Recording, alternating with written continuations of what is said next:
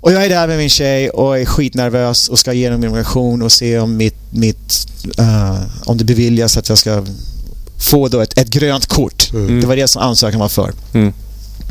Och så kommer jag in där så är det en svart kille som sitter där liksom. Oh yeah, you're gonna move to the US? Mm. Fucking cool man! What you got? Yeah, looks good. What's this? Yeah, those are my x-rays. Oh, cool! Bara skicka direkt till sopkassen. Vad fan skulle de med någonting från början? Ingen aning. Och så bara liksom stämpel, stämpel. Welcome to the US kid. nice!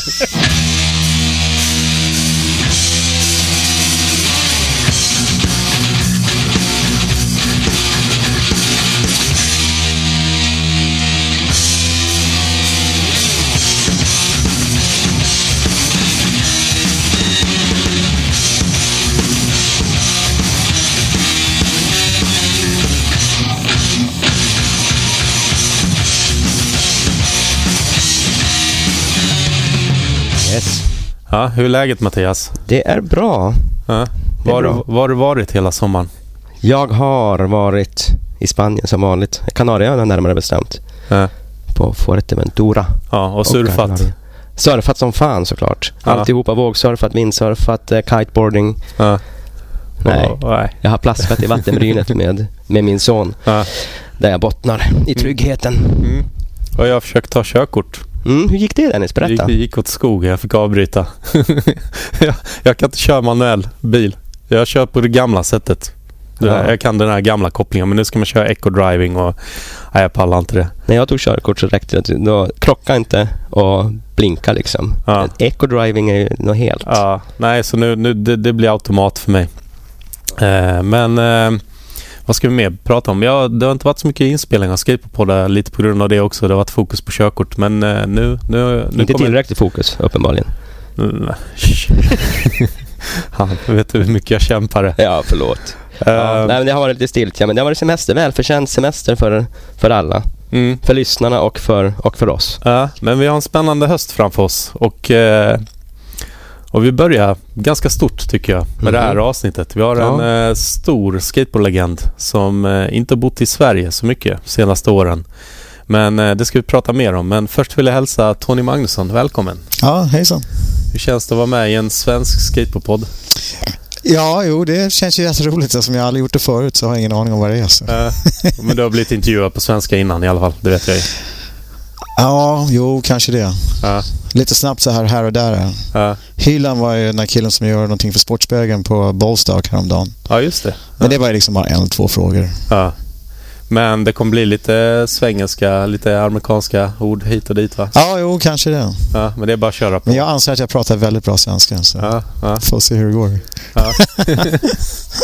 jag vet inte, du, du sa högtalare om mina hörlurar. Ja, jo, okej. Okay.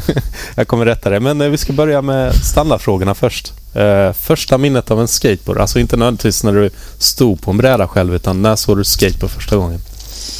Det var 1976 och så som jag kommer ihåg det, så på våren på 76 var det ingen jävel som hade en skateboard. Jag hade aldrig hört talas om det. Mm. Och så jag tror jag hörde någon prata om det, förmodligen i skolan. Så såg man någon göra det och liksom wow, det här ser så jävla ballt ut. Och så, jag gillar inte riktigt att gå någonstans. Jag tänkte det här verkligen löser ett stort problem. Mm. Då behöver man inte gå någonstans, man kan bara rulla. Mm. och sen så höll jag på som fan och försökte fixa hur fan kan man få ihop till pengar till en skateboard och, och sen ville inte min mamma att jag skulle ha en heller. Det var liksom absolut nej. Mm. Den bränner vi upp om du skaffar en så jag köpte den lite i smyg så här. Och så de bränna upp den? Ja, hon skulle såga av den. Hon skulle bränna den. Absolut inte. Det fanns inte en chans liksom. Jag tror faktiskt jag var inne på Red Devil och köpte en plastbräda. Mm, vad var det för... Jag tror Red Devil var en sån här liksom... Som, som Intersport, liksom mm. sportbutik som bara hade ett sortiment av skateboard. Ah, Okej, okay. för jag tror inte jag har hört talas om att det skulle vara en skatebutik som hette så. Utan de hade bara, ja, precis. De, de låg här nere i liksom Stockholm city. Mm. Varför var mamma så anti för? För att du skulle slå dig eller för att var Ja, jag antar det. Jag vet inte. Jag menar, jag höll på med så alla många olika grejer ändå. Liksom, jag höll på att spela handboll. Vi brukade bygga våra egna stavhoppställningar och det slog man ju halvt ihjäl sig varje sommar liksom. Mm. Så... Ja, vem vet. Ja, vi, vi, kan gå in på det lite också. Vi brukar fråga lite vad, du, eller vad gästerna gjorde innan de upptäckte skateboard. För sen blir det ju oftast heltid skateboard för de flesta. Jo, det är nog en vanlig ja. historia. Men ungefär hur gammal var du när du köpte första brädan? Ja, jag tror jag var 13. Ja, och då... Eh, eh, vad gjorde du innan du var 13? Vad var det för sporter som du testade som alla andra kids? Ja, jag höll på med massa olika grejer. Alltså. Vi bodde ju i Tyresö i en liten del som heter Krusboda. Ja. Nya radhus och lite villor och så var det många sjöar där. Så vi sprang omkring och klättrade på tak, klättrade på skolan, mm. klättrade i berg, fiska och åkte kanot runt omkring. Mm. Jag spelade lite handboll i skolan. Jag spelade väldigt mycket pingis när jag var liten. Mm. Uh, och var väldigt, väldigt upptagen med polare och tjejer och det ena och det andra. Mm. Och så liksom skateboard, det var ju... När, när, vi upptäckte skateboard, det var som att hälla bensin på en eld nästan. Liksom. Mm. Wow! Det här är så jävla cool. Mm. Vad, vad, var det som var coolt? För att först var det att du kunde bara ta det från sträcka A till B. Nej, men liksom, jag, jag, jag tror inte jag visste riktigt, men, men skateboarding kan jag nog säga, som jag har hållit på med hela livet, har en nästan magisk energi till den. Och jag tror vi alla visste och kände det då. Mm. Hade du frågat mig då liksom, men, men varför ska just det här vara så roligt liksom? jag är inte ens säker på att jag kan svara på det nu. Det har en magisk energi. Det, det, det är någonting väldigt attraktivt. Inte bara med skateboarden som en, som en bräda och en, en sport eller en livsstil men det, det är liksom det är hela mm. Kult, kulturen runt mm. skateboarding. Mm. Och det var ju väldigt uppenbart ganska snabbt. Det där är någonting som kommer från USA, Kalifornien. Så det gjorde väl saken att det var lite ballare kanske man tyckte. Mm. Jag vet inte hur det var på 76. Jag är född 76 men jag vet tidigt 80-tal när jag började ja, skolan. Bra år. då, då var det... När man skulle klä in sina böcker i skolan så var det mycket sådär USA, hamburgare, frisbee. Jo, det, det var ju mycket så här, uh, inflytande uh, på Stockholmskonturen. Men det var lite mer än det. Det var inte bara skateboard. Jag, jag, tror att 76 var, så som jag upplever var ett ganska revolutionärt år. Mm. För musiken ändrade sig rätt mycket också. Helt plötsligt så kom ju punk. punk. Ja, just det. Ja. Och så såg man massa killar som sprang omkring med mohawks och uh, säkerhetsnålar i halva ansiktet och jättekonstiga kläder. Så, men om, om man var från mina föräldrars generation mm. och från början på 76 till slutet av 76 så efter den sommaren, varenda jävla unge som jag kände då, vi alla hade en skateboard. Mm.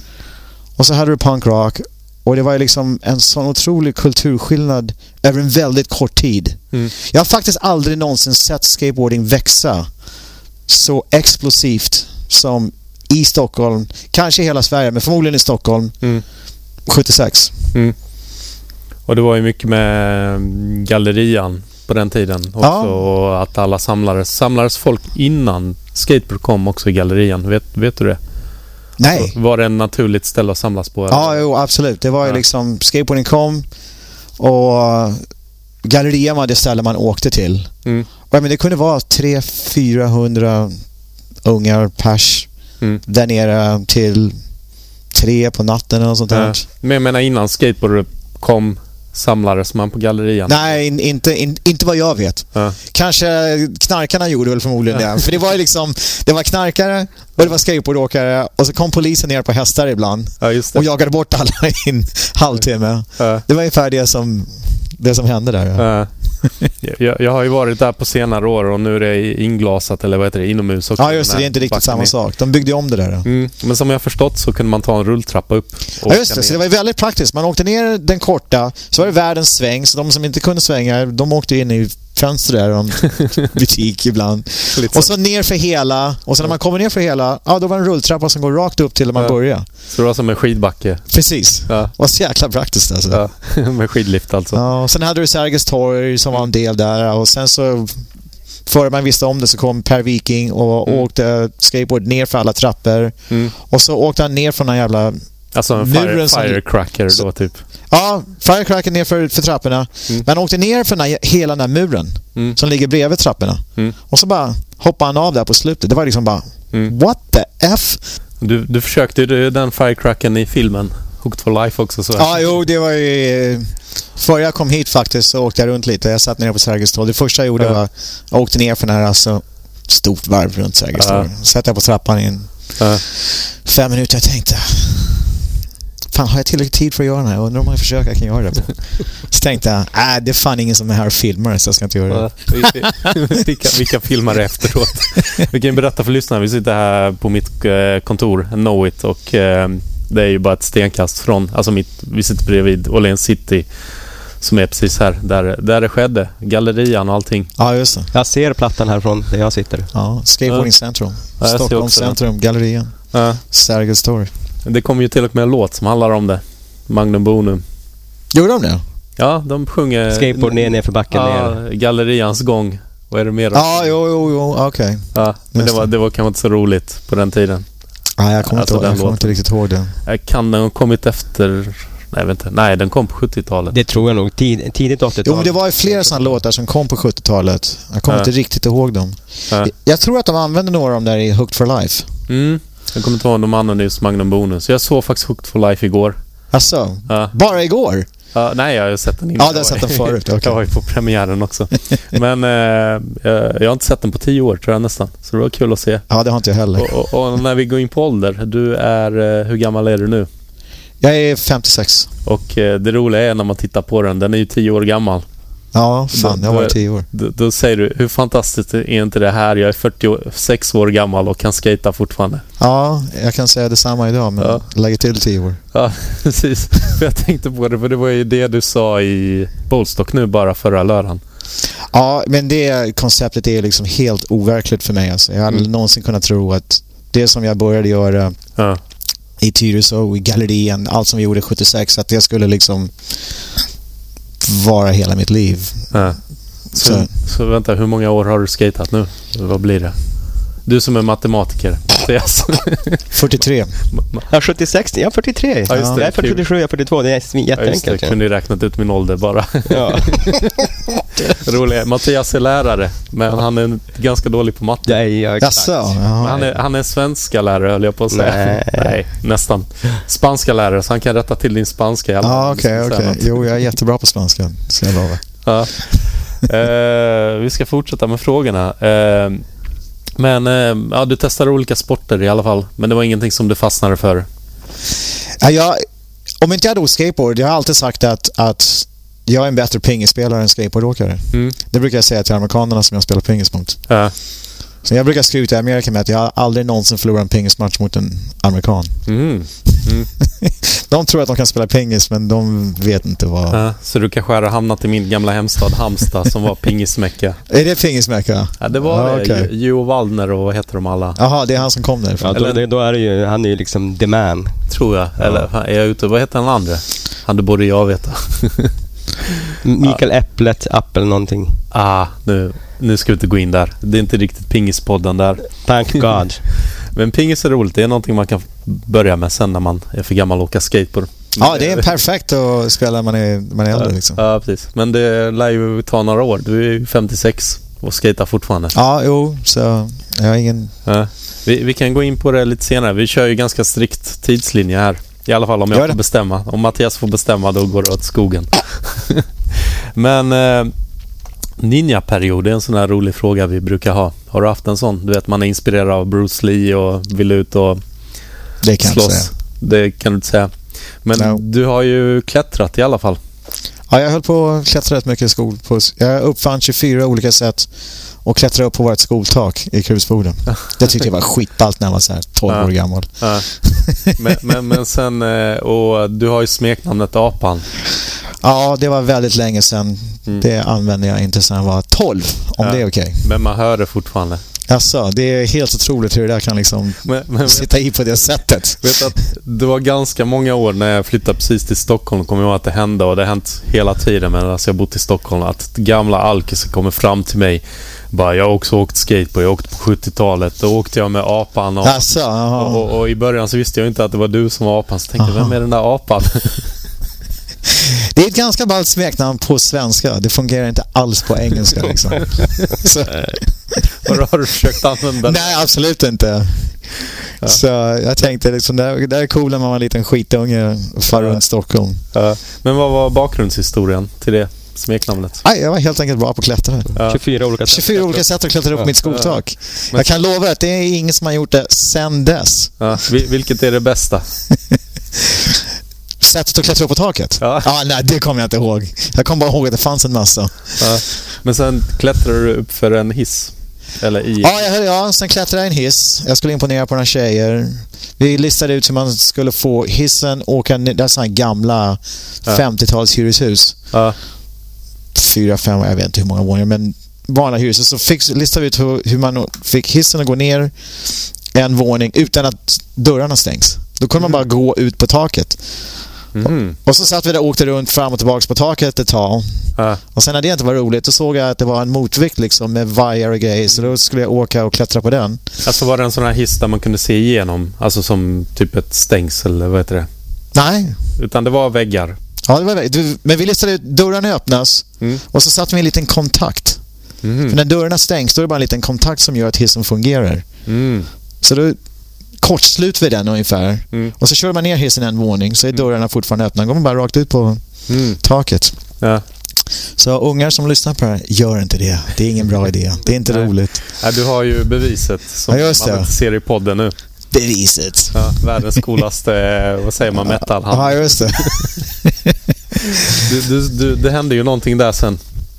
Eh, när du skulle hänga dig. Du, du kom på att man kunde åka upp hålla sig... Ja, alltså jag åkte på motvikten mm. och klättrade då på stålvagnar som går in och ut. Liksom. Mm. Det var hur jävla dumt som helst. Mm. Och superlivsfarligt. Mm. Jag säga så här, det här är väldigt billigt pris mm. för de dumheterna som, som föregick den dagen, om man säger på det viset. Mm. Jag kunde absolut liksom kört ihjäl mig eller slått ihjäl mig mm. på flera olika sätt.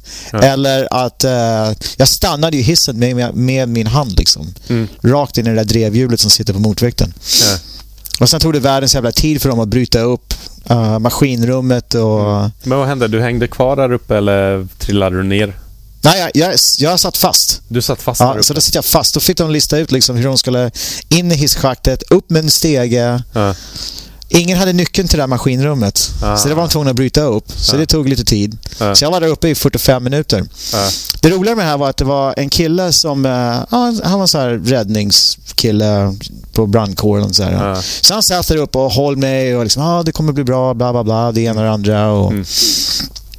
Uh, och sen skulle jag åka ambulans in till Karolinska. Mm. De var tvungna att hitta en, en special, speciell handdoktor som mm. flög ner till Stockholm. Mm. Uh, jag tror det var 6-7 timmars operation eller något sånt där. Mm. Och sen var jag bedövad i liksom två dygn. Mm. Och när jag vaknar till så ser jag bara, jag ser bara vitt. Mm. Så för ett par sekunder så liksom, fan dog jag verkligen? Mm. Och så klarnade jag till lite och så hängde handen upp. Så jag hade ett gips liksom som täckte mm. hela handen. Så här. Hur, gammal, hur gammal var du? 13. Mm. Samma dag som Elvis dog. Mm. Och Fan, då kunde ni mötts där. Ja, just det. Jag missade det lite. Så, så kollade jag liksom, ah, fan just det. Jävla hissen liksom. Ja. Uh, sen låg jag på sjukhus i en vecka ja. på en handspecialist. Alla som låg på mitt rum, alla hade haft handproblem. Aha. Och eh, sen när jag kom ut, det var precis när jag hade börjat åka skateboard, så hade jag en hemmagjord breda. Mm.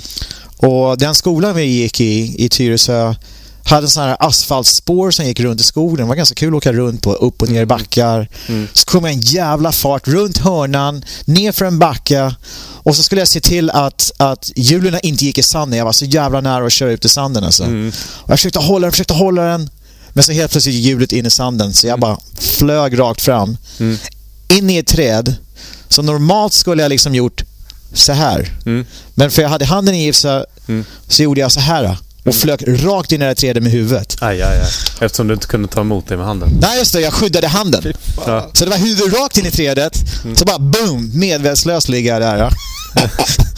Så kom mina polare en minut senare och liksom ah fan, där ligger Tony liksom. Och så in på sköterummet på skolan. Mm. Och så ringde de ambulans och det ena och det andra. Mm. Och så kommer det samma kille in där mm. och ser mig. och han bara liksom, vad fan är det för fel på den jävla ungen alltså? Men hade inte mamma rätt då? Ja, jag tänkte precis också det. Mamma får vatten på sin kval. Ja. Sen är det möjligt när jag sa att jag skulle åka till USA att, att hon, hon var liksom Yeah, you go. Ja, gå See you later, inte, bye. Orkar inte hälsa på dig på sjukhuset längre. vad, vad, vad, sa föräldrarna när de kom till sjukhuset där när du precis hade varit med och hyssolyckan? Jag kommer inte ens ihåg. Jag menar naturligtvis var de inte glada men det var väl mer... Men sa de så här, men åk skateboard istället för hissarna? Ja, kanske det.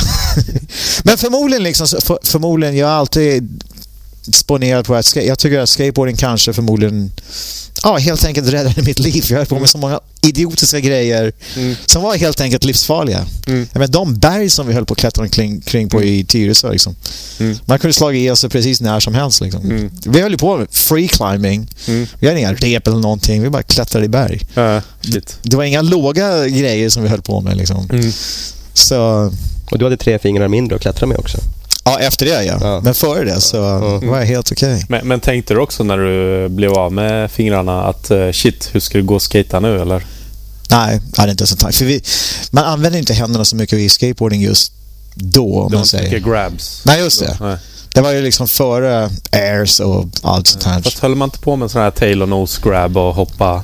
Kanske inte du så mycket eller? Nej, det är liksom...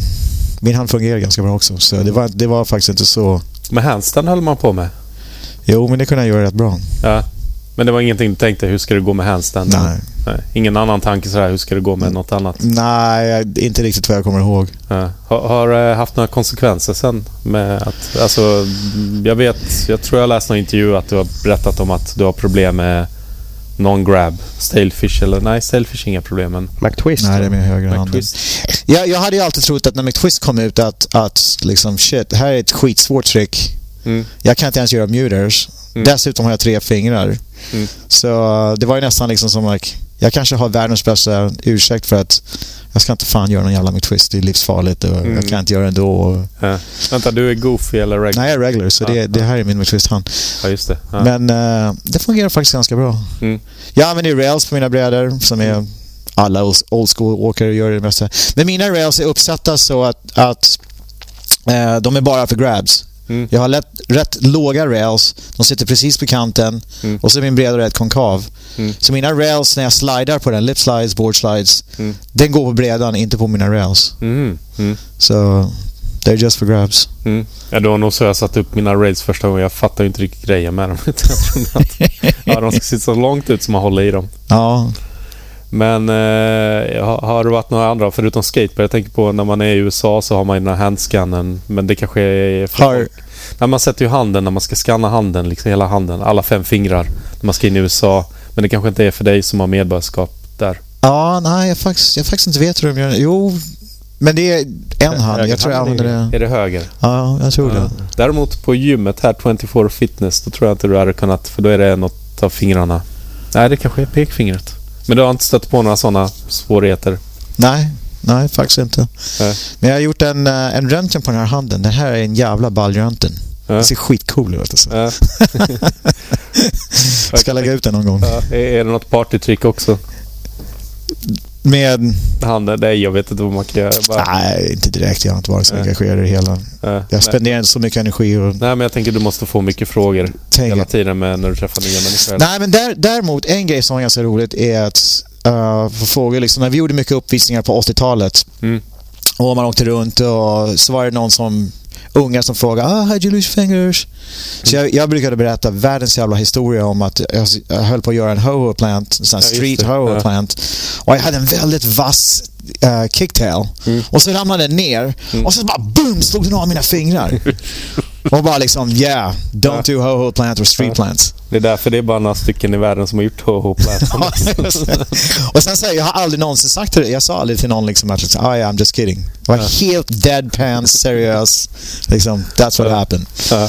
Så det, det, det måste liksom vara massa ungar som är nu uh, vuxna som har hört ja. den här historien. Ja. Som kanske har sagt det till polare liksom. Ah fan den här ja. ena killen. Ja. Mag, vet vad som hände med det där liksom. Ja, nej men visst var det så. Man, ett tag så var det ho plants och sen bara dog det ut. Ja. Jag tror jag tar lite credit för uh, I killed the street plant. Uh, at least the ho-ho plant. Kanske skulle tagit den på sagt att det var pressure flip istället för den gör ju vass tail. Ja, just det. du skulle sagt jag gjorde mycket pressure flips och sen var det ho-ho plant. Jag tror nog faktiskt den kom senare. Pressure flips var lite början 90-tal va? Ja, fast uh, Hasse uppfann den 1980. Ja, det är det som är så alltså, Han claimar pressure flips 1980. Han och Martin Willers. Nej, det var com ja. Comply. Ja, just det. Mm. Ja. Och sen vilade den i tio, i tio år, pressure flippen. Mm. Innan den kom tillbaka då. Ja, just det. full fart. Det är så det funkar. Ja, ja. Det där har ju hänt. Ja, det är freestyle-åkarnas fel alltihopa. Ja, jo. eh, vi kan gå vidare. Eh, gallerian. Vi har inte pratat kanske om allt med gallerian, men där samlades ju alla. Ja, ja. ja det var en väldigt enorm tid i skateboarding. Liksom. Alla som hade varit där någon gång i tiden mm. Kommer ihåg det där. Liksom. Mm. Det är ingen som någonsin som var där var med på det som skulle liksom glömma bort mm. hur det var. Liksom. Mm. Och, inte för att vi gjorde någonting speciellt. Vi satt bara och åkte fram och runt och runt och runt. Och så var det... Uh, kolaburkar eller ölburkar eller någonting. Mm. Så lite slalom. Mm. Men mest var det bara, man satt och åkte runt och runt. Och, mm. Vad fan hette det när man satt ner på bredden man åkte två stycken? Ka katamaran. Catamaran, ja just det. Ska man göra den här svängen, catamaran liksom. Uh -huh. Det var ju skitroligt alltså. Uh. Höll på som fan alltså. Jag har faktiskt aldrig testat att göra. ja, ja, det är kul. Uh. Säkert roligt i gallerian också på den tiden kan jag tänka mig. Eller nu, nu ljuger jag, det har jag visst gjort. Just det. Uh, jag kan ju relatera lite till 70-talet för när jag började åka skateboard så fanns det ju liksom ingen så här Youtube eller någonting. Jag hade aldrig sett skateboardtrick så att vi började åka med 70-talsbrädor. Så att vi var ju typ 86 när jag började åka. Det var ju som att vara på 70-talet. Ja, just så, det. Så att det enda okay. man gjorde var att leta efter backar man kunde rulla runt på. Man visste inte att det fanns olja eller någonting. Mm. Man var liksom som en fryst, vad heter det? Eh, carbonized höll jag på att säga, Hans Sol. att man vaknar upp sådär. Ja, just det. Det är senare i tiden. Uh, men, men trick där, det, det fanns väl ändå lite trick? Som man gjorde handstand och droppade ner Ja, det var liksom handstands, endovers. Uh, men det var inte så mycket fokus på trick, det var liksom bara ha kul och... Ja, slalom var ju naturligtvis en grej. Mm. Första tävlingen var på Gröna Lund. Det var en slalomtävling. Ja, som du vann? Som jag vann. Ja. Men, och jag var helt okänd. Det var ingen som visste. Det, det fanns ju liksom en liten skateboardklick i Stockholm då. Ja. De lite coolare killarna som mm. Hade hållit på med det längre än jag. Men jag hade lite tur. Jag hade Roadrider-hjul den dagen och det mm. regnade. Mm. Och Roadrider var egentligen de enda hjul som hade någorlunda grepp på mm. våt mark. Mm. Var inte de ganska breda? Nej, det var inte det, var, det, var inte det att de var breda. Jag vet inte, det Urethane var annorlunda. Mm. De andra killarna, det, det, var några killar från Göteborg som hade de där nya röda Kryptonix-hjulen. Mm. Men de är så liksom blanka liksom. Mm. Så när det var blött, de var skithala liksom. Mm. Så jag, jag, jag, tror att jag hade en ganska stor fördel. Mm. Vilka var de coola killarna? Jag kommer inte ihåg, det var en kille som hette Alex. Ja. Som... Lindgren. Alexander Lindgren. Ja, jag vet inte. Men det, jag tror att hans farsa Ägde Gröna Lund. Ja, just det. Hade någonting med Gröna Lund att göra, va? Ja. Och han hade någon ramp där som han gjorde uppvisningar på mm. och... Och det, jag tror det var han och liksom hans polare och hans gäng som var lite mer inne killarna, de coola mm. killarna. Ja, precis. Jag tänkte faktiskt på han. Ja. Eh, vi ska faktiskt spela in en podd med honom också, tänkte jag. Ja, ah, cool. Någon gång framöver. Eh, det skulle kul att höra. Jag, faktiskt, jag vet liksom ingenting om han, för jag tror inte han var med i skateboarding mm.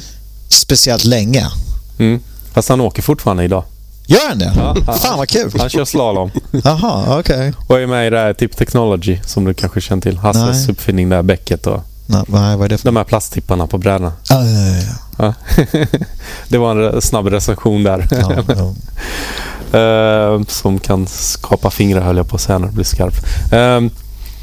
Uh, nu tappar jag lite, men, men det var inte så mycket fokus på trick utan det kom in när uh, New Sport House öppnade antar jag. För att det fanns inte så mycket ramper att åka på. Eller åkte du på någon ramp innan? Eftersom vi pratar om gallerian så, så, så som ramperna kom till för mig. Mm. Så efter vi hade tröttnat på att åka runt, runt i gallerian mm. så var det någon jävel som gick och snodde plywoodskivor, mm. antar på något bygge, och läggde, mm. läggde upp dem på trapporna uh, i gallerian. Så då fick man åka upp åt ena hållet mm. och så ner åt det andra för att de låg över varandra. Ja, så du kunde inte åka åt fel håll, då, var det, då skulle hela gått åt helvete. Så att om du var goofy eller regular... Ja, just det. Så fick man svänga... Ja, antingen frontside eller backside. Precis. Ja. Så vi höll på med det i, i ja, åtminstone ett par månader som jag kommer ihåg det. Mm. Då var det liksom den nya grejen. Liksom. Ah, men vi ska, man ska inte bara åka runt och slalom och det. Man ska mm. åka, det här är en ramp. Liksom. Man ska mm. göra vändningar på väggar. För då har ni sett ramper i, eh, vad heter den, skateboarder? Jag hade inte sett det. Jag, visste, jag hade ingen aning om vad det kom för Jag kom till gallerien en dag så bara, ah, det här är nya grejer. Nu gör vi det här. Mm. Bara okej, okay, cool. Mm. mm. Så, så höll vi på med det mm. rätt mycket. Och sen kommer jag ihåg att Newsport House öppnades. Mm. Och jag tror att den öppnade på vintern. Mm. Och att jag inte kom dit på en månad eller kanske två efter de hade öppnat. Mm. Och då var det liksom ett helt annat universum. Liksom. Mm. Och Det var inte alla som från gallerian som kom över till Newsport House som man säger, som var intresserade eller, mm. eller kunde eller kanske inte tyckte att det var roligt eller whatever reason. Uh, men när jag kom in dit, då var det liksom, ah, är du här liksom? Då, det var ju nästan som, man har inte setts på ett par månader och så är det liksom en helt ny mm. kamratcirkel av skateboardåkare. Mm. Och så är det då en helt annan grej med en betongboll full pipe och det var helt sjukt då liksom. Man kan ju inte ens föreställa sig vad man skulle göra på de där grejerna då. Mm. Och sen så kommer jag ihåg det så var det någon amerikan som hade blivit hitskickad för han hade rökt för mycket gräs i Kalifornien. Mm. Var det Mike Weed? nej, nej, nej, nej. Han hette Kevin. Kevin, ja. Och jag tror att han hette Kevin Eastman, men jag är inte hundra på det. Mm. I alla fall, han, liksom, han var så här surfarkille, han har långt hår. Mm. Så han kunde åka lite skateboard. Han var mycket bättre på att åka skateboard än någon av oss var. Mm. På ramper och det liksom. Så han var en sån här skitcool kille. Det var den första som inte var från Stockholm som jag kommer ihåg. Mm. Så han hade en svensk mormor. Så han mm. var hitskickad då liksom. Mm. uh, och sen så var det en massa andra galleria-killar som var där nere. Mm. Som Lasse Gringo och några av de där tjejerna som åkte där nere. Och, mm. Uh, och sen så var det liksom alla unga killar. Det var mm. jag och Per Viking och mm. min polare Toba som bodde i samma område som jag gjorde. Mm. Uh, men, men, i början så måste ni ju bara undrat hur, hur ska man pumpa? Hur ska man... Liksom, ni fick lära er allting. Ja, det var liksom... Det var, det liksom lära sig allting från början. Mm. Typ förstå vad det ska vara för hjul också. För att ja. mjuka hjul i en betong funkar ju inte sådär jättebra. Nej. Men hjulen var ju rätt mjuka precis när vi började. Och, mm. Men de, Newsport House hade ju liksom en hel Pro Shop och de hade ju allting. Mm. Men det var, det, om, man, om man tittar tillbaka på det var det en ganska enorm investering som den här killen Affe Eriksson och jag vet inte om han hade några partners eller hur mm. det gick till. Det var en väldigt stor satsning för dem att liksom hyra en lokal eller hyra, köpte en lokal. Jag vet inte hur de gjorde det, men mm. att bygga allt det där. Och, mm. och det var en skatepark som också var... På många sätt så är den igen, på, bättre än någon annan skatepark jag egentligen någonsin sett. Mm. Faktiskt förrän jag var i Brasilien förra månaden. Mm. För Nusforshus var inte bara en skatepark. Det var eh, en deli, de hade duschar, de hade mm. lite videogames och flipperspel. Det var liksom en hangout. Mm. Och alltså en, som en fritidsgård. Ja, precis. Skateboard liksom. Absolut. Mm. Uh, och alla amerikanska parker, det är ingen som... Jag har aldrig någonsin sett någon göra det. Inte i mm. USA eller någonstans. Mm. Men i Brasilien gjorde de det. Mm. Men då, har, då, brukar de ha en bar. Mm. De säljer lite hamburgare så man kan köpa lite alkohol där också, så det var ganska mm. ballt. Mm. Och många av de här parkerna hade en, uh, en scen. Uh, Newsport House hade ju lite en discoboll och en full liksom, DJ-studio kan man säga. De spelar musik och det. I Brasilien hade de scener, de hade band som kom in och spelade. Så när vi gjorde massa uppvisningar där, mm. då var det ofta liksom, ja, en konsert eller band som spelade. Mm. pratar vi om Brasilien på 80-talet eller när? Nej, jag var där för förra månaden. Ah, så. de har byggt så jävla mycket grejer där. Nästan ja. varje park vi var på mm. var ju mer som Newsport. Att det var inte bara skate-grejer. Det var mm. en pro-shop, Mm. Food, entertainment, hangout mm. och lite mer community av, av det hela. Mm. Uh, jag förklarade för en del brasilianer där att liksom, ah, det här är så jävla cool, det här är så jävla ballt. Mm. Liksom. Jag, jag har aldrig sett det här sen Sverige 70-tal. Liksom. Mm. Det tyckte de var skitroligt alltså. Mm. Det är lite som eh, man drömde om trashing kanske. Att ja, det var så här freestyle ah, på dansgolvet och, och liksom allting var... drömställe alltså. Ja, men drömställe. Red Hot Chili Peppers spelar. Ja, ja precis. Ja. Uh, men gallerian, det finns ju tusen grejer att berätta om i gallerian tänker jag. Men kan du fortfarande minnas sådana här grejer hur det luktade bland prylarna i skateshoppen och sådär? Ah, ja. Luktade kanske jag inte kommer ihåg. Det var rätt länge sedan. Uh. Uh, men nu, Newsport House, jag menar, så fort Newsport House öppnade, mm. då var ju gallerian dött. Det fanns ingen anledning att åka ner till gallerian. Mm. Även fast Ericana låg ju där. Mm. Ericana hade ju en ganska stor... Um, alltså för de som inte vet, en skateshop som var precis vid gallerian. Ja just det, den låg ju precis vid gallerian. Ja. Och Newsport öppnade vilket år? 70? 80? 77 eller? Jag skulle säga att det är 77. Ja. ja. Skateboarding hände 76. Hela den här gallerian-grejen var sommaren, hösten 76. Jag är inte hundra på det här, men jag är nästan hundra på att snabbt det var att få en så bra skatepark. Ja, precis. Mm. Inte tungrot alls. Det bara pang, sen fick man ett sånt ställe. Ja. Men tänk efter om, liksom, om du såg att på våren så hade ingen jävel hört om en skateboard. Mm. På hösten hade alla den. Mm. Och liksom, om man är lite entrepreneurial, mm. hoppa in och liksom bygga en, De gjorde det väldigt snabbt. Mm. Så de, de, de tog ju advantage av världens mest explosiva grej kan man mm. säga. Mm. Så om det ena händer så, not rocket science. Mm. Men en väldigt vågad satsning för dem liksom. Mm. Som inte gick efter ett par år. Ja, det är liksom skateboarding i Sverige. Sverige är ett ganska unikt land på det sättet att, att grejer här blir ju så... Det, Sverige är som, åtminstone i Stockholm, det är en sån innegrej. Mm. Det är tillräckligt litet för att det inte är så svårt att kunna få ut någonting till en väldigt hög procent av befolkningen. Mm. Men det är tillräckligt stort för att det verkligen ska göra en stor skillnad. Mm. Men om du kollar på de där, vad, vad heter de där böckerna som den här killen gjorde? Stig Larsson eller något sånt där. Ja, Millennium-böckerna. Ja. Jag tror fan 90% av hela svenska befolkningen vet vad de är. Mm. Och kanske 30% har läst dem. Mm. Det finns ingenting i USA som du kan få 30% av människor att göra, förutom att äta mat varje dag kanske. Mm. mm. Så du, du, kan inte, du kan inte få sån genomslagskraft liksom. Mm. Och Du kan kolla på andra koncept här nere. Det fanns en klädaffär här nere som sålde ja, blå jeans. De hette Puss och Kram. Mm. Det var liksom 100 meters köer för att komma in i den där butiken varenda dag. Mm. Hur, fan, hur, får man en sån genomslagskraft på någonting? Liksom? Mm. Och det är ingen som har hört om det idag till exempel. Mm, mm, mm. Som Canada Goose-jackorna som var för några år sedan. Ja, det. det var någon turist som hade frågat om det var någon skoluniform eller någonting för att alla gick omkring ja, ungdomar med Canada Goose-jackor. Ja.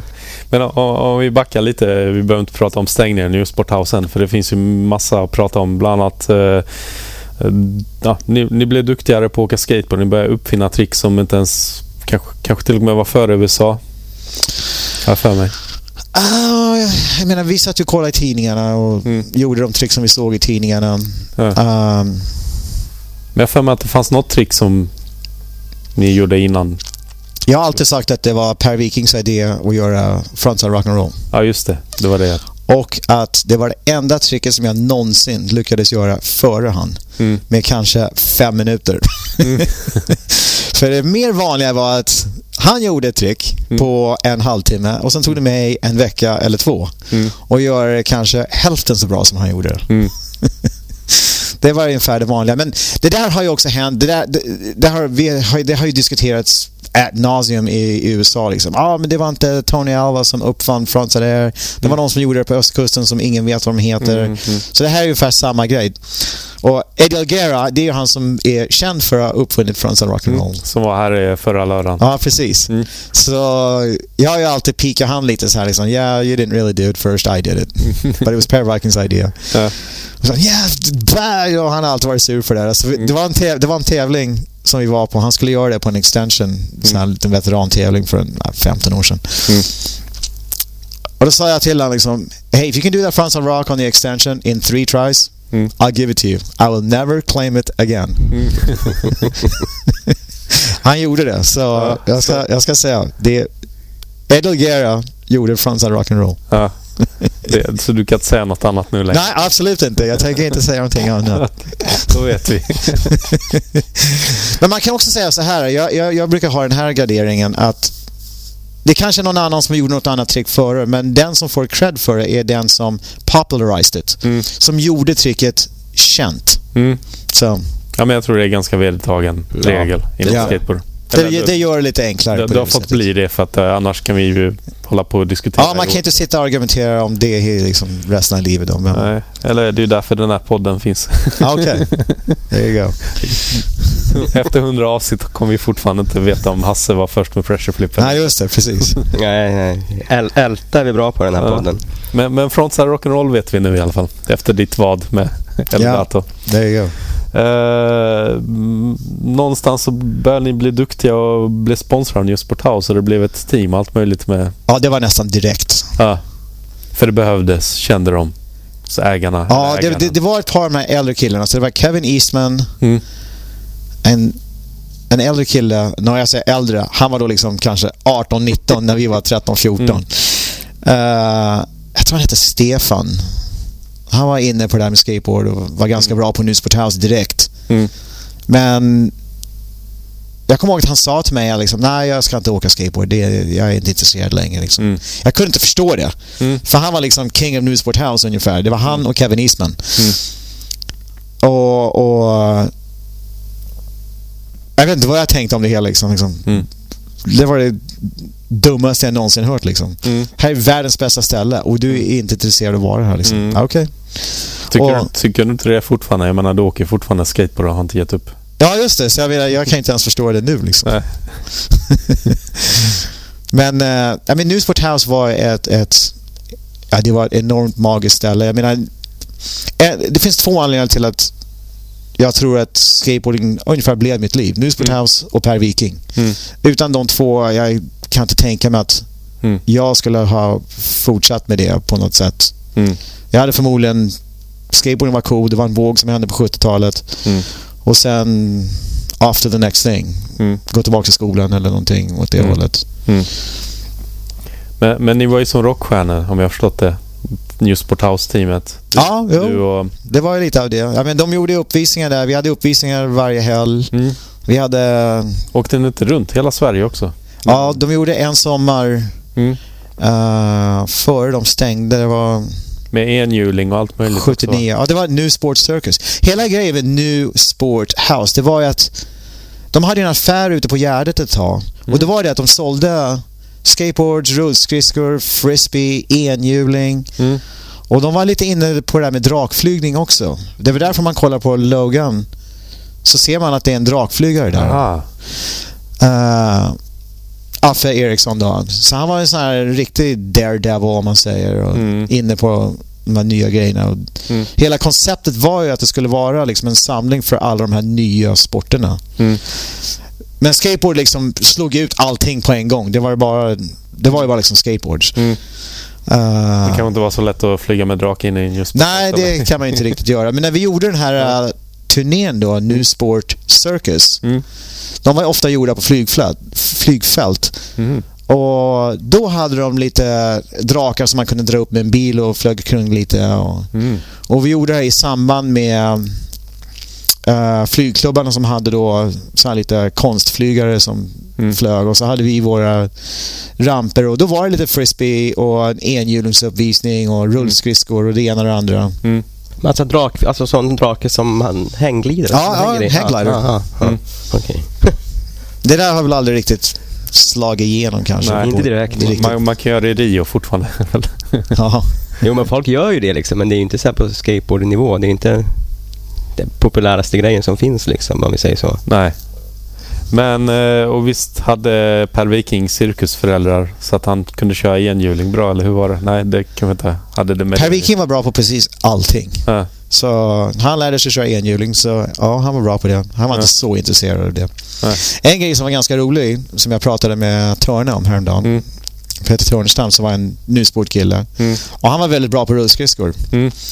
Och naturligtvis var det då rullskridskor mot skateboards och mm. Lillskriket från Vällingby som Per var kallad på den tiden. Mm. Alltså det var lite inlines versus skateboard? Ja, jo, absolut. Det liksom. så då också. Och Perre var väldigt högljudd och han var väldigt kontroversiell. Han var alltid right in people's faces, mm. pressing their buttons in any way he could. Mm. Och Han, han, han, var faktiskt inte liksom speciellt omtyckt av de flesta faktiskt. För han var så jävla irriterande äh. att ha att göra med. Äh. Och jag hade ju liksom love-hate relationship med honom. Liksom jag visste att han pushade mig. Mm. Men det var inte så jävla roligt att bli överkörd av Perre ungefär varenda jävla gång det var ett nytt trick man skulle göra. Mm. Eller lyssna på hans massa ja. skit och sådär. Ja. Men ändå så var han som en bror för mig. Mm. Och vi hade ett väldigt nära förhållande mm. på det sättet. Mm. Och i alla fall. Så han satt och tjafsade om att rullskridskor inte var svårt alls. Det var mm. inte hälften så svårt som skateboarding. Mm. Och det där gick fram och tillbaka ett tag. Och sen så såg man inte Viking på Newsport House på en vecka. Mm. Och det är liksom, om någon var borta därifrån en dag, liksom, mm. vad fan är han? Är han sjuk eller vad är det för fel? Liksom? Uh -huh. Men Viking var lite strulig och konstig så efter ett par dagar var det liksom, är det någon som har fan sett han liksom. Mm. En vecka gick. Mm. Så helt plötsligt kommer han tillbaks. Då har han tränat på rullskridskor på någon ramp ute i Vällingby mm. och blivit skitbra på det där. Ja. Mm. Slog skiten ur alla på Newsport House som mm. höll på med det. Det var bara två, tre killar liksom. Ja. Och det var liksom Fuck you. I proved my point. Ja. End of debate. Mm. ja, roligt. ja, det var ganska roligt. Ja. Så att, men det var, det var otroligt mycket fokus på trick då. Och, ja, det, det blev ju det. För, för, att det blev någon sorts... Ja, Absolut. Han sporrade kanske det också för att då, det såg väl kanske lätt ut när han gjorde det och då Absolut. var det liksom inte omöjligt längre. Nej. För, för såg man det i tidningarna så var det kanske svårare att greppa. Första gången vi såg Alan Gelfand göra en ollie i tidningen mm. då var jag helt övertygad om och satt och argumenterade om att det där är fysiskt omöjligt. Mm. Det måste vara något kardborreband eller magneter. fastklistrade skor eller magneter eller mm. någonting. Som Bob Burnquist fick, eh, fick skit för, för när var det när han gjorde sina Switch 180 på megaramp. Han gjorde det va? Ja, eller vad det var. Och så var det så här, men han har magneter på skorna. I modern tid så har folk Vi, vi, vi måste så. prata om megaramp sen, men det är senare i tidslinjen. Ah, okay. Men eh, det har väl med vind och grejer att göra, att brädan kan sitta fast på fötterna.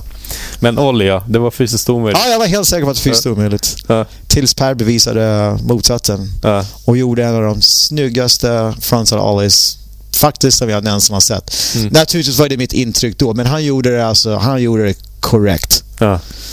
Han slog i tailen, ja. den var uppe i luften, mm. den var utplanad, hans vikt var ovanför han landade så jävla snyggt. Mm. Och det var liksom, fuck.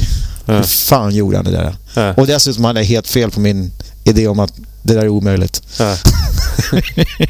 Hur länge dröjde det innan du lärde dig det? Ja, det tog veckor. Mm. För jag visste också att det där är ett trick som liksom, det där kommer ändra skateboarding mm. helt och hållet. Mm.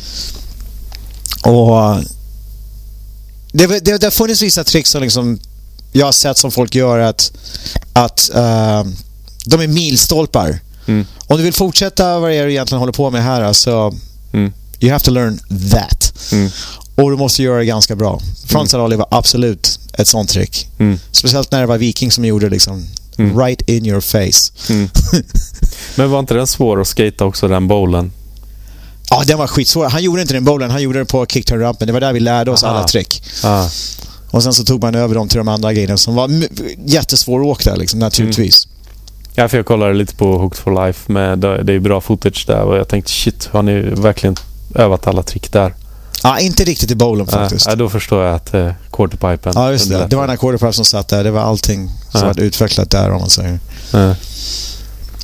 Um.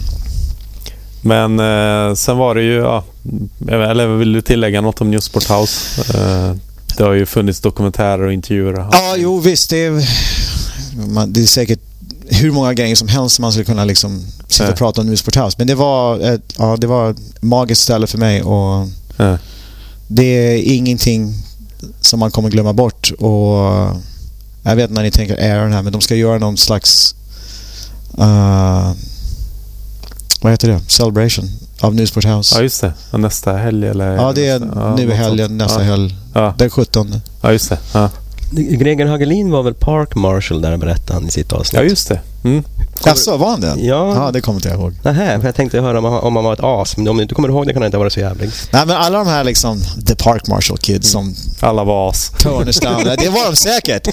Men liksom, vi som var liksom Newsport House Team, vi stod ju över dem. Liksom. Ah, vi hade ja. ingenting med det att göra. Nej, Så vi kunde göra precis vad vi, vad vi ville. Ja, ni behövde inte visa era gröna kort? Eller Nej, absolut inte. Det finns säkert en hel del som mycket väl kommer ihåg Greger Hagelin som Park Marshall, men inte när man tillhörde Newsport House-teamet. då, då var det... Alltså jag tror, fan det var ju någon av de här som jag träffade, av de här alkisarna som jag berättade om innan, som kommer fram till en och bara Ja, eh, jag skejtade då. Och så frågar man kanske, ja men Greger då? Han var ett jävla as. Ja, men det är klart, har man den arbetsuppgiften så... ja, jo, det ingick väl kanske lite i jobbet att uh, det var ja, meningen att... Jag tror han gillade sitt jobb där. De skulle hålla lite ordning på saker och ting. Ja. För det var väl eh, nödvändigt. Det var sjukt mycket, men det fanns bara plats för 20 åkare samtidigt högst, eller? Ja, jag, jag vet faktiskt inte hur någon av det där ja. kom till. En grej som är intressant att säga om Newsport House är att uh, alla amerikaner som kom över mm de fick ju skiten körda ur sig på Newsport House av äh. mig och Viking. Äh. Tills Mad Mark Baker kom dit från England. Äh. Han var den enda person som någonsin kom dit och liksom handed us our asses. Mm. Han var så jävla bra där alltså. Mm. Och han ändrade ju skateboarding för oss. Mm. Uh, väldigt definitivt. Mm. Eh, liksom, det var första gången jag såg Viking imponerad av något eller någon. Så, Vad heter han? Mad Mark Maker? Baker. Baker. Mark Baker. Mm. Mm. Han, han var oftast kallad liksom uh, Englands Jay Adams. All right. Mm. Riktigt stor kille. Han var, han var skitcool och... Mm. Var han lite äldre än er då? Ja, han var lite äldre än oss. Uh. Och just freaking crazy. Uh. Och så jävla bra på skateboarding alltså. Hade Tony Alva hunnit var, komma till Sverige då? Ja, det här var efter Alva. För jag vet att ni var inte helt imponerade av Alva när han kom, eller hur var Nej, det? precis. Men, men jag vet ju precis hur det är. Man, Newsport House var inte lätt att åka på. Mm. Och komma dit och vara liksom amerikansk proffs mm och ha fem minuter på sig att värma upp och åka de mest konstiga grejerna. Det där, under hela 80-talet, överallt där jag har åkt och gjort uppvisningar, mm. man körde på liksom crappiga ramper och det, mm. det är alltid liksom the locals that wanna take you out. Mm. så det har jag upplevt från andra sidan sett hur många gånger som helst. Och det är klart, när jag kommer till en skatepark och ska göra en uppvisning och det är liksom the locals som redan vet hur man åker där. Mm. Ja, de körde skiten i oss. Mm. Uh, jag åkte runt rätt mycket med Danny Way och Mm. Och vi båda liksom visste ju hur det här var uppsatt. Liksom. Mm. Och min regel var uh, it'll take 20 minutes. Mm. They, that's, what, that's all they get. Mm. After 20 minutes the table turns. And did it. Ja, och naturligtvis med Danny som var precis lika talangfull som Per Viking så mm. det, det, var nog mindre än 20 äh. minuter för han. Vi ska komma in på det lite senare men jag tänkte på det fanns en New Sport House urramp som var på Solvalla jag vet inte om det var New Sport House Ramp. Jag vet det kanske stod New Sport House på Ja, det stod ju naturligtvis Eller det kanske var det här Malmö-företagets... Var det Coops ramper? Jag, ja, jag vet inte, för det var en, jag tror det var enda gången jag såg den eller körde på den. Ja. Jaha, så du hade inte heller kört på den innan? Den där, glas, den där plexiglasgrejen? Jag vet inte om det var plexiglas. Men så Solvalla tänker på. Det finns ju footage ja, när man det. ser att Tony Alva tittar på när du åker. Ja, jag, han, jag, tror det var plexiglas. Och, och, att han var lite, vad heter det? Ja, mm, ja. Vill inte visa att han var imponerad av din åkning? Jag tror inte han var imponerad överhuvudtaget. Han var alltså. inte det ändå? Nej, för vad, vad, gjorde vi? Vi fejkade fram och tillbaka och gjorde lite kickturns. Mm. Det var ju ingenting. Mm. Men vet du vad Alva gjorde på den Solvalla-grejen som jag tyckte var så jävla imponerande? Det var en annan U-ramp som var trä. Mm. Som var lite mer proper, hade lite flat bottom och det. Mm. Jag såg Tony Alva göra kanske tio stycken på raken. Micro-edgers. Vad är micro-edges? Han gjorde upp och liksom gjorde en vändning. Ja. Inte hoppa upp i luft eller någonting, bara gjorde en kickturn. Ja. Och det var så här mycket av hjulet, det sista hjulet kvar liksom. Ah. Edgers, det var ju en grej som man höll på och gjorde på den tiden. Och han gjorde det så jävla bra. Jag var så jävla så, imponerad. Så att det är lite, vad heter det, bättre än three wheels out? Ja, just det. det är, är mer kanten. än three wheels ja, out. Det är, det är sista delen på det fjärde hjulet som... Ja, som är, det hänger på en... Som en coconut wheelie som vi freestyleåkare skulle säga. Jaha, okej. Okay. Man är där på... Micro edger. All right. Ja, där fick vi lära oss något nytt gammalt tricknamn. Ja, jag vet inte om det jag heter eller, eller om det är mitt uttryck eller något sånt där. Men det, jag tror inte det var filmat av någon, någon... Han gick över och skejtade ner rappen själv och så liksom följde publiken över det. Mm. Och vi gick över och kollade, vad fan gör han där liksom? Äh. Och det var superimponerande alltså. Mm. Men folk gjorde airs ändå på den tiden? Eller? Nej, det, var liksom, det hade inte riktigt börjat. Mm. Så... Mm. Men när, när bestämde du att du ville dra till USA eller var det alltid en dröm? Även... Nej, vi hade då gjort den här Newsport Circusen. Mm. Så vi hade kört runt hela mm. Sverige. Ja. Var liksom rockstars och ja. levt det mest otroliga liv man kan leva som äh. 15-åring kan man säga. Och, och, du hade väl typ en egen modell även om det inte var ditt eget namn på? Ja, just det. Liksom, vi hade designat grejer. Perry hade sin, sin breda. Mm. Jag hade min. Mm. Vi jobbade med Newsport House och mm. Vi gjorde de här uppvisningarna runt i Sverige mm. och det vet jag speciellt på den tiden. Det, det, var inte bara att vi var där och gjorde uppvisningar och var skateboardåkare. Mm. Vi var också från Stockholm. Mm. Det var jävligt ballt på den tiden. jo, tack jag vet. De här jävla stockholmarna ja. som kom till Halmstad. Just det. Fy fan alltså. Tog alla våra tjejer. Precis, så vi dejtade hur många tjejer som helst runt hela Sverige. Ja. Det var skitkul. Ja. Och jag kom tillbaka hit en vecka före jag skulle börja på gymnasium och en mm. fyraårig teknisk linje. Mm. Och jag var inte alls redo för det. Mm. Och vi var ganska säkra på att Newsport House skulle stänga. Mm. Så, Varför var ni säkra på det? Ah, jag vet inte, jag kommer inte ihåg riktigt. Men jag var... Var det att uh, skateboard höll på att ta... Ja, jag tror att de hade sagt det till oss eller... Ah. Det, var, det fanns något rykte om, om det. Ah. Så helt plötsligt en vecka senare så liksom ena veckan är jag på turné och har skitkul, hänger med polare, träffar tjejer och liksom party all night och bla bla bla. Mm. Uh, så nästa vecka ska man gå på ett gymnasium liksom. Mm. Och så skulle jag bära en hel hög böcker upp fyra trappor och liksom Mm. Ska jag verkligen göra det här i fyra år? Liksom? Det var en sån stor kontrast. Att... Fyra år? Vad var det för något? Ja, det var nog fyra år gymnasium. Eller det kanske var två linje, år. fyra år. Ja, nej, teknisk, nej, nej, är det inte det? Jo, jo, det var det, Nu va? vet jag inte, men då. Jag tror det var det då. Ja. Fyra år i teknisk linje. Absolut. Jag, jag valde tvåårig. så. så, så jag tänkte fan jag kan inte bära böcker upp här. Jag kan inte göra det här i, i fyra år. Mm. Vad tänkte du du egentligen skulle bli då? Om du inte hade blivit skateboardproffs? Jag, jag, jag, jag tror inte jag hade någon aning. Nej. Jag kanske hade, men jag kommer inte ihåg. Hur du som helst. inga drömmar om att vara brandman? Nej, nej, nej, nej. Det var... Hur, I alla fall, jag åkte hem och sa till morsan liksom, jag ska inte gå på gymnasiet, uh, men jag tänker åka till Kalifornien istället. Hårt prövad mamma. så det tog sex månader att övertala dem att göra det liksom. De var inte så stokade på idén. Nej, det, det, det, var ingen höjdare hemma. Så. Men, men kunde du ens dra till USA som 16-åring utan målsmans, vad heter det, tillstånd? Jag kommer faktiskt inte ihåg om jag behövde ha något ja, målsmanstillstånd. Men vi var nere på en resebyrå. Det var jag och en kille, Rille från Newsport House, som skulle mm. göra det här. Ja. Och det här var 79? 70. Ja, jag började prata om det 79. Jag mm. tror vi åkte på våren 80. Mm. Om jag kommer ihåg det här rätt. Mm. Eh, så vi var nere på resebyrån två 16-åringar. Mm. Och då sa de till mig liksom, ah, men vi, vi kan inte få en biljett tillbaks från Los Angeles.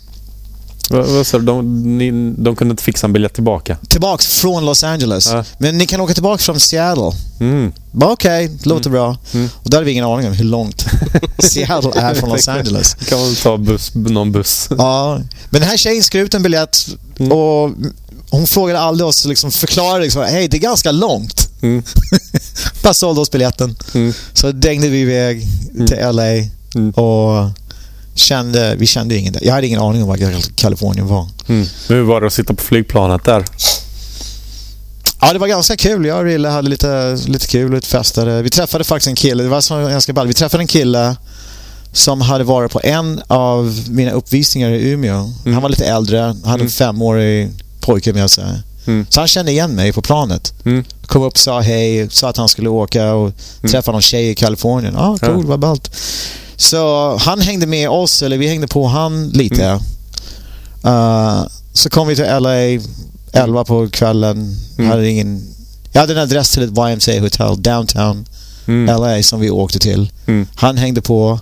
Vi hängde där ett par dagar. Mm. Liksom downtown LA, det, det här var inte för, det vi hade tänkt. För, för eh, då, då, måste man, alla som är vana vid så här YouTube och sådär, millennials eller vad heter det? Man måste tänka på, här, här kunde man inte ens få tag i en telefonkatalog i Sverige för att förbereda och planera något. Ja, just det. Jag, jag, jag, jag kunde inte planera någonting. Det fanns Nej. inte ens en möjlighet Även att om du hade velat så hade, gick det ju knappt. Nej, jag kände ingen. Jag visste ingenting uh -huh. om Kalifornien. Uh -huh.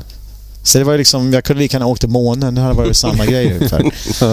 Uh, så vi var där nere ett par dagar. Sen ville han uh, köpa en bil och köra ner till San Diego. Mm. Så liksom, okej, okay, vi hänger med. Mm.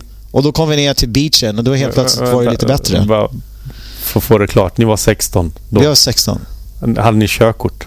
Nej, han hade... Jag vet, inte, jag vet inte ens om han hade körkort. Nej. Men vi hängde med han. Ja. Ner till San Diego. Ja, ja. Då var det lite bättre för då kom vi till beachen. Nu helt plötsligt såg det ut som Kalifornien. Mm. Så jag och min polare Rille, vi sprang in till havet i våra kalsonger liksom. Ja. Yay, we made it! Stilla vill, havet! Vet du vilken beach det var? Eller? Ja, jag vet precis vad det är. Ja. Pacific Beach. Ja. At the end of Grand Street. Ja. och sen så liksom hängde vi där. Men den här killen, han ville liksom flytta runt till barer. Mm. Och så ville han att vi skulle betala han så här 10 dollar per natt för att passa hans unge. Och bo på ett litet rum som han hade då hyrt i mm. Mission Beach. Mm. Så det här var heller inte en del av vår plan. Liksom. Vi mm. var inte där för att vara barnvakter. Nej. Och då hade jag kommit fram till att det finns inga bussar och tunnelbanor mm. i San Diego. Alla har en bil, man måste ha en bil. Mm. Och det skulle också lösa vårt boendeproblem. Mm. Vi hade inte råd att bo på en hotell. Mm. Men vi hade tillräckligt med pengar att vi kanske skulle kunna köpa en bil. Yeah. Så säger jag till Rille, fan vi ska, vi ska leta rätt på en bil och köra, köpa en bil. Mm. Och då ville han åka hem. Mm. Och då står vi på liksom boardwalken i Mission Beach. Mm. Och jag säger till honom, så fan, ser du var vi står någonstans? Vi ska, inte vi ska köpa en bil. Håll käften, det är det här vi gör liksom. Mm. Så vi hittade en bil, 600 mm. dollar. Mm. Den här killen hjälpte oss att köra ner till beachen. Mm. Och sen så bodde för, vi där. För ingen av er kunde köra bil eller hur var det? ingen av oss kunde köra bil. Så nästa morgon vaknade vi där tidigt, 5-6 på morgonen. Så var det liksom, nu ska vi lära oss att köra en bil. och det här var en 1973 Pontiac Catalina, ja. ungefär så stor som de någonsin ja. gjorde de här jävla bilarna. Alltså vilken grej. Jag tänker bara, shit, jag som försöker ta körkort. Ja, det var ingen eco-driving där inte. Det här blir ännu bättre. Så, så Eftersom när man är 16 i Sverige, man ja. tänker inte på att lära sig köra bil. Mm. Så jag är inte 100% säker vilka som är bromsen och vilka som är gasen. Mm. Var det automat eller? Ja, det var en automatlåda. Ja, Men jag är inte riktigt säker. Mm. Så jag tittar upp liksom, läser boken som kommer i bilen. Liksom. Mm. Ah, fan är det, här? det här är bromsen, okej, okay, det här är gasen. Mm. Jag ser två pedaler, jag har två fötter, så en på varje. Mm. och så åker vi liksom runt kvarteret ett par gånger och kör runt lite. Och så bara bor vi i den där bilen. Mm. Och sen ett par dagar senare så är det någon så här alkis som, som hänger nere vid beachen som vill sälja oss gräs. Mm. Och jag har rökt en gräs, jag har aldrig gjort någonting sånt där. Så vi liksom, mm. no, no, no, we're not interested. Och så mm. pratar han med oss. Och listar han ut ganska snabbt att vi har den här bilen, mm. är från Sverige, mm. skateboardåkare, mm. men kan inte köra den. Mm. Egentligen. Uh. Liksom, no, we've only driven around the block. Mm. Då erbjuder han sig att lära mig att köra bil. Mm. så jag tänkte, ja, jag behöver ju lära mig köra lite. Så uh. Jag brukade åka ut med en, en alkiskille från Pacific Beach. Mm och lära mig köra bil. Och han hjälpte oss att komma till Oasis Skatepark. Mm. För alla i San Diego visste vad Oasis var för den låg bredvid en motorväg. Mm. Så man ser den från motorvägen. Ja. Ja. Så när jag sa liksom, ah, men vi försöker hitta en skatepark. Mm. Oh yeah, we can go to Oasis. I know exactly where it is. Mm. Så vi körde ut till den, åkte mm. där. Och sen så körde vi upp till Del Mar. Mm. Det var nästa. Och Del Mar var bättre än Oasis. Mm. Så vi, det, slu, det så slutade med att jag var liksom en Del Mar local. Mm. Men då körde jag runt med han. Han brukade komma upp till beachen, eller till skateparken med oss. Mm. Vi brukade stanna, han köpte en six-pack of beer. Mm. Han satt och drack öl hela dagarna, vi åkte skateboard. Mm. Sen åkte vi hem tillsammans. Mm. till Pacific Beach, som var hem. För det var där han bodde då med sina alkiskillar. Och vi parkerade runt där. Uh, och det var, det var det vi gjorde liksom den första månaden som jag var där. Mm. Ingen körkort, ingen försäkring, ingen registrering. Mm. Och en alkiskille som lärde mig mm. köra bil. Men gjorde han det för att vara snäll? Eller var... ah, han tyckte vi var coola och liksom, vi hängde med han. Det var lite roligt ja, för han. Ja, men de satt ju bara på beachen ändå och, ja. och drack liksom. Så. kan väl lära några tonåringar köra bil. Ja, just det. Ja. Lite avväxling. hur, hur, hur, löste man... Eh, skateparken hade omklädningsrum på den tiden. Jag tänkte man vill ju duscha någon gång i alla fall. Nej. Inte, det vill man inte. Nej, det är det som är problemet med alla jävla amerikanska skateparks. Ja. De har ju bara whatever it is to skate. Mm. That's it. Mm. det är inga hade ju hela Stilla havet att skölja av sig. Ja. ja, så vi höll ju på och... Det finns ju duschar nere vid beachen. Mm, för surfare. Ja. Bara vatten liksom, så man ja. kan åtminstone skölja av sig. Ja. Åh herregud. Ja. Så det var ju liksom part homeless, part camping, mm. Part just hanging mm. i Kalifornien. Och, och sen så körde vi runt då till alla skateparks. Mm. Och så bodde vi på skateparken i bilen. Mm. Ja, ett par, tre där. par, tre dagar och lärde känna olika skateboardåkare och människor som mm. vi så vi hade ju liksom the time of our life. Mm. Tre månader. Det här var liksom världens ballaste grej alltså. Mm. Och det var så många grejer som kunde gått väldigt, väldigt fel. Mm. Men vi hade faktiskt ganska mm. stor tur alltså att det var liksom ingenting som gick fel. Nej. Men tror du inte det hjälpte lite? Du sa att du, du liksom aldrig rökt gräs och, och att du har hållit borta från det. Jo, men vi drack rätt mycket när vi var där. Ja. Och körde bil. Och körde bil. ja. Så det var faktiskt rätt många grejer som... Ja, känns som... så långt borta när jag tänker på mina eco-driving. ja, jo, det är säkert... Drack och körde och kunde inte köra bil från början. Nej, egentligen kunde Bra. inte köra. Nu blir jag nyfiken. När fick, när, när fick du körkortet på riktigt? Okej, okay, så, så efter en månad att göra det här liksom, då var det liksom, okej. Okay, borde skaffa ett körkort. Och körkort i Kalifornien är så enkelt jämfört mm. med Sverige. Mm, jo tack. Men en grej som jag behövde. Mm. Jag behövde göra ett par grejer. Jag, eftersom jag var under 18 var jag tvungen att gå i en körskola. Mm. Vilket för mig var nästan förnedrande. Ja, fan, jag vet ju redan hur man gör det här. Liksom. Mm. Jag kan allt det här redan. Ja. Men jag var tvungen att gå igenom en, en, en kurs med massa mm. ungar. Mm. Och det var skitroligt liksom, när jag körde upp min bil och parkerade precis framför skolan och gick in. Mm, mm. Alla andra unga varit avsläppta av sina föräldrar. Ja, liksom. och sen så när jag skulle åka upp och ta testet, då var det liksom 25 frågor mm. och så skulle man köra runt kvarteret ett par gånger. Mm. Men någon som var myndig var tvungen att skriva på mitt körkort. Mm. Och det fick den här alkisen göra. Dan från Michigan. Och han var skitsur på det här när vi åkte hem till beachen. Mm. Då satt han och liksom skällde på mig nästan hela tiden liksom. You better not fucking screw up, you better not do this, you better not do that. Aha, fan var jag ansvarig för Ja, så helt plötsligt så var han ansvarig. Uh. Och det här kanske... Jag fick den idén att det här var det mest ansvarsfulla grejen som han har gjort. Åtminstone på väldigt länge mm. då. ja, men, men, han vågade, han gjorde det ändå. Han gjorde det och liksom, det han, helt plötsligt var han som min farsa. Liksom. Mm. Så det var ganska roligt, men han gjorde det. Mm. Hade du kontakt med honom sen efter? Ja, jo, vi brukade träffa honom här och där. Och mm. De här killarna, det som vi gjorde mest med dem, mm. han, han och hans alkispolare, mm. de visade oss var Hare Krishna-templet låg i Pacific Beach. Det var mm. liksom ett block upp från beachen. Mm. Och där hade de gratis mat varje middag. Mm. Mm. Då gick man dit, snackade lite skit med Krishna-killarna, käkade deras mat och på mm. söndag hade de en stor fest. Mm. Och då var maten ännu bättre. Mm. Ja, var inte det bra, god indisk mat? Ja, jag var inte en sån jävla stor fan, men det var gratis. Ja. och nyttigt som fan säkert. Ja, det är säkert väldigt nyttigt. Jag ja. kommer ihåg att det inte var så jävla gott. Men så vi brukade hänga med alkiskillarna mm. på Hare Krishna. Ja. I Pacific Beach och åka skateboard ja. och träffa massa tjejer och liksom gå på fester och det ena och det andra. Så det, var, det var vår ja. våran första Kalifornienresa. Ja. Om, vi, om vi pratar mer skateboard. Vad, du, du hade ju en bra trick på sig att ta med dig till USA från just Sporthouse-tiden. Jo, men skateboarding i Kalifornien då, då var det the original skateparks, pooler, mm. Mm. coping, tiles. Det var rätt annorlunda än vad det som vi hade åkt på nu Sporthouse. Mm. Så helt plötsligt var jag inte alls lika bra som mm. jag trodde jag skulle vara. Mm. Jag trodde jag skulle komma till USA och köra över alla precis som vi gjorde på Newsport House. Mm. Men nu var det deras parker, inte mina parker och jag mm. kunde inte köra i dem. Mm. Så det tog mig en, två månader och liksom, jag kände att jag fick liksom börja om mm. och, och lära mig på nytt om man säger. Kunna köra in mig i de typer av pooler som, som fanns då. Och det var, ganska, det var faktiskt ganska svårt, mm. som jag kommer ihåg det. Mm. Uh, jag tror inte jag var med i några tävlingar.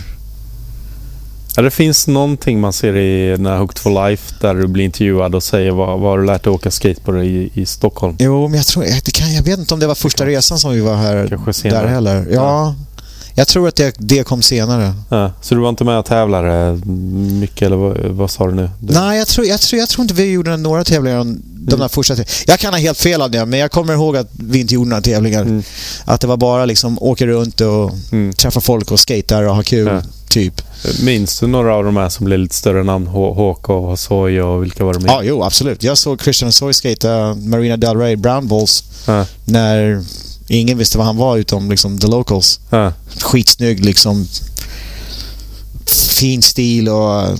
Ja. Han var ju för liten för att skata uh, the dog eller the keyhole. Ja, stora. Han skatade där, men då var han som en liten kille. Jag kommer ihåg Tony Hawk. Mm. Han var ju en Oasis local. Mm. Men när det stängde, då fick han liksom komma över till Delmar. Ja, just det. Så som ja. jag kommer ihåg det så var vi redan liksom Delmar locals. Ja. Och så kommer Tony Hawk upp dit och... Ja. 11 år, liksom skitspinkig liten kille som kan göra massa olika trick. Allt under coping typ liksom. Men det var ganska uppenbart då att han hade en Per Viking typ talang som var ganska speciell. Mm. Jag tror vi alla visste det ganska fort. Mm. Om man säger på det viset. Mm. Men hur var det? Du, ville du ha med dig Per Viking? Ville han dit också på den här första resan? Eller? Nej, jag kommer inte riktigt ihåg hur det vart jag och Rille. Jag var intresserad av att åka och det var ju liksom... Jag tror nog många av mina polare på Newsport House mm. kanske lyssnade på mig prata om Kalifornien att, att okej, okay, yeah, keep talking. Mm. That's never gonna happen. Mm. Så jag vet inte om folk trodde att det där skulle vara på riktigt eller om det, hur det skulle funka. Men så fort mm. jag och Rille gjorde det mm. så helt plötsligt var det som att vi hade öppnat en dörr. Mm. Och då ville an, alla andra göra det också. Så mm. den andra gången jag var i Kalifornien, då kom Peter Klang, mm. Per Viking och vår polare Martin Carbo. Mm. Marre. Ja, just det. Ja, de tre. Ja, han var ju där i lördags också. Så. Ja. Så de tre kom över. Mm. Och då kunde jag liksom... Jag hämtade dem på flygplatsen och... Mm.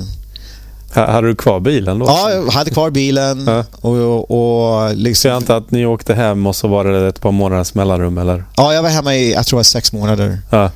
Över mest av sommaren. Och sen tror jag tillbaka nästa vår. Ja. Jag var tvungen att jobba ihop lite pengar. Ja, jo. Då har man ju spenderat liksom allting man hade. Ja. Plus, vi var tvungna att åka upp till Seattle i den där bilen också. Mm. Ja, just det, just det. Var ni tvungna att åka dit sen och ja. köra ner eller? Nej, alltså, jag ville ha kvar den där bilen. För mm. vi, det, det, var inte bara min bil, det var mitt hus, mitt hem. Liksom. Mm. så skulle jag åka hem. Jag visste att jag måste komma tillbaka till Kalifornien så fort som möjligt. Mm. Och jag kan inte ha bilen uppe i Seattle i hur, vet hur länge som helst. Ja. Så vi hade träffat några tjejer som uh, vi pratade in och hänga med oss ja. till Seattle ja. och köra bilen tillbaks och ta hand om den medan jag är hemma och jobbar ihop lite pengar. Uh, så det var jävligt schysst, det gjorde de. Mm. Och jag kom tillbaks, fick bilen och sen kom, jag tror Perre och Peter och Mark kom ganska snart därefter. Mm. Då var Rille inte intresserad. Han gjorde sin Amerikaresa. Mm. Han, var, han var inte så intresserad av skateboarding heller mm. för den delen. Mm. Uh, så jag kom tillbaka själv. Mm. Men då var det liksom, jag hade min bil, jag hade massa polare i Kalifornien. Mm. Jag tror... Men bodde du fortfarande då i bilen? Ja, då bodde jag fortfarande i bilen. Äh. Och... Men jag tror att en av de här tjejerna som jag åkte upp med dit, till mm. Seattle, jag tror att jag bodde bara i bilen en vecka så jag tror att de tyckte synd om mig lite. Liksom. Mm. Ja, men kom och bo hemma hos oss istället. Liksom. Mm. Okej, okay, det låter jättebra. Mm. Uh, så jag bodde hemma hos dem när jag hämtade mm. Peter och, och dem. Då hade jag förklarat för dem. Nej, men så här gör man. Man flyger in och så skaffar man en bil och så bor man mm. i bilen. Mm. så åker man runt hela skatepark liksom. Jag hade ett helt system utarbetat då. Uh. Och få lära sig köra av alkisarna. Ja, just det. Eco-driving. Du rekommenderade också han Dan. Ja, sen om ni inte kan köra så gå ner till... Ja, just det. Det, är, det här är en killen som ni som hookar upp med för att lära köra bil. Han öppnar körskola. Drunken Dance körskola. Ja, absolut. Ja. Nej, det, är, det är en jävla rolig historia egentligen. Ja, det är en fruktansvärt bra historia. Uh, men de kom över och då var det mer kanske skateboardåkning tillsammans än vad det blev med Rille eller? Ja, jo. Alltså, ja, men Rille var rätt inne på att åka när vi var där. Ja. ja eller mer tävlingsfokuserat kanske, eller? Ja, men jag varit sponsrad när jag var där. Mm. Första gången jag var där. Okej, okay. vem var det? Uncle... Vad heter det? Nej, det var före Uncle Wiggly. Så den första som någonsin kom upp till mig uh. Uh, och sa liksom Hey, you're pretty good kid. I'm gonna give you a board. Mm. Dennis Martinez. Mm. Dogtown eller? Nej?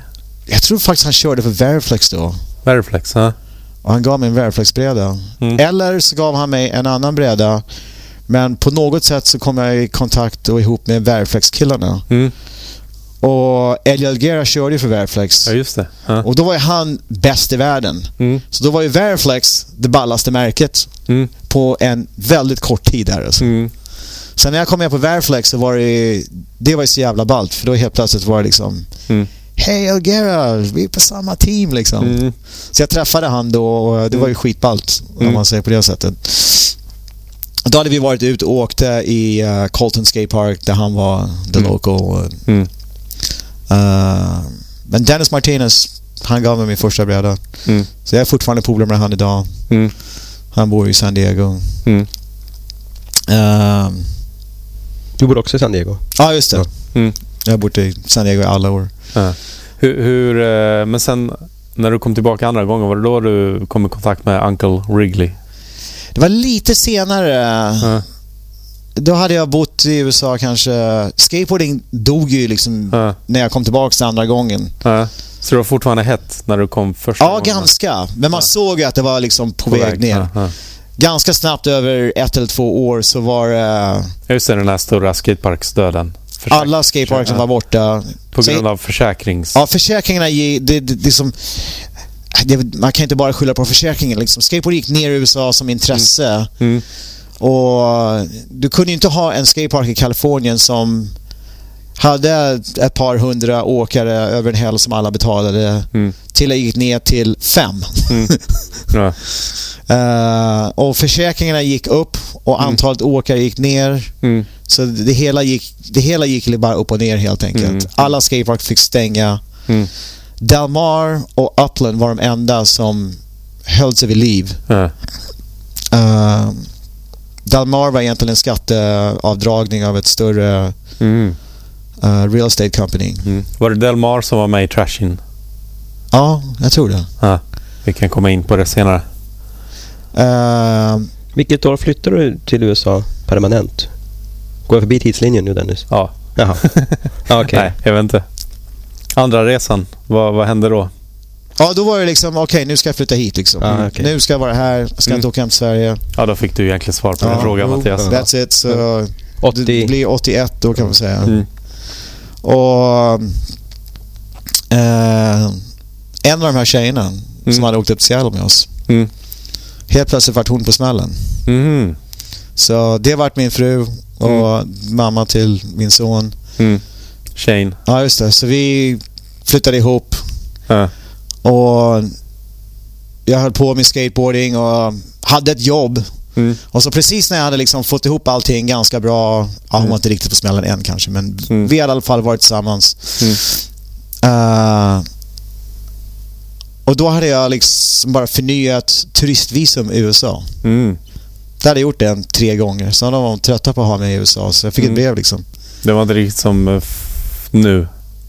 Nej, just alltså, det. Det var lättare då, antar jag. Ja, Ja, jag, jag, vet inte. För jag fick alltså ett brev från amerikanska regeringen liksom. Uh, you're denied. You have two weeks to leave the country. Mm. Då hade vi en lägenhet, jag hade jobb, jag hade åkt skateboard. Mm. Liksom, jag hade ett helt liv där. Det var liksom mm. panic. What the mm. fuck do I do now? Men du hade inte Shane än? Nej, nej, nej. Det här var före vi hade Shane. Alltså. Så, så uh, då åkte jag hem till Sverige med henne. Mm. Inom de här två veckors perioderna. Mm. Uh, om jag hade vetat hur USA skulle ta ställning till uh, illegal immigration mm. då hade jag sagt så här till dem. Mm. liksom, yeah, good luck. Mm. Men då vart man ju skitskraj liksom. Mm. Det var två veckor på att lämna landet. Mm. Wow. Så jag åkte hem. Och det första jag gjorde var att åka ut till amerikanska ambassaden och sa liksom ah, jag har haft turistvisum, jag är skateboardåkare, jag tänkte bara undra om det finns några andra visum som man kanske kan... Mm. Som bara skulle ställa liksom en ganska öppen fråga. Mm. Så de bara, ja men får vi se på ditt pass då? Så tog de mitt pass, gick tillbaka, kom tillbaka en halvtimme senare. Mm. Då hade de stämplat mitt... Uh, på den tiden hade man ett basvisum. Mm. Så var det liksom cancelled for 10 years. Va? Och jag bara liksom, vad fan, vad är det här för något? Jag ställde en fråga. Mm. Yeah, but if we know you have an interest in living or working in the United States, we don't want you to come ah. as a tourist. So, sorry. Tio år. Uh. Det var som ett fängelsestraff ungefär liksom. Uh.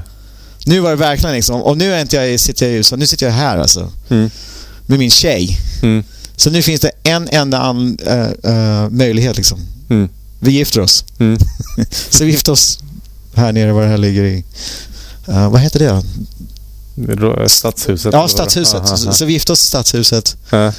Och så... Alltså hon kom med dig till Sverige? Ja, hon kom hem hit. Aha, så vi var här i två månader. Mm.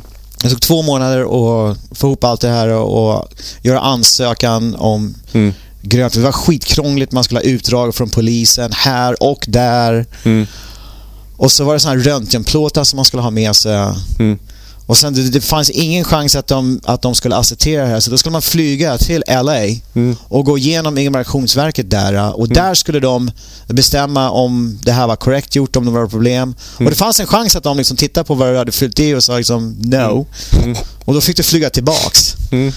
Var det röntgenplåtar också? Ja, jag hade röntgenplåtar med mig som jag var tvungen att visa för dem. Och, då, och de skulle man liksom, skulle väl, man kunde inte riktigt packa dem i någonting liksom. Så jag hade sytt en liten grej och var skitförsiktig med de här jävlarna. Mm. Så att när jag kom dit att inte de skulle vara något fel eller böjda eller vikta eller mm. någonting. Och sen när jag kommer till LA, man står där i kön så liksom, naturligtvis är man ju skitnervös. Mm. Och nu när jag tänker efter så var faktiskt Peter och Per, de var, då var de här. Så mm. de skulle hämta mig på flygplatsen då. Mm. Och jag är där med min tjej och är skitnervös och ska igenom immigration och se om, mitt, mitt, uh, om det beviljas att jag ska få då ett, ett grönt kort. Mm. Det var det som ansökan var för. Mm. Och så kommer jag in där så är det en svart kille som sitter där liksom. Oh yeah, you're gonna move to the US? Mm. Fucking cool man! What you got? Yeah, looks good. What's this? Yeah, those are my x-rays. Oh, cool! Fuck! Bara skicka han direkt till sopkassen. Vad fan skulle de med någonting från början? Ingen aning. Och så bara liksom stämpel, stämpel. Welcome to the US kid. nice! Där du stått och svettat. Ja, precis. Alltså, det var världens jävla coolaste grej liksom. Alltså jag kan bara tänka mig ångesten bara hela flygresan. Och ja, hela flygresan. Förmodligen sov du inte så gott. Nej, det, förmodligen gjorde jag inte det. Åh oh, herregud. Hur, just det, jag glömde fråga också. Hur var det med engelskan första resan? Jag kunde som flesta svenska barn, skriva och läsa ja. och förstå engelska ja. väldigt bra faktiskt. Ja. Men skitdålig på att prata någon engelska. Mm. så... Uh, men, tog... i, men i och med att man kunde läsa och skriva så kom det väl ganska snabbt? Ja, så vi hade egentligen inga problem. Faktum är att problemet var ganska snabbt för mig att när jag sa till folk i, i Kalifornien att jag är från Sverige och de kollade på mig mm. You're not tall. You're not blonde. You don't have blue eyes. Mm. And I don't hear an accent. really? Uh. No, I promise. I speak the language. I was born there. så jag ser inte svenska ut liksom. Så. Uh, och när man är 16 då är man fortfarande eh, chans att lära sig utan att låta som man bryter tror jag. Jo, men om jag hade lite svensk brytning så skulle det vara... Jag skulle inte ha någonting emot att ha det. Nej, det skulle kanske gått hem hos tjejerna lättare. Ja, just det. Ja. Det funkade väldigt bra när vi var där första gången. Liksom. Ja.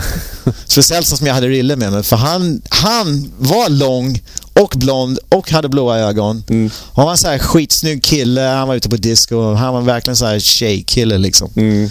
Så det var skitbra att hänga med han då alltså. Mm. och det här är min kusin från, från USA. Nej. Best wingman ever. Ja, men eh, ja, så då, eh, då hade du liksom tjejen men det, ja, sen fick du en son som sagt. Ja, det kom då ganska snabbt efter mm. det. Mm. Och då var skateboarding liksom helt död. Mm. Alla fem, sex av de som skatade Dalmar, det var liksom jag, mm. Gator, Tony Hawk, Billy Ruff, mm. Owen Neater, par liksom mm. lokala polare. Mm. That was it. Mm. uh, och uh, du hade vanligt jobb eller? Ja, jag jobbade, gjorde lite ströjobb här och där. Uh. Sen så träffade jag de här killarna från Uncle Wiggly. Mm. Och de var så här supernördiga uh, UCSD mm. engineering students. Eller en var, studerade engineering. Mm. Uh, en annan marknadsföring och en annan mm. fotografi mm. och art. Så det var som en komplett... Ja. Precis. Alla tre, mellan alla tre av dem så hade de liksom allt det... Så Uncle Wiggly var... Det var liksom en hobbygrej för dem att göra. Mm. Men den här engineering-killen, han byggde ju lättare foambrädor med glasfiber och kevlar. Mm. Limmade epoxy mm. och sådana grejer. Mm. Och visade mig den här brädan. Kolla vad lätt den är. Liksom. Vi behöver någon som kan... De kunde inte ha råd att anställa någon riktig proffsåkare om man säger. Mm. Så jag var ett ganska bra alternativ för dem. Mm. Och Jag behövde också ha ett jobb. Mm. Så jag föreslog att ja, jag kan komma över och hjälpa att göra de här brädorna. Liksom. Mm, alltså stå och Ja, jobba. precis. Ja. Allting. Liksom. Så mm. jag fick världens utbildning från de här tre killarna mm. genom att jobba där. Mm. Om man säger helt gratis eller fick väl säkert lite betalt mm. för det. Uh, och sen så hade jag, jag var tillsammans med min tjej, vi fick ihop ett par tusen dollar, så köpte jag mig in i det företaget, så jag var delägare i det. Mm. Då var det ännu mer intressant. Ja. Så, då är vi tillbaka. Uh, vi fick ta en liten paus där för larmet gick här. Uh, var var vi någonstans? Uncle Wiggly? Jag kan inte prata. Uncle Wrigley. Wiggly. Rig Uncle Wiggly. Ja. Så uh, när jag började jobba med dem så jag var inte så jävla inne i det där namnet. Mm. så jag ändrade det till UWS. Ja, vad kom det ifrån egentligen? Så det där var liksom en challenge. Marknadsföringskillen, ja. jag tror det här var hans idé, mm. var att han sa korrekt att om man har en bra produkt och gör bra marknadsföring mm. av någonting så spelar namnet på produkten eller företaget ingen roll. Mm. Vilket min mening till det var liksom, yeah okay you may be right. But what if you also have a good name? Wouldn't that be better? Vadå, försökte han bevisa det med att ha ett dåligt namn eller? Ja just det, det var det som var grejen. Det var liksom en, en ja, litet experiment så här, liksom. Vi tar det löjligaste, dummaste namnet på ett skateboardföretag. Ja. Och så gör vi världens bästa produkter och har skitcool marknadsföring. Mm. Och så ser vi om det går. Mm. Och bevisar någonting liksom. Mm. Hade, ah, okay. hade inte tuggummi-företagen någonting emot det? Det är ju Wrigley's. Ja, men det här var Wiggly utan R. Jaha, det är utan... Jaha, du har skrivit med... Mm. Och Uncle Wiggly, det är Wiggly, något så här, ja, ja. Eh, gammalt amerikanskt barnbok eller det, det har någon slags ja. historia. Okay. Mm. Men hur som helst så är det ett ganska dumt och löjligt namn för ett skateboardföretag. Men jag har alltså pratat med jättemånga människor som tycker det var skitballt och jätteroligt och tycker namnet var jättebra liksom. liksom. Mm. Okej. Okay. Mm. Keep thinking that. Men du, ni förkortade det? Eller vad? Ja, alltså om man kollar på när jag kom med mm. så är det, ser det mesta ut mer som just UWS. Mm. Det var min lilla ändring mm. mm. och kompromiss som de var villiga att gå med på. Mm. Och ganska snabbt så var det mer jag och Doug Ring som var den som hade börjat det där. De andra mm. två killarna som höll på med marknadsföring och konst, de fick ju sina... De gick ju på universitet och fick sina... Um, vad heter det? Mm. Säg det på engelska. Jag kommer inte ens ihåg vad fan ja. på engelska. I alla fall varit färdiga med skolan och fick sina ja. betyg och utmärkelser. Ja, och, sina diplom... Vad, vad heter det? Diplomas. Läraren. De fick sin degree eller någonting. Ja, degree. degree. Det var det ordet jag letade efter. They got their degrees. Mm. Och sen så, då skulle de ut och fortsätta. Mm. Doug höll på ett tag längre efter han fick sin engineering mm. degree. Mm. Och sen var det lite mer upp till mig att hålla på och göra det mm. där. Så vi höll ju på som fan där alltså. Mm. Tom... Funkar det här med epoxy, eller vad sa du med... Ja, så våran grej var ju att limma produktbilden som vi gjorde Mm. Det var sex lager istället för sju. Mm. Och de var limmade med epoxy istället för mm. vanligt träklister. Mm. Och så hade de två lager glasfiber på det. Mm. Så six ply epoxy glass. Mm. Det var någonting som uh, eh, GNS hade gjort det också. Som låg bara nerför gatan där vi var. Så de var ungefär lite konkurrenter på det viset. Och Tom Sims gjorde snowboards på den fabriken som GNS jobbade med. Det var alltså Watson Laminates. Och så kommer Tom Sims in på uh, Uncle Wiggly. Nej, det var bara jag där. Tom mm. Sims kommer in genom dörren. Mm. Introducerar sig själv liksom. Oh, yeah, yeah, I know who you are.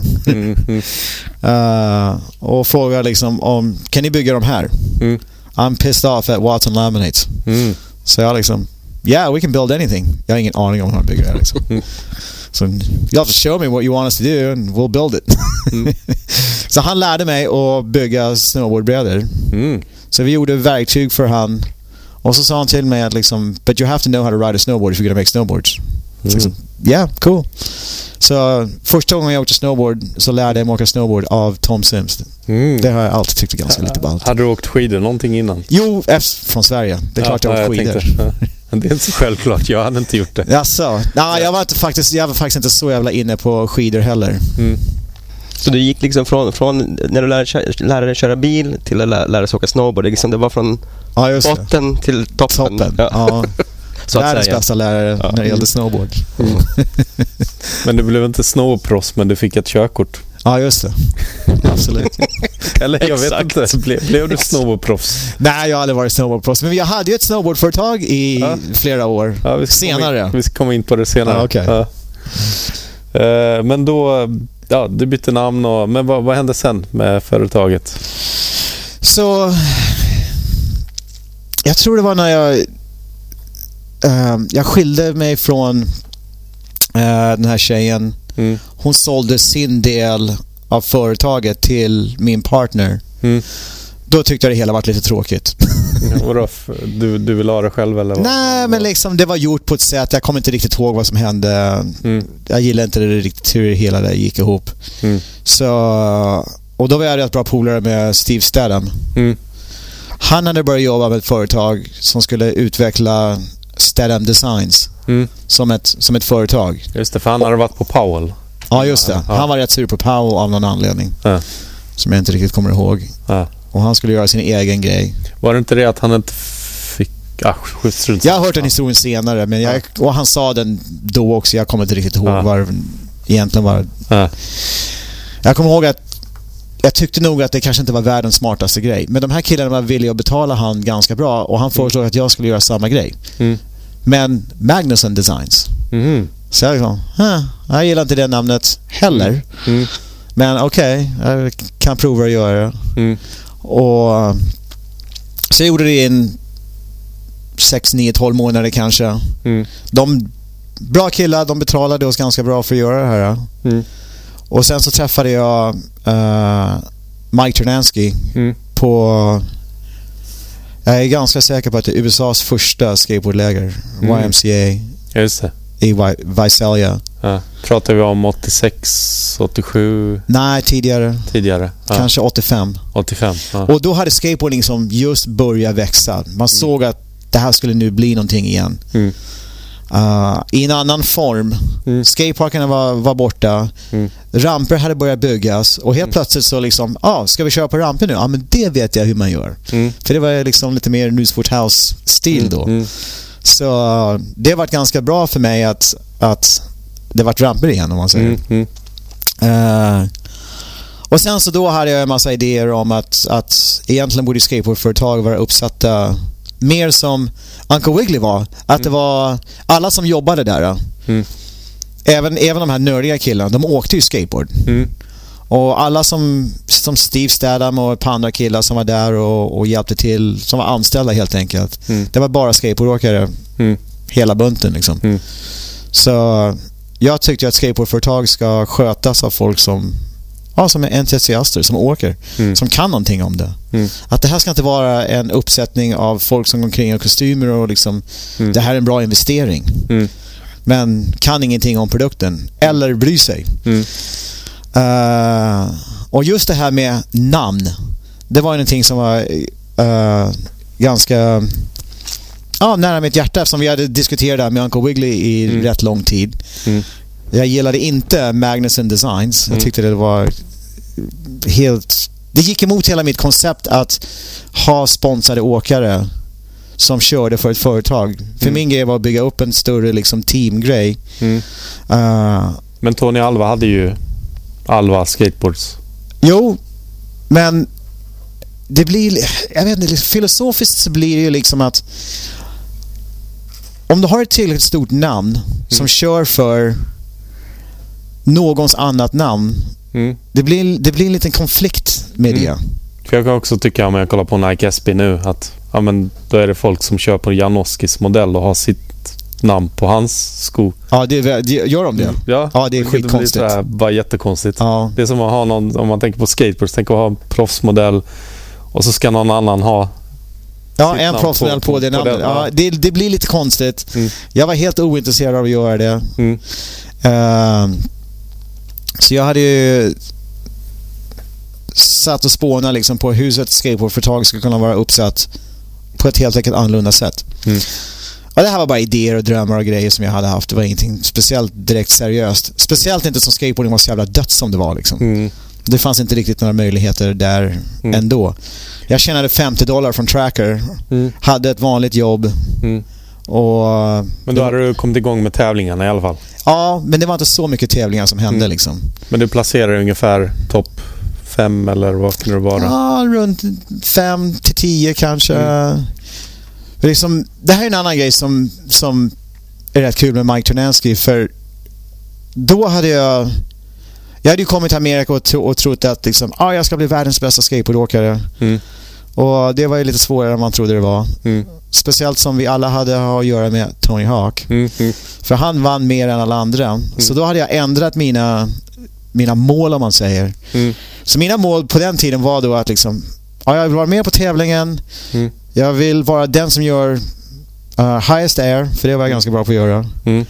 Och jag vill kunna köra i finalen. Mm. Det var mina mål. Ja. Så det tyckte jag, det var skitsmart. Mm. För, för, för då kunde man liksom, det var ett mål som jag kunde nå. Mm. Då kunde jag åka ut på en tävling, ha det målet, nå målet och känna mig ganska bra över det hela när man åkte hem. Mm. Och liksom, yeah, Tony Hawk won. Yeah, whatever. He won the last one too. Mm. uh, så det tyckte jag var skitsmart alltså. Mm. Så träffade jag Mike. Mm. Uh, han var inte riktigt en skateboardåkare. Han var där och hjälpte sin polare Bobby Goodsby som hade det här lägret. Mm. Och, för vad hade han för bakgrund, Mike? Han hade gått... Han var teknisk bakgrund, nästan liksom lite IT-bakgrund. Mm. Han var den första som jag såg som hade en datamaskin, en. Apple, mm. whatever mm. den första var. Uh, så han hade studerat. Han var också lite som de Uncle Wiggly-killarna. En, en mm. uh, college kid. Mm. Lite nerdy. Mm. Men otroligt smart. Hade han inte en basketbakgrund också? Fick jag ah, det, uh, det är inte vad jag kommer ihåg. Jag har för mig att jag har hört det i intervjuer. Möjligt, men jag kommer inte ihåg det. Eller att han var inspirerad av basketcoaching-grejen. Det är mycket möjligt också. Uh, men hans min första encounter med Ternenska var att det var hans jobb att se till att vi inte åkte skateboard på uh, the sidewalk mellan rampen och där vi skulle bo mm. på the skate camp. Så. Varför inte det? ah, jag vet inte men ja. då var jag tillräckligt kaxig för liksom, ja, yeah, good luck with that. Vi är här för att åka skateboard liksom. Uh. This is a sidewalk. Uh. I'm gonna ride on it. uh.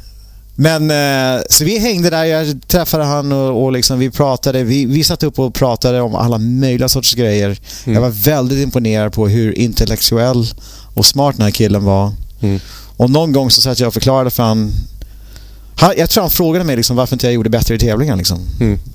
Ah, vad menar du? Jag sätter upp ett mål och jag når målet. Mm. What, what more do you want? Liksom. Mm. Så jag förklarade hela min teori och filosofi om hur, hur mina mål var uppsatta. Mm. Han satt och kollade på mig liksom.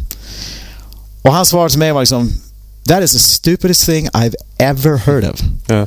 Och jag liksom What do you mean? Mm.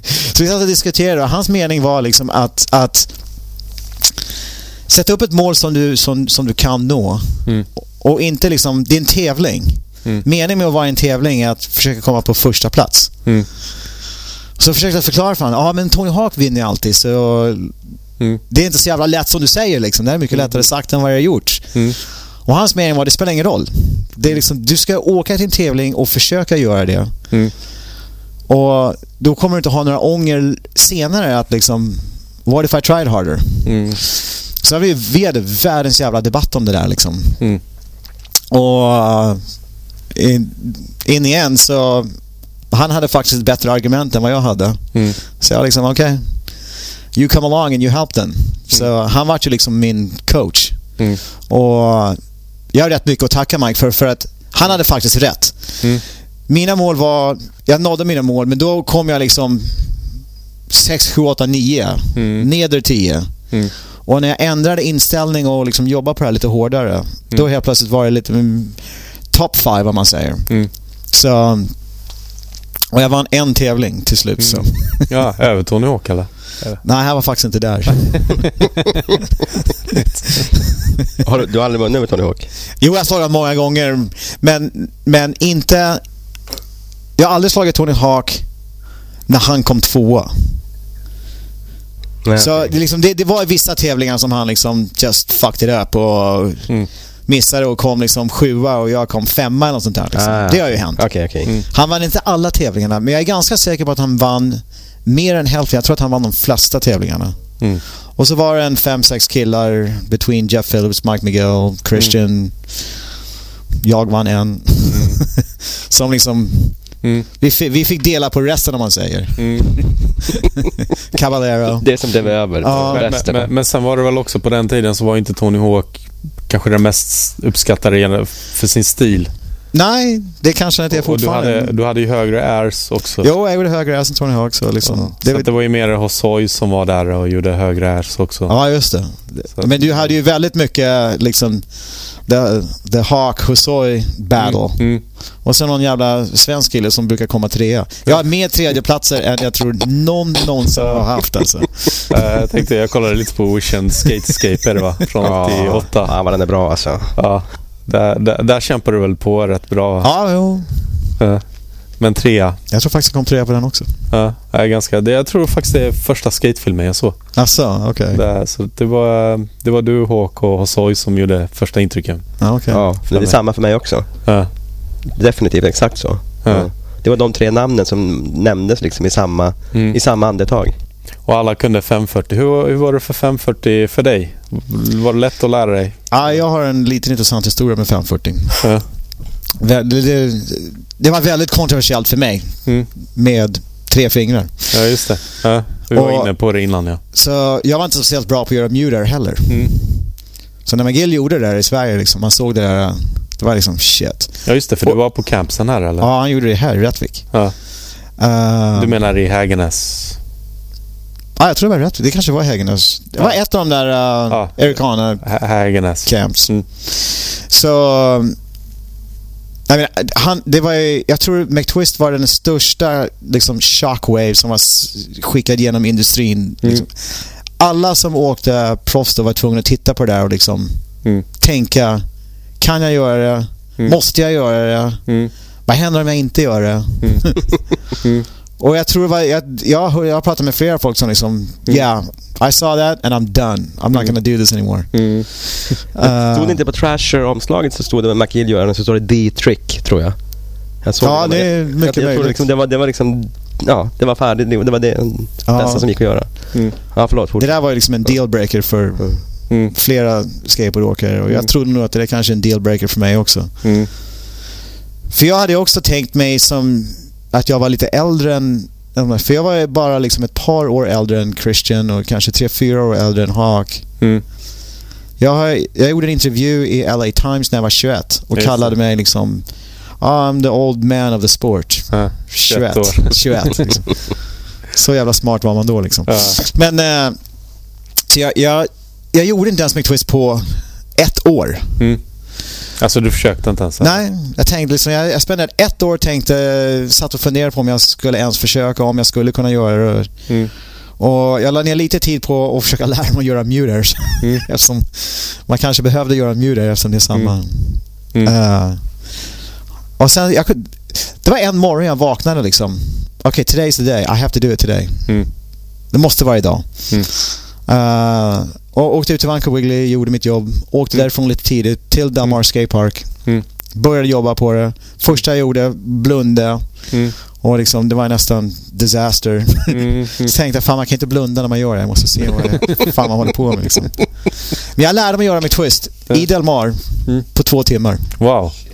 Så jag var faktiskt ganska imponerad av... Men det är väl ett trick man måste dedikera och besluta sig för att göra, antar jag? Mer, ja, än, mer än att lära sig det.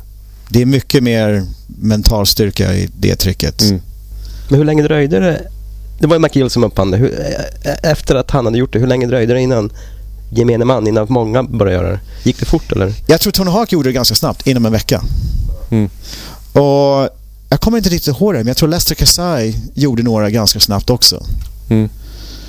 Och under det året som jag väntade så var det minst ett par, två, tre killar. Mm. Kanske Gator, kanske Jeff Phillips. Mm. Jag tror Christian var ganska sen med det också. Mm. Men oj, vilka fem Ja, ja han, han, Christian gjorde världens bästa med twist. Men det är klart, jag tycker Christian gör precis allting han har någonsin gjort. Är, mm. Han gör världens bästa grinds. Mm. Han gör världens bästa rock'n'rolls. Mm. Jag är... Åker han fortfarande? Ja. Mm. Jag är superfan av Christian så. Mm. Så jävla snyggt alltså. Ja. Det är ingen som någonsin kommer att åka som han. Ja. Jag, tror, är, jag vet inte varför, men jag tror det är omöjligt. Ja. Uh, men, men uh, ja, där hade du McTwist i alla fall. Kom ja, ett litet tag. Hur menar du med litet tag? Ja, sen slammade jag riktigt hårt på Delmar på den. Aj. Liksom, jag missade brädan, kommer ut ur liksom my tuck, gjorde mm. en full body slam hang-up. Mm. Studsade ner till botten. Mm. Betong. Just det. Fan alltså.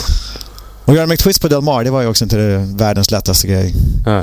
Sen kunde jag bara göra det om det var en väldigt hög vertikal ramp med en stor coping. Mm. Så att jag kom ut tillräckligt. Mm. Uh, och sen så... Sen så jag sumpade helt enkelt tricket. Jag kunde inte göra det längre. Mm. Och det var så väldigt svårt liksom love-hate relationship. Man måste göra det men mm. jag, så kom jag in i en period liksom, ah, jag ska lära mig en massa andra trick. Mm.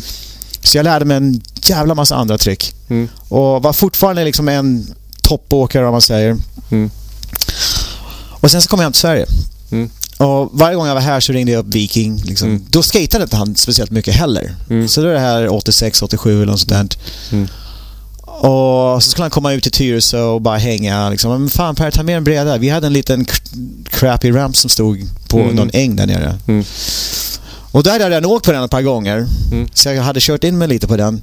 Mm. Så det här var då en gång liksom, ah, det här ska bli skitkul, träffa Perre och dessutom kan jag köra skit i den för att jag åker skateboard och han gör det inte. Mm. och det var ju alltid någonting att njuta av. Så kom han över i cowboyboots. Han hade inte ens skateboardskor med sig eller på sig.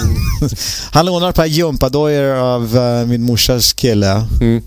Han har ingen bräda eller skydd. Ja, men vi kan åka på min bräda. Mm. Så går vi ner till rampen. Mm. Rätt sent en dag, lite kallt, lite blåsigt. Det var inte ens en dag som man ville åka skateboard på. Mm. Uh, det är ett litet hål i rampen. Mm. Det, var liksom, det här var ingen ramp som man skulle kunna göra en McTwist på. Jag skulle mm. aldrig någonsin tänka på att göra det. Mm. Han lånade några skydd av en kille som var där. Mm. Och Så jag gjorde massa airs och mina grejer och handplant och det ena. Liksom. Mm. Ah, fan, skitballt liksom. Jag åker skateboard. Mm. Perry kan knappt vända om man säger. Mm. Men han är så jävla bra så han kom in i det där ganska snabbt. Mm. Och så bara frågade han, fan Tony, gör inga McTwist då? Liksom, vad fan är det med det tricket? Nej, men jag hade lite problem med det och jag skulle aldrig göra på den här rampen. Mm. Fan, jag ska fan prova det där alltså.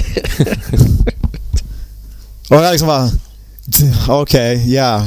Mm. Good luck with that. Mm. Och så vart det som liksom en mardröm började. Det första försöket han gjorde, mm. det, liksom, det såg helt okej okay ut. Mm. Och jag har sett det här så många gånger så jag var ganska säker på vad som skulle hända. Mm. Fem försök till så var han säkert tillräckligt nära för att göra det. Nej, äh, vad fan alltså. Mm. Och han gjorde det på fem, sex försök. Ja. Och det var ju liksom... Det var en av de mest deprimerade stunderna jag någonsin haft i skateboarding. Mm. När vi gick därifrån. underbarn alltså. Det där är ju helt... Helt otroligt. Det är faktiskt en av de mest otroliga grejerna jag någonsin sett i skateboarden. Ja, ja jag förstår det. Jag, mm. Knappt som man tror att det är sant. Men han gjorde det liksom på ett annat sätt. Han tog lite tidigare, han gjorde det inte ens över copingen. Mm. Så jag behövde ju en stor ramp och vara minst en och en halv meter ovanför kanten. Mm. För att liksom ha tid att komma runt och det. Mm. Han gjorde liksom vid kanten, han gjorde på den sidan rampen som inte ens var vertikal liksom. Mm. Så det var liksom löjligt omöjligt hur det här gick till alltså. Mm. Och sen skulle jag åka till Danmark nästa dag. Mm. Så då var det liksom, fuck. Nästa ramp jag kommer till, då ska jag lära mig det här igen liksom. Mm. Och så kom vi till en ganska stor ramp och jag var där med ett par danska killar. Det var en mm. skatepark som låg ute på landet någonstans. Mm. Ganska ball. Helsingborg eller? Nej. Eller det, vad säger jag? Helsingör menar. Det hade en, eh, en cementboll inne i en lada mm. och en väldigt stor värtramp som hade en stor coping, mycket värt. Perfekt för mig att göra McTwist. Mm. Så jag vände upp och så försökte jag börja göra som jag gjorde liksom. Mm. Tre, fyra fot ut. Mm. Höll på i två timmar. Mm. Kunde inte göra det. Mm. Tog av mig alla skydd, gick ut och uh, uh, promenerade runt. Där var kor och grejer och getter och, och tänkte fan, jag kanske måste lägga av det här nu alltså. Mm. I just got my ass handed by Per Viking mm. again. Mm. Och det är uppenbart att jag inte kan det här tricket mm. längre. Mm.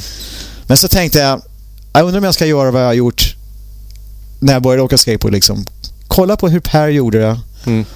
och försöka kopiera vad han gjorde. Gör det som Per. Liksom. Uh, så jag går tillbaka till rampen och börjar liksom under kanten som han gjorde det. Tänker på vilken teknik han hade använt. Och inom tio försök så är, ser det ganska, känns ganska bra ut. Mm. Så på en ytterligare en 20 försök så gjorde en liksom, vid kanten om man säger. Kanske inte under kanten, men vid mm. kanten. Så Viking hade gett mig ett helt nytt teknik och system för att göra McTwist. Mm. Om man kollar på många av mina McTwists på det talet, liksom sent 80-tal, de är, de är låga. Mm. För det var hans teknik som jag gjorde. Och då tänkte jag, okej okay, om jag ska göra dem så lågt, då behöver jag jag behöver inte heller någon fart av det. Mm. Och då var min grej att liksom, ah, nu ska jag göra något skitballt trick på andra sidan och sen göra McTwist. Jag, så jag brukade göra frontside rock'n'roll mm. till McTwist. Mm. Så det var en ganska ball grej på den tiden att man gjorde någonting svårt först till ett annat trick liksom. Uh, så... Det var, tack Per Viking för att jag fick tillbaka det tricket. Jag glömde fråga också, för Per Viking var i USA. Hur, eh, var han där en gång bara eller? Nej, Viking var där fram och tillbaks många gånger. Mm. Men han var lite uttråkad på skateboarding när han var där. Han började surfa. Mm. Och naturligtvis var skitbra på att surfa. och det var flera år som han liksom bodde vid beachen, bodde i en bil, hängde omkring, surfade. Han var på mm. Hawaii flera gånger. Mm. Och lite fram och tillbaka så här. Och mm. Sen flyttade han hem till Sverige. Mm. Så, så han, för jag tänkte, det låter ju som att när han skulle komma till USA så skulle han direkt få sponsorer och han skulle säkert fått det men han var ganska ointresserad av skateboard. Mm. Eh, så som jag kommer ihåg det så åkte han liksom mm. direkt när vi kom dit, när han kom dit. Mm. Han hade ju liksom samma problem som jag hade. Mm. Måste köra om sig i poolerna. Mm. Så det tog lite tid för honom att göra det. Men han var mm. inne på surfing ganska snabbt. Tyckte det var skitballt och, och gick mer liksom åt det hållet. Men det var ingen karriär där att tala om? Nej, nej, nej, nej. Det, det var det inte. Han tyckte bara Balto gjorde det och ja. var bara bra på att göra det. Ja. Han började spela tennis en gång och jag hade spelat tennis när jag var liten. Mm. Viking var skitbra på tennis alltså. Mm. Men det är väl lite så, har man för lätt för sig så blir det inte roligt. Nej, jag, jag tror faktiskt att, att allting var för lätt för honom att göra. Så att det var inte tillräckligt...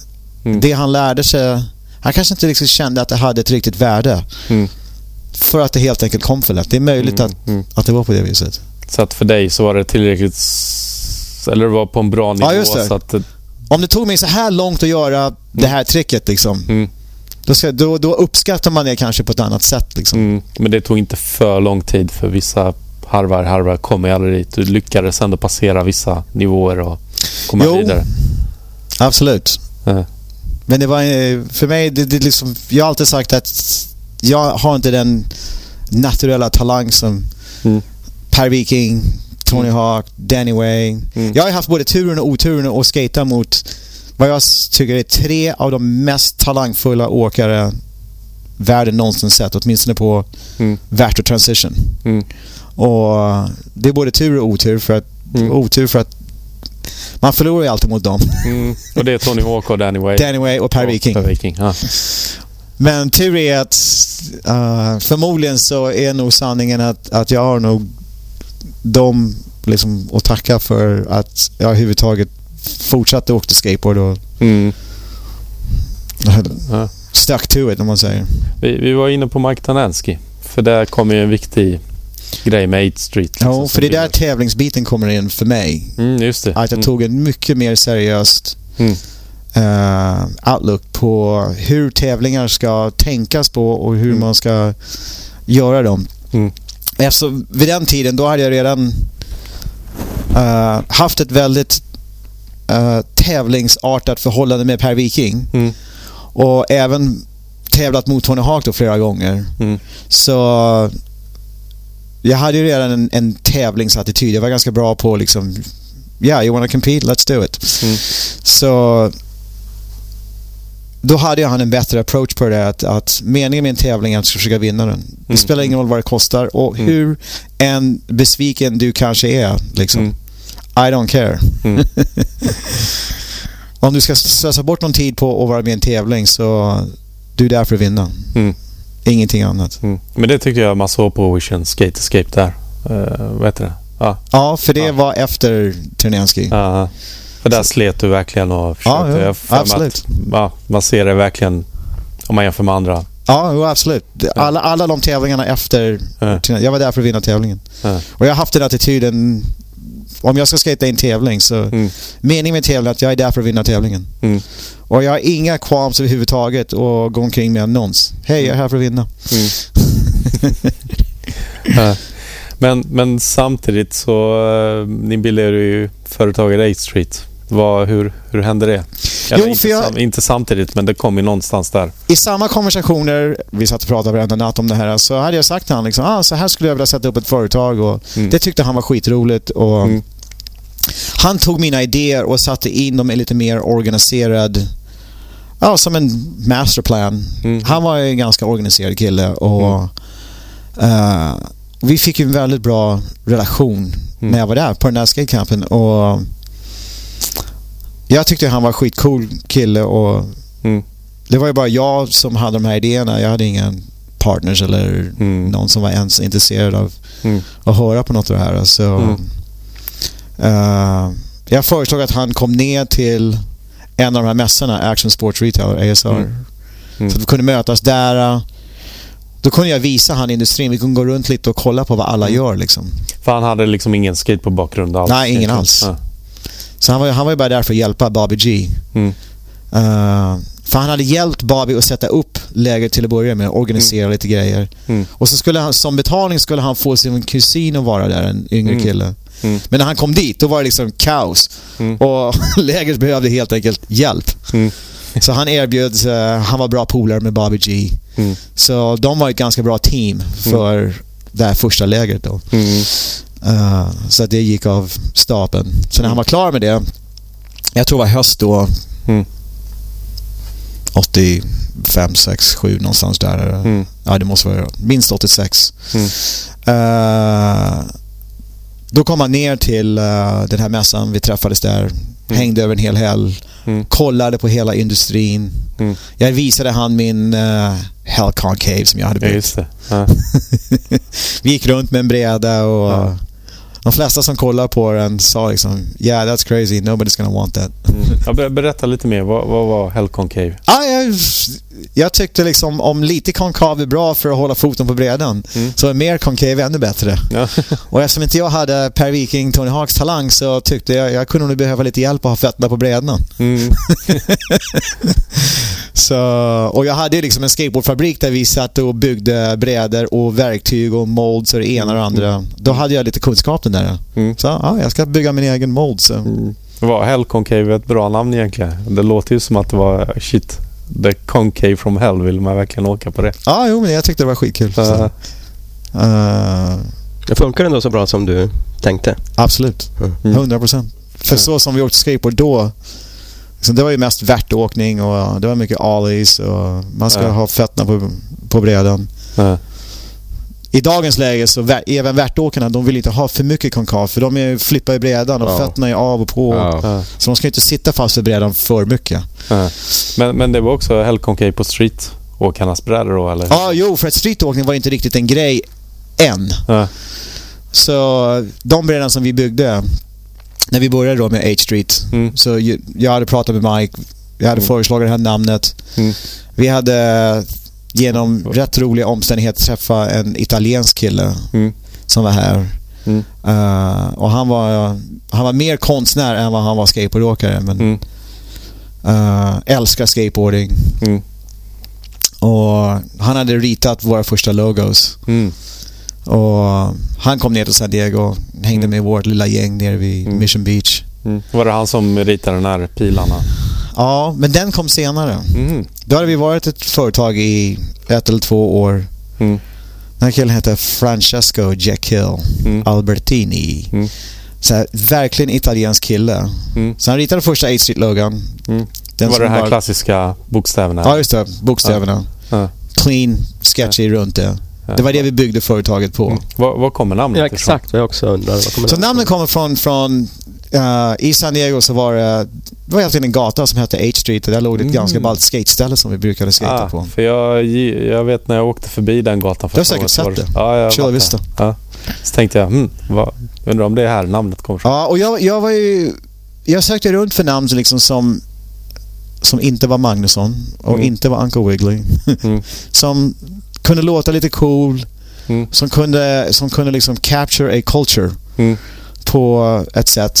Mm. Och Det var helt det namnet som jag kom upp med. Mm. Jag tror faktiskt det var Mike Ternansky som sa, när jag hade föreslagit det namnet, att han påpekade att varenda jävla town in the US mm. förmodligen har en H-street. Mm. För att så som namnen är gjorda där. Det. Så det kommer liksom bli att det är ett Every Town mm. USA name. Mm. Att folk relaterar till det. Mm. Och han hade 100% rätt för det. För vi fick mm. hur många bilder som helst från folk som skickade in det. Liksom. Ja, det. Here's me standing on H Street ja. in Columbus, Ohio. Så, så, så, så, lyssna alla kids som lyssnar på podden. Ni kan starta Drottninggatan skateboard. Ja, just det. Precis. Det skulle vara skitbra. Eller Kungsgatan. det är nog det enda som finns i Sverige som är färdigt. Ja, just det. Ja, Storgatan. Ja, Storgatan. Storgatan skulle till exempel... Alla städer har en Storgata. Ja. Storgatan Skates. For sure. Ja. Så det var lite, det var lite det. Ja. Men eh, hur, eh, när, vilket år pratar vi om? När startade 8 Street? Jag tror att det startades liksom 85. 85, ja. Men jag tror inte riktigt vi kom igång och det var ingen som lade märke till det åtminstone. Mm. 86, kanske även 87 när... Ja, jag kommer ihåg, man fick ett fodra, över till det, eh, tävlingsprogram från EM 87 i Täby. Och då var det fortfarande, tror jag det stod att du hade ett eget märke som hette Magnusson Design. Ja, det var en liten övergångsperiod där mellan ja. de två. Mm. Sen min första logo, den där uh, The Bat logo, mm. som det liksom står Tony på. Jag tror att det var en Magnusson Designs mm. logo först som vi gjorde om till... Mm, jag tror jag har sett båda varianterna. A, ja, H Street. Någon gång. Så det var det var en sex månaders period minst som det var en mm. övergång till från det ena till det andra om man säger. Mm. Men sen, sen blev det 8 Street för full slant och eh, videos var väl det som gjorde att man upptäckte, upptäckte Absolut. er. Det var inte bara videos, det var det, var det sättet som videos var gjorda på. Det var också en Mike Ternansky mm. idéproduktion 100%. Mm. Jag han hade varit uppe i Santa Monica och sett på Animal Chin, mm. premiären. Just det. Och vi satt och kollade på den och liksom Wow, det där är amazing. Produktionsvärdet, de hade ju 35 mm. kameror och mm. även fast lite av det här acting-scenerna som de gjorde, det var lite silly stuff men mm. hela, hela, hela grejen var ju rätt, rätt otrolig. Mm. Så vi, vi sitter och kör hem till San Diego mm. och vi pratar om filmen och Mike liksom, liksom pratade om liksom, yeah, good production value, mm. but I think there's an opportunity to make our own skate video and we're gonna do it. Mm. Och jag liksom, hur fan ska vi kunna göra det? det jag mm. är nog ganska säker på att det där är jävligt dyrt att göra. Mm. Och då förklarar han för mig att ja, men det har liksom kommit ut VHS-kameror som man kan köpa för billigt. Mm. Och att det är inte produktionsvärdet som kommer uppskattas, det är skateboarding mm. och visar det mer på riktigt. Mm. Och vi behöver inga acting scenes mm. till att mm. börja med. Mm. Eller uh, custom made music. De hade ju några mm. musikgrejer som de gjorde. Ja, det, ja. det, var ju allt möjliga sorters produktionsvärde ja. i den här filmen. För det var ju liksom tricken, att man bara kunde se tricken som var det viktiga. Ja, eller? precis. Och Mike var, han, han, han var en sån här framtidsvision liksom. Han, mm. Då hade vi redan sponsrat flera åkare. Mm. Och han såg ett värde i det kombinerat med att göra det själv. Film, mm. om man säger. Mm. Uh, och han hade, han hade 100% rätt. Mm. Shackman kom ut och det liksom... Mm. Den hade en sån otrolig genomslagskraft. Mm. Ja, verkligen. Egentligen hade det ingenting med H-Street att göra. Det hade bara med att, att vi gav marknaden en produkt, en film, mm. som liksom var någonting som de relaterade till. Mm. Och eftersom det var en H-Street-film, mm. då fick ju vårt märke... Uh, en stor skjuts av det. Ja, absolut. Ja. Så, men jag tänker på det du sa innan, att skateboardföretag ska vara ägt av skateboardåkare. Här var det en film som kunde vara filmad av skateboardåkare. Alltså ja. Vem som helst kunde få tillgång till en VS-kamera. Musiken också tänker jag också. Skatarna själva gjorde ju musiken om jag förstått det rätt. Ja, det var, väl, ja, det var inte bara skateboardåkare som gjorde det, men det var liksom... Men skateboardåkarnas polare liksom. Ja, just det. Det var liksom en hel Det var up and coming bands. Ja. Liksom, uh, grupper som inte folk hade hört förut och... Mm. Uh, När kom Shackabilly 88? 87? Nej, det är mer, jag tror det är mer 87. 87? Mm. Ja. 88 till Sverige eftersom allting kom. Ja, det, det kanske kom hit. säkert, säkert. Ja. Ja. Men, men jag tänker just på det här musikdelen och att den var ju... Det är ju någonting som jag saknar idag. Att de låtarna är ju klassiker nu. Jag, menar, jag spelar ju dem i lördags och ja, många från min generation är sådär wow, vad roligt att höra. Även om du måste ha tröttnat på att höra. Nej, jag, jag tycker faktiskt om ja, Okej, okay, kul att höra. Men, men liksom, hellre det än, än att det skulle vara en låt som man hör i andra sammanhang på något sätt. Alltså hör du en låt från de tidiga A Street-filmerna så kan du relatera dem bara till filmen och inte till andra sammanhang. Och också jag tänker på idag med alla musikrättigheter och problem. Var, varför går inte skateboarden tillbaka till det? Att du har lokala band istället för att hålla på med försöka jaga musikrättigheter. Ja, jag menar... Jag sitter ju och redigerar lite video och nu är det här bara Instagram-grejer och det. Mm. Och så jag är alltid på jakt på lite lokala band och det. Så när jag var i Brasilien mm. så den killen som uh, hade anordnat allt det här, John Olhoa, mm. han har ett band där nere som är faktiskt ganska känt. Mm. Pato Fu. Mm. Så jag var liksom jätteintresserad. Liksom, ah, men vad spelar ni för? Vad gör ni för något? Liksom? Mm. Kan jag få alla era skivor? Mm. I MP3-format. Mm. Så han har, han har givit mig liksom tio olika... De har spelat, de har spelat i 20 år eller sånt där. Mm. För jag är alltid på jakt på precis det. Alltså, om jag hittar mm. något lokalt band mm. Just för det här med rättigheter nu är ett ganska stort problem. Ja, men jag tänker att nu borde det vara ännu mer ja. intressant än förr. Jo, men uh, skateboardvideos det är också... Jag har inte producerat liksom en hel lång skateboardvideo på ett ganska bra tag nu. Mm. Så det är, mest, det är mest de här korta grejerna som mm. vi sitter och gör nu. Mm. Men uh, jag menar om jag skulle sätta ihop en, en riktig skateboardfilm, det mm. absolut skulle jag vara på jakt på precis samma mm. Nej, men jag tänker koncept. Man, man, skulle nästan vilja gå ut på Instagram och be, be alla skicka in era låtar och sen ja, kanske det. låta åkarna välja. Ja, men den här skulle jag vilja ha till min part. För att då blir ju den låten verkligen dedikerad till ens part. Och inte bara att ja, men den här låten fanns också med i den här filmen och för oftast är det ju kändare låtar. Men jag, jag, tror, jag, jag, tror inte att det är möjligt på samma sätt att göra... Vi gjorde ju ganska många band så här riktigt kända. Mm. Jag menar, du spelade de låtarna på ett skateevent. Alla vet vad de ja. är. Kirk and liksom. Jerks, Sub Society ja. och, Operation Ivy, var inte det också? Operation Ivy, ja. ja. Uh, men folk konsumerar ju video och musik på ett helt annat sätt nu så jag vet inte om du skulle kunna ha en sån mm klassisk genomslagskraft på samma sätt. Mm. Även om du hade liksom världens bästa åkare. Mm. För det är ingen som sitter och kollar på filmer mer än ett par gånger. Mm. inte bara våra filmer, men tänk mm. alla skateboardfilmer som gjordes på 80-talet. Folk har ju sett dem liksom hundratals mm. gånger. Ja, det var ju ett par år också som jag undrade varför, ni, varför era filmer var svartvita tills jag förstod att det var ju min kopia som var svartvit.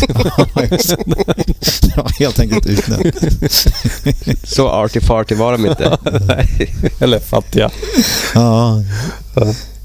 Men äh, ja, återigen till 8 Street. Hell Concave har jag skrivit upp här. Mike Tanansky och äh, här är en fråga från dig Mattias. Äh, det ja. kanske du ska ta. Ja, men vi snackade om den faktiskt när larmet gick där. Bara för att jag, jag det vet inte du, jag kommer från Luleå. Okay. det är därför jag såg er 80... När var ni där? 88, 89? Jag kommer inte riktigt ihåg, men jag kan Nej, nog tänka mig att det var runt 88, 89. Ron Allen Hensley, eh, din son Shane, ja, John Sonner. John Sonner. Var inte Chris Livingston där också? Det tror jag inte. Kan, det kan han ha varit och jag, det har försvunnit ur mitt minne. Men, men... Jag hade inte riktigt kommit ihåg det heller, men någon visade mig en bild nere på Bollstock och det var någonting med Livingston. Så jag vet inte om det var samma resa eller inte, men i alla fall. Ja, ja. Mm. Och sen så åkte ni ut till en liten en miniramp utanför Luleå också. Där mm. Matt Hensley åkte så jävla bra. Mm. Och ingen förstod någonting och du gjorde en handplant och alla skrek. kommer du ihåg det? Ja, jag kommer ihåg rampen i Luleå. Ja. Men där jag tror att det regnade där också. Ja, gjorde inte det? ja jo, det gjorde det. Så att eh, någon av alla eh, droppade in, alltså jag körde typ en dark slide som inte fanns på den tiden. Ah, okay. över, över flatter upp på andra sidan och sånt. Vad menar du med dark slide? Alltså du droppar ner med brädan upp och ner. För att Jaha, det, det var, du vet, det så här mörk båtplywood där det regnade. Ah. Så det var, det var liksom såpa du vet, så det gick ju in. Jag vet inte, jag kommer inte, kanske Ronna, jag vet inte vem som droppade in men i alla fall så ah. det var en tidig, tidig version av en dark slide. Ah. Ja. Ja, nej, det var bara ren, ren nostalgiskäl när du sitter här. För att jag var ju 10-11. Ja, just det. Och storögt. Såg mm. på de lokala talangerna och på er. Och de gjorde sån, eh, vad heter det, du, du blev så imponerad så du började åka freestyle. jag åkte faktiskt redan freestyle då. Så, ah, okay. ja, okay. Cool. Ja, Ron Allen hade sagt att that freestyle guy is heavy. Ja. Eller något liknande. Ja. Så jag levde på... Men, men ni hade ingen freestyleåkare på teamet? Nej, det var inga... inte riktigt en grej ja. I slutet av 80-talet, om man säger. Nej, vi ska inte tortera det med freestyle-frågor även om vi är båda freestyleåkare. Vi är bra sugna på att göra det. men du hade ju åkt lite freestyle också. Jo, men vi alla höll på och åkte freestyle. Mm. Liksom. Det var ju en tid då mm. alla åkte liksom allting lite. Mm. Uh, jag var faktiskt rätt bra på slalom ganska länge eftersom mm. det var den första tävlingen som jag vann. Ja, just det. Ja. Uh, du blev väl svensk mästare, eller? Ja, det? det kanske ta i lite. Ja. Jag tror jag vann bara just den slalomtävlingen på Gröna Lund. Jag fick för mig att det var SM. Eller? Inte vad jag kommer ihåg. Nej, det kanske var något annat SM du vann. Ja, jag vet inte ens det. Kanske. Alltså. Nej förresten, de hade ju ett SM på Newsport House. Ja, det. det var faktiskt det. enda mm. gången jag någonsin slog Per Wik. Det var en ganska mm. exciting tävling om man säger. Mm. Vi satt där och tävlade och mm. det var liksom deltävlingar i kickturn-rampen, i pipen, i U-rampen och i mm. bowlen. Mm. Och vi, det stod precis lika när vi skulle gå upp till bowlen. Mm. Och han hade ett trick som inte jag kunde göra. Och jag visste att allt han behövde göra var att göra det. Det var en handplant. Så det var ett ganska komplicerat trick. Mm. Och han åkte först och missade. Mm. Då var det liksom My day has finally come. Så jag, jag, visste att jag behövde bara göra mitt åk då. Mm. Så då kom jag två poäng före han och mm. vann den tävlingen. Och blev, blev det för, var det första SM också? Ja, jag tror faktiskt det var den första tävlingen som hette mm. SM. Så vi sitter här med den första svenska skateboardmästaren. Ja, någonting åt det hållet. Säger vi. Ja, det kanske var slalom också som hade något. Ja. Men, men, men, i bowl i alla fall. Mm. Ja. Eller skatepark eller vad man ska kalla det för. Ja, någonting åt det hållet. Ja. Men i min uppfattning är den, den största första svenska mästaren i skateboarding är Per Viking. Mm. Det är så som jag ser det. Ja. Men tillbaka till 8 Street. Känns som man vill prata hur mycket som helst om Per Viking också. Men, men det här är ditt avsnitt också. Uh, 8 Street-filmerna var vi inne på. De fick ju sån genomslagskraft och företag måste ju ha växt hur mycket som helst från ingenting. Ja, jag menar... 8 Street gick från ingenting till 10 miljon, miljoner dollar i försäljning äh. på, säg tre år. Äh. Det, är helt, det, är liksom, det är helt sjukt och enormt. Mm. Och det var ju liksom att... Uh, we had a tiger by the tail liksom. Mm. Uh, men det blir inga problem med växtverk för det är ganska många företag som när det går för bra för dem får problem med ordrar och... Ja, men jag tror vi var för unga och dumma för att egentligen veta om hur mycket problem som hände på vägen om man säger. Mm.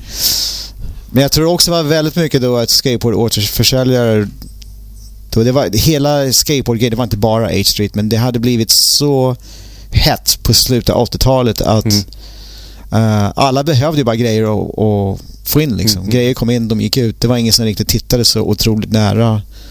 På vad det var? Ja, egentligen vad det var. Om man säger som en grej som vi aldrig någonsin gjorde på den tiden var att välja färger på the graphics som satt på mm. brädorna. Men att välja färger? Alltså att... Ja, vi designade en bräda, skickade upp det till de som skulle trycka de där. Mm. Färgerna var valda av de som stod och screenade. Aha, ah, jag förstår. vi hade liksom ingenting att säga om det. Mm. Inte för att vi inte kunde. Vi mm. tänkte inte ens på det. Mm. Liksom, här är vår art. Uh, figure out how to screen it. Pick some mm. colors that are cool. Mm. Jag menar, om man kollar tillbaka på det där. Nu när jag har suttit och gjort om alla de här. Och mm. Jag har suttit och kollat på otroligt mycket bilder och mm. original. Mm. Så det är helt otroligt hur några av de här färgerna ens var valda till att börja mm. med. Så... Men eh, vad tänkte jag på med, med, helt plötsligt att ha så mycket pengar. Hur, hur, vad gjorde ni? Försökte ni expandera företaget eller vad? var tvungen att larma av det så nu är vi tillbaka. Frågan var väl eh, när man har så mycket pengar och expanderar och ja, just det. Eh, växtverk. Men sk skateboard var ju liksom populärt på 80-talet så det spelar ingen roll vad som togs in, pratar vi om. Ja, alltså märket växte ju väldigt mycket. Så vi, vi hade pengar, men vi hade inte så mycket pengar. Jag köpte ett hus. Mm. Var det det här kända A Street-huset som alla bodde i? Eller? Det var efter. Det hyrde vi. Aha. Ja. Och sen köpte jag ett hus fem minuter därifrån. Mm. Och så fortsatte vi hyra där så vi verkligen kunde ha det som A Street-huset. Mm. Men när jag och Mike inte bodde där mm. då var det liksom chaos. Ah. Constantly. Ah. 24 timmar om dygnet kan man säga. Och jag har hört de mest otroliga historierna om vad som hände på det där huset. Uh, jag tror Alfonso Rawls uh, berättade om på Ja, jo, det, är, det är ganska intressant. Så. Uh. Det var ju också en sån här grej som vi gjorde Ja, vi tänkte inte så mycket på det, men jag och Mike, vi var ju liksom business partners, mm. best friends. Vi bodde tillsammans. Mm. Uh, vi använde vårt hus som kontor. Mm. Det är det man ser i filmen. Ja. Shaker natt när man ser... Jo. Allt det som är liksom, det är vårt hus där vi bor alltså. Ja. Uh, så vi bodde ju på ett par olika ställen. Mm. Uh, men just det här H Street-huset som mm. vart ganska känt, det låg i Scripps Ranch i San Diego. Mm. Uh, vi flyttade ut dit för det var nära Andys Ramp. Mm. Den låg lite österut också. Mm. Och sen så köpte båda vi hus ungefär i samma område. Mm. Uh, och då var det första gången vi inte bodde tillsammans på flera år. Då. Mm. Uh, och... Uh, men jag, jag, jag, kommer inte riktigt ihåg att liksom, vi hade pengar, vi hade inte så jävla mycket pengar. Mm. För det gick ju åt väldigt mycket pengar att fixa allt som vi gjorde liksom. Mm. Men vi åkte runt jorden och gjorde massa grejer mm. som bara det var inte en fråga om hur mycket pengar det kostade att göra vad, vad vi gjorde. Mm. Uh, så det gick väl åt. Mm. Och vi hade ju också en kille, vi tog inte in pengarna heller. Vi hade en kille som vi jobbade tillsammans med. Mm. Som skötte lite av vårt lager och mm. återförsäljning mm. och sånt. Så det var egentligen inte bara jag och Mike som gjorde det här. Mm. Så att han såg till att det ekonomiska rullade och... Ja. Jag kan också tänka mig när det kommer in pengar så går de pengarna till att beställa nya brädor och... Jo visst. Så att det är inte så att det bara, whoop, här är 10 miljoner kronor på kontot man kan göra vad man vill med. Så men vi hade vi hade inte full kontroll över de pengarna heller. Mm. Och jag och Mike brukade åka upp till den här killens kontor liksom. Ja, nu ska vi se alla siffror och alla mm. bokföringar. Och mm. Vi var lite misstänksamma om det hela. Mm. Så vitt vi kunde veta, och vi var inga experter heller, mm. så såg det hela ganska korrekt ut. Så. Mm. Men vem vet?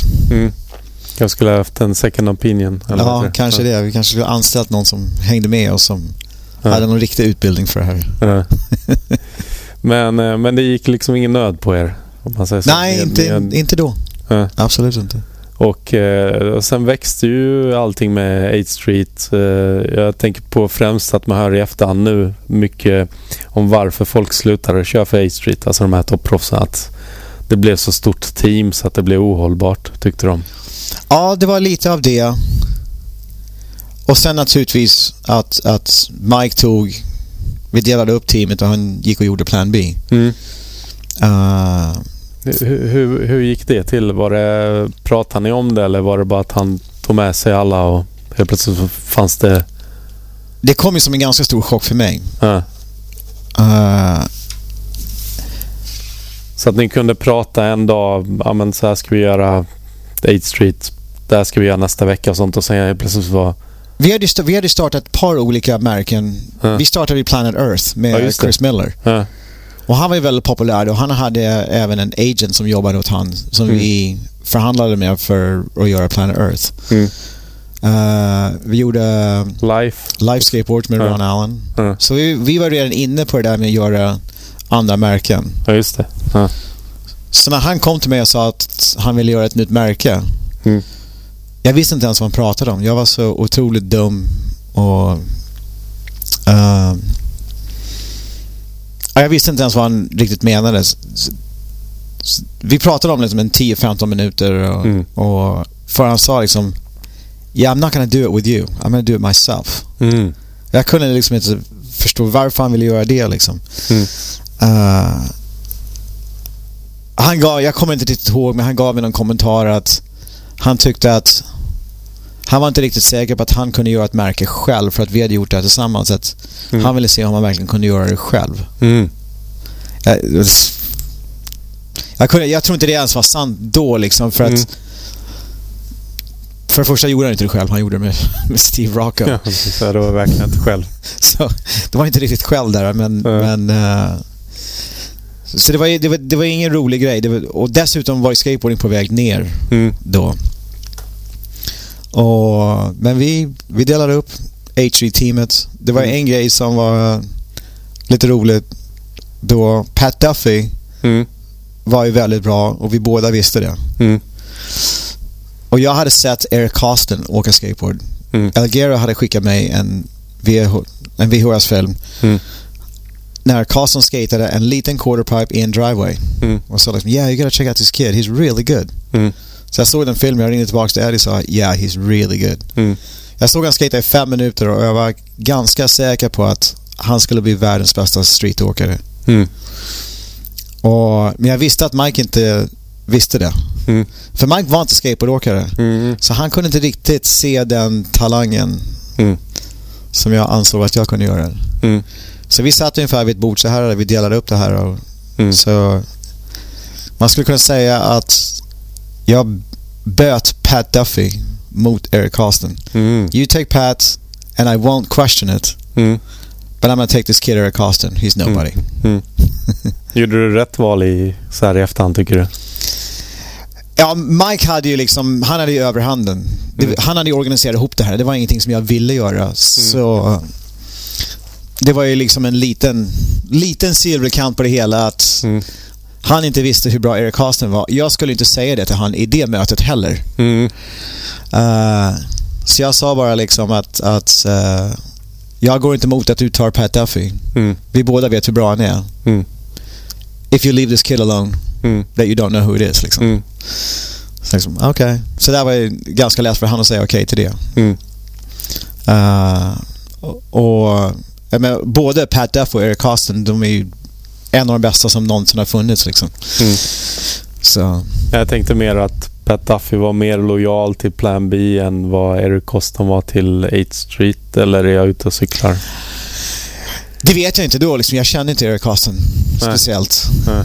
Jag menar, han var jag tänkte bara med 14, facit i efterhand så... Men det är svårt att veta såklart. Och vi, jag, tror inte, jag vet inte ens om Mike hade en möjlighet att fråga egentligen hur lojala någon av de här var till Nej.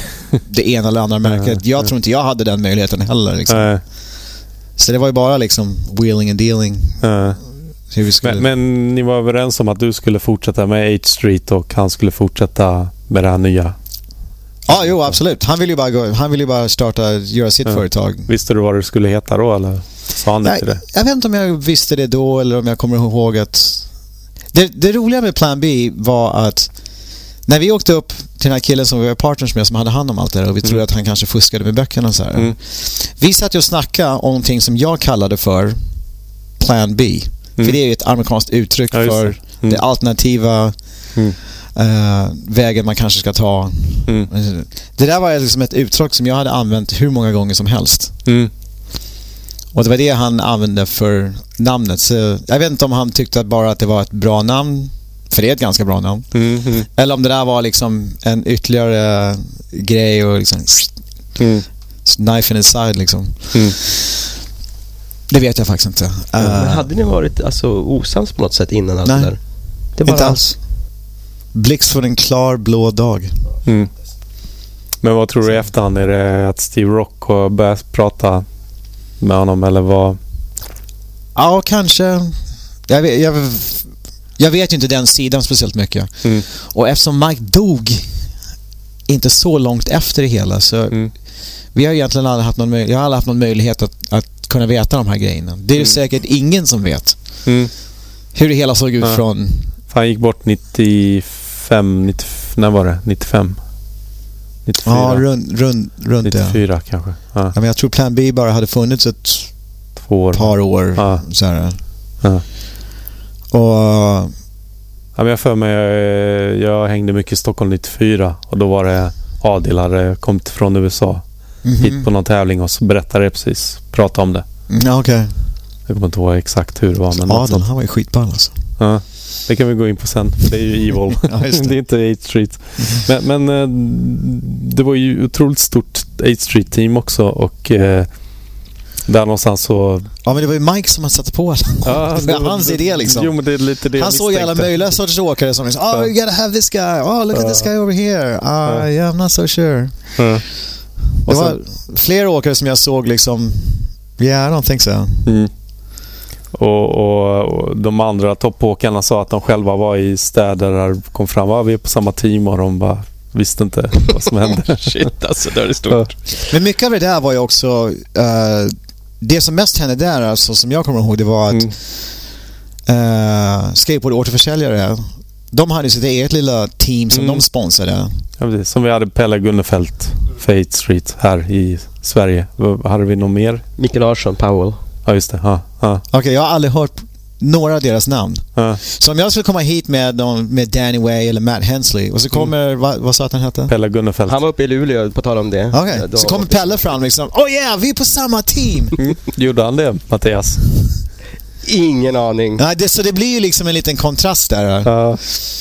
Men vad, vad skulle vi liksom kunna göra åt det? Vi var ju väldigt glada av att, att en kille som heter Pelle var villig att liksom vara sponsrad av en shop mm. i Sverige och mm. representera H-Street. Mm.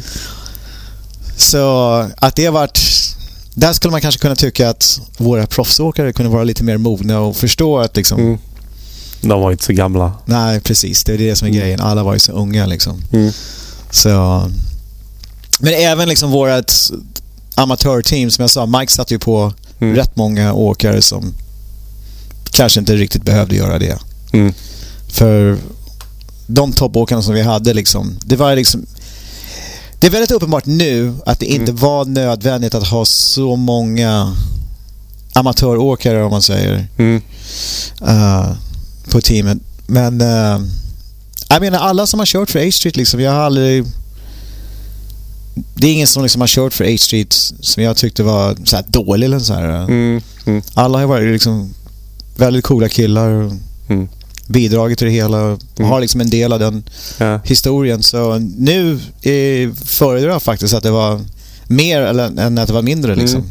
Ja, jag, jag... Det är en ganska stor familj. Ja, precis. Nej, jag säger inget negativt om det. Det är bara att det är det man har hört mycket i intervjuer från de andra åkarna som kanske drog till Girl och Plan B. Jo, men jag tror, nog, jag tror nog att det kanske är mer att det här lät som en bra idé att göra det här med Mike. Mm. Mike var ju ganska mm.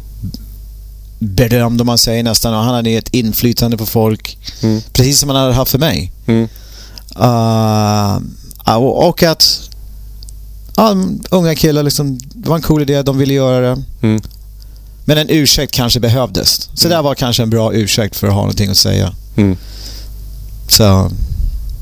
Uh, hur, var... hur, kände du när han, när, han, när han gick och dog sen? Alltså att ni oupp, vad heter ouppklarade? Ja, jo, det var väldigt synd för, för att vi hade börjat prata igen. Han hade kommit till mig och liksom verkligen bett om ursäkt vad som hände. Eller, ursäkt är väl inte rätt ord, men förstod att det där kanske inte var det rätta grejen att göra.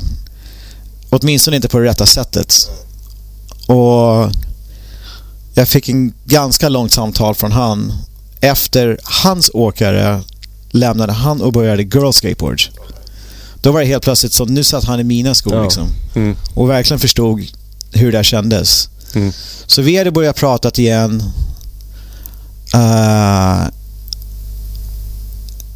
men jag, jag ville ju komma till en gräns liksom, jag var, jag var ganska sur på Mike. Ja, ja, Väldigt besviken. Jag förstår det. Mm. Väldigt helt enkelt ledsen kan man säga liksom. För Mike var också min bästa polare. Mm. Uh, och en anledning till att jag startade snowboardföretaget Evil Snowboard. Mm. För mig var det också ett sätt att komma bort från skateboardindustrin mm. lite. Mm. Då helt plötsligt var det en ny industri, nya folk. Jag behövde inte tänka på det här med H Street och Plan B mm. så na, mycket na, längre. När startade du det? 93 eller? Ja, det var runt 93 någon gång. Ja, när skateboard var ganska konstigt. Ja, skateboarding hade redan gått ner rätt mycket. Mm. Uh, snowboard var i lite explosionsaktad mm. tillväxt om man säger. Mm. Och jag hade gjort snowboards förut ja, så jag precis. tyckte att jag hade lite erfarenhet av det hela. Ja. Vi hade en möjlighet att jobba med en fransk kille som skulle tillverka några H Street-brädor. Så mm. det, fann, det, fanns faktiskt några H Street ja, just det. snowboards. Mm. Ett väldigt kort tag. Mm. Och sen så, jag försökte jobba tillsammans med min, vår andra partner. När lämnat det hela och det gick inte att jobba tillsammans med han liksom. Så mm. jag la ner det hela och, och, helt enkelt bytte namn till Evil Skateboards mm. och Evil Snowboards. Mm. Evil kommer från Love baklänges? Det, eller? det, det är Love baklänges. Ja. Det tyckte jag var skitballt tills folk, folk började uttala det i val. Det gillade inte jag. och, och trodde att det var short for evolution. Ah. Och, liksom, och försöka förklara det för folk en hälften av gången liksom. Nej, nej, nej, det är inte det det betyder. Det betyder det här då, liksom. Mm. Isn't that freaking obvious? Mm. Uh, det låter ju evil som evil, alltså... Ja, men det var också jävligt kul. Det, ja. It's evil. Mm. Nej, det är love. Det är liksom... Jag tyckte det var ganska cool play on mm, words. Lite som Natas där. ja, precis. Satan baklänges. Ja. Uh, och...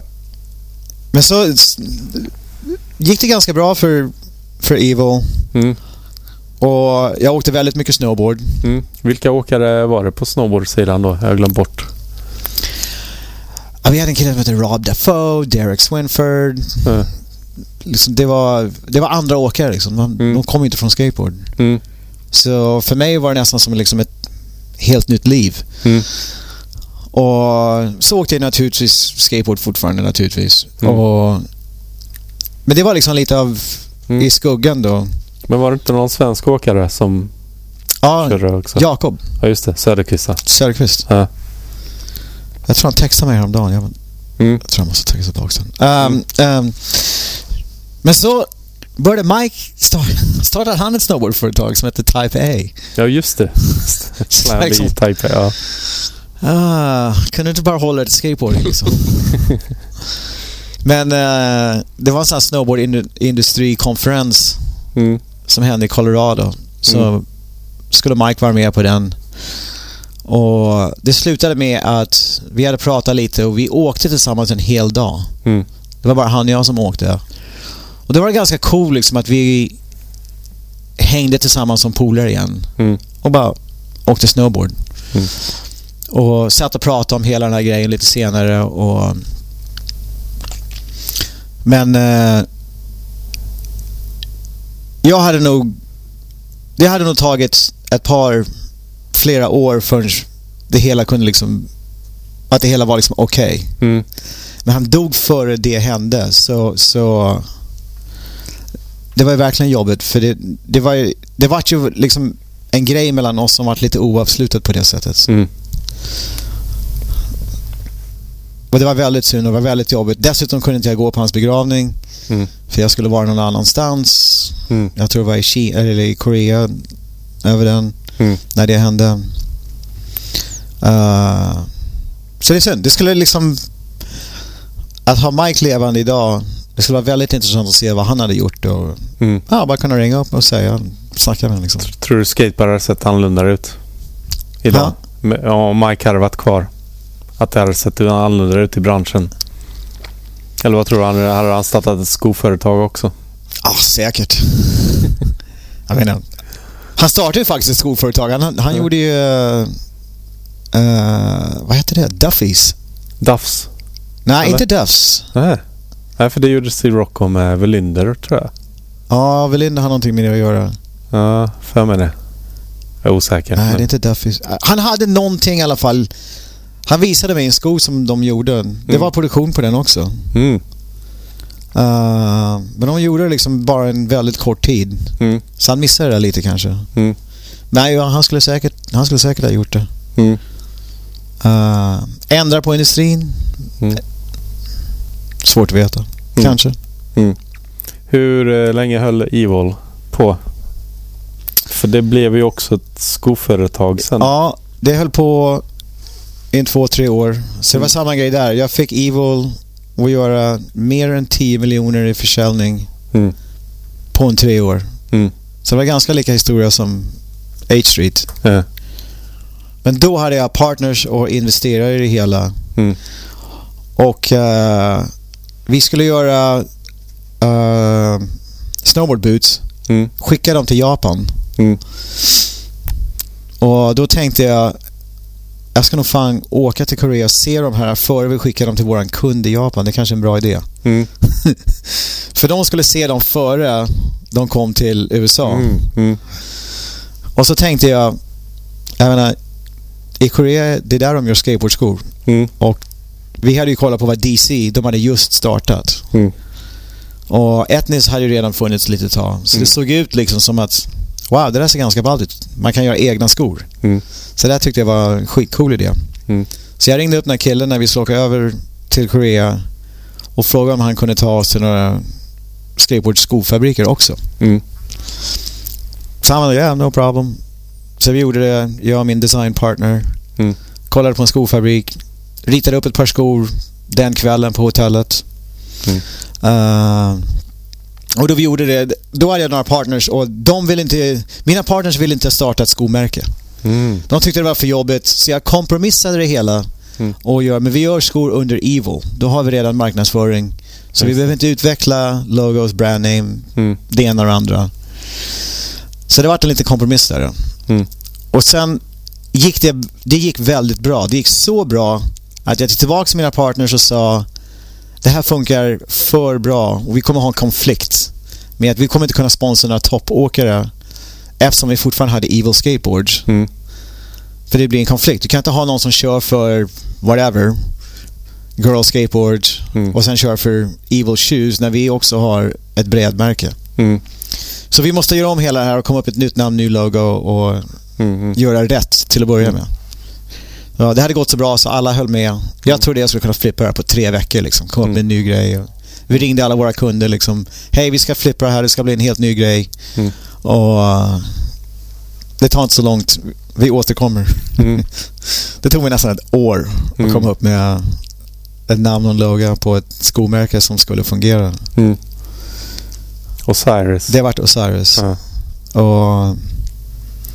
Var kom det namnet ifrån? Det är dödsguden i Egypten, eller hur? Ja. Och varför?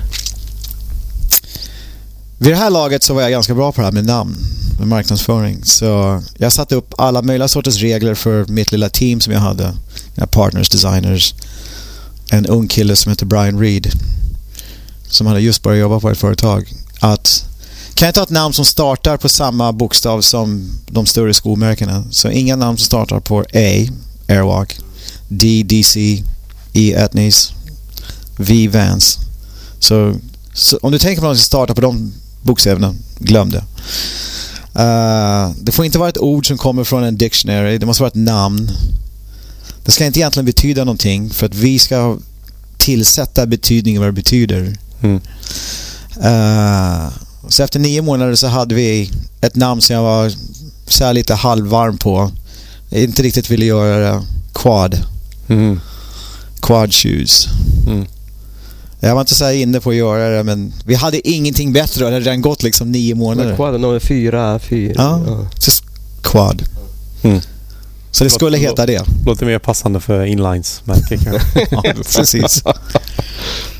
Så min polare Brian Reed sa, ah, jag är på biblioteket, så jag tror jag har rätt namn. Yeah, what is it? I'm not gonna tell you, I'll show you, I'll be there in an hour. Så ja, jag hade lärt han att man ska visa något, ett varumärke, ska man aldrig säga till någon vad det är. Man ska mm. skriva upp det på ett papper mm. och hålla upp det. Mm. Då har det rätt effekt. Mm. Så han gjorde det. Mm. Det hade rätt effekt. Så jag satt och tittade på det liksom. Yeah, you're right. That's it. Mm. så. Och det är ett bra namn. Mm. Ja, det var ett ja. jättebra namn. Då. Uh, det låter coolt. Hur, hur, är det med loggan? Jag tittar på mina högtalare nu. Jag har en sån Osiris G-bag. Har loggan någonting med namnet att göra? Alltså original? Jo. Eh, egyptiska? För, nej, ingenting, det är ingenting med det att göra. Vi gjorde aldrig någon marknadsföring för var det härstammar från. Mm. Så med 99% av de som någonsin har köpt vår, de produkterna har ingen mm. aning om var det härstammar från. Mm. Uh, men just Logan, om du tittar ja. på det, det är faktiskt en liten hemlighet med det. Det är ja. negative spaced O. En vad? Uh, negative space O. Negative space O. Du som är mattelärare Mattias. här, negative space. Ja. O. Ja, Osiris. Det här är mitten av O och det här ja. är bara en design ovanför det. Ja, då förstår jag. Då hänger jag med. Jag tror det var en sån här matte... Vad heter det? Matte... Tänk vad du lär dig. Ja. Negative Space O. Förra avsnittet lärde du dig vad flörtkulor är. Ja, just det. det är höga berg och djupa dalar här. Ja, hur man uttalar Madeleine eller vad det var. Ja, ja nu, nu ser ni, det, är, det är inte bara jag som är ute och cyklar i den här podden. Uh, nu tappar jag lite. Men uh, ja, Danny Namnos. Var, var det någon speciell fokus på skomärket som skulle skilja sig från de andra? Förutom att ni hade namn och logga. Att de skulle skilja sig? Uh, att det skulle skilja sig vilka teamåkare ni plockade? Ah, inte så mycket teamåkare, men på den tiden... Liksom... Att det skulle gå mer mot hiphop-hållet kanske? Nej, det var liksom mest bara en, en bieffekt av de åkare som vi hade. Mm. Liksom mellan Dave Mayhew, Tyrone Olsen. Hiphop mm. var ganska populärt då. Mm. Och speciellt då när vi uh, sponsrade Peter Smolek. Mm he was hiphop. Mm. Jag tänker mycket på som sagt G-bagen. Jag köpte den första versionen också. Nu har jag andra versionen här men eh, det var ju verkligen... Funkar den fortfarande? Ja, faktiskt. Båda två funkar fortfarande. Det är nice. bara att den ena har eh, dragkedjan gått sönder så jag kan ja, inte använda den som väska. Men det kan du byta. Mm. Det är imponerande. Ja. Det var uh, Brians idé och jag spenderade ett helt år att utveckla den där i uh, Korea. Mm. Och eh, man tänkte då vet jag att var, varför, varför kom inte Chad Maska ut med en sånt? För han var ju den som syntes mycket med en bergsprängare. Hade det någonting att göra med att det var trendigt att ha musik med sig? 97. Ja, jag menar vid, vid den tiden då hade man ju alltid musik när man skejtade någonstans. Så det var liksom... Eller man ville alltid ha det. Man kanske inte hade ja, möjlighet. Jo, man, ja, precis. Folk sprang omkring med boomboxes och ja, hiphop var en grej. Vi var redan inne på hela hiphop-grejen. Ja. Och sätta ihop högtalare med en backpack var en ganska mm. briljant så, idé. Och otroligt coolt att den har inbyggt så att man kan ladda batterierna också i den. Ja, det I själva... spenderar jag väldigt mycket tid på att få fram en... Var ni, var ni först med det alltså i, i världen? Ja, jag vet inte om jag var först med det. Men den hade ju, den var ju med på nyhets, nyheter i USA alltså som inte hade någonting med skateboard att Ja, jo, vi fick lite uppmärksamhet ja. åt det hållet. Slog igenom i alla fall stort. Ja. ja. Och för mig alltså, jag, jag, tycker det var en, de var ju rätt dyra när de kom till Sverige med allt, ja, import och tull och allting. Mm, men, det kan jag tänka mig. Men faktiskt, vi sitter ju här inte långt från Drottninggatan. Då kan man dra in en lördagkväll, sätta på lite reggae, cruisa runt lite på sin skate. Sen kommer ju folk fram till en det var ju liksom, behövde inte gå in på någon krog. Det var ju bara... Ja, just det. One man party. Ja, vi var två. okay. Det var inte så att jag gick runt där själv. Okay. Jag var två, två i alla fall. Fair enough. uh, och sen, jag räddade faktiskt några skateboardtävlingar i Sverige med den också. Ja, ja just det. När, när ljudet inte fungerar, strömmen ja. är slut, så bara, ja, men jag har min G-bag med mig. Jag räddade någon tävling i Malmö vet jag. så det, jag spenderar rätt mycket tid att förklara för dem att den behöver vara väldigt högljudd mm. och inte bara inomhus. Mm. För det är en stor skillnad på när du spelar någonting inomhus. Ja, verkligen. När du sätter utomhus. Ja. Och jäklar, när jag hade två stycken tänkte jag shit, då kan man ju dra en lång sladd mellan dem. Ja, kanske det. det var ännu mer högljudd. Men nog om G-bagen. Men eh, det blev ju ännu större än, än Evil. Själva Osiris ett ja, eller? Osiris var nästan 50 miljoner dollar i omsättning. Mm. 2000, 2001 någon gång. Mm. Ja, för det känns som det, det, var det, det var då storhetstiden var. Liksom mm. för, och inte bara Osiris, jag tänker skateboard rent generellt. Skor och allting. Var det inte liksom en väldigt, vad heter det, uppåt när det gäller pengar? Jag, jag tror skateboarding är större idag än det någonsin har varit. Jag mm. tror det finns fler skateboardåkare, mer skateparks. Mm. Jag tror mer brädor säljs. Men om och... man snackar skateboardbranschen menar jag? Att det var som var ägt av skateboardåkare idag? Ja, det, var, det var ägt av mindre företag. Så mm. de företag som fanns hade, de var helt enkelt större. Mm. Nu är det så uppdelat så att alla som har ett skateboardföretag liksom brukar ju klaga på liksom, ah, men det är så svårt och bla bla bla. Och, mm. Okej, okay, det kanske det kan ju vara sant. Det är liksom helt enkelt mer företag så alla säljer lite mindre. Mm. Det är enklare att starta företag idag vilket gör att det ja, blir det är, mindre... Vem som helst kan ju starta skateboardföretag. Det är hur enkelt som helst. Liksom. Mm. Bara man har ett bra namn. ja, just det. Måste ha ett bra namn. Men, och många gör det och det, det är ju mm. ganska ballt med skateboarding också för jag tycker det är ungefär samma koncept som att skateboardföretag ska ägas av skateboardåkare. Mm. Uh, några av de här skateboardåkarna som har haft företag och gör företag. De här företagen har ju blivit, om man kollar på Santa Cruz till exempel, det är mm. ett så otroligt stort företag. Mm.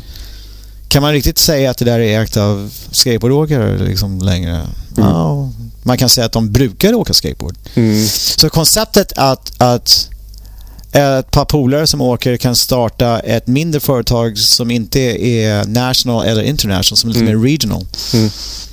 Det är också ganska ballt för då blir det ju att, att det, är, det är kreativt, det är lite do it yourself. Mm. Uh, och okej, okay, det, liksom, mm.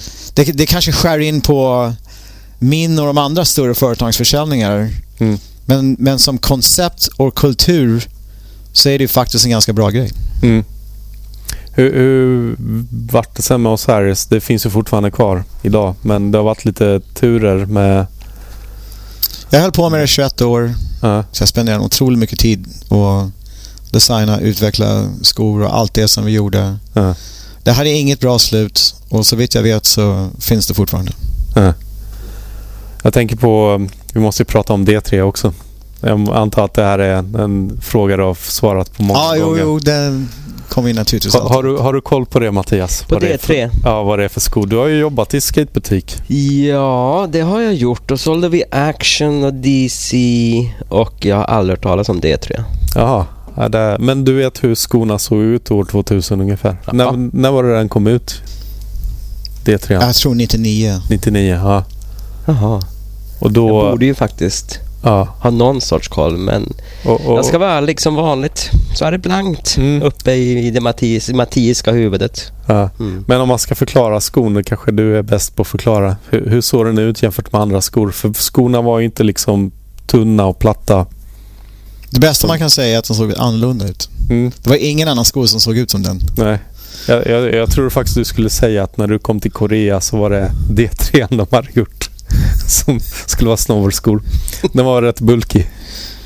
Nej, nej, nej. Uh, och det, det, det som, vi, förstod, vi förstod inte riktigt konceptet själva heller. Vi hade mm. designat rätt många skor mm. vid den tiden. Uh, gjort mycket olika kreativa grejer. Mm. Uh, Mayhew var skitsur för att Tyron Olsen sålde mycket mer skor än vad han gjorde. Mm. Så han jobbade tillsammans med min partner Brian Reed.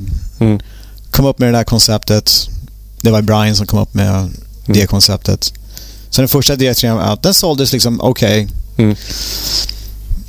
Våra skor då mm. hade ett, uh, en livstid på tre säsonger. Mm. Om vi inte hade några bra idéer kunde de komma in i fyra. Så vi skulle just lägga ner den där D3 mm. och uh, komma upp med nya skor för var, mm. våren 2000 kanske. Eller, eller kan det kanske kom ut 98, det var våren 99. Mm. Någonting åt det hållet. Vi hade ingenting speciellt bra så vi hade den en säsong till. Mm. Och så helt plötsligt så såldes den. Den bara gick så här, alltså rakt upp i luften. Mm. Och vi kunde inte riktigt förstå varför, men liksom, okej, okay, cool. Mm. Men den hade ju liksom lite...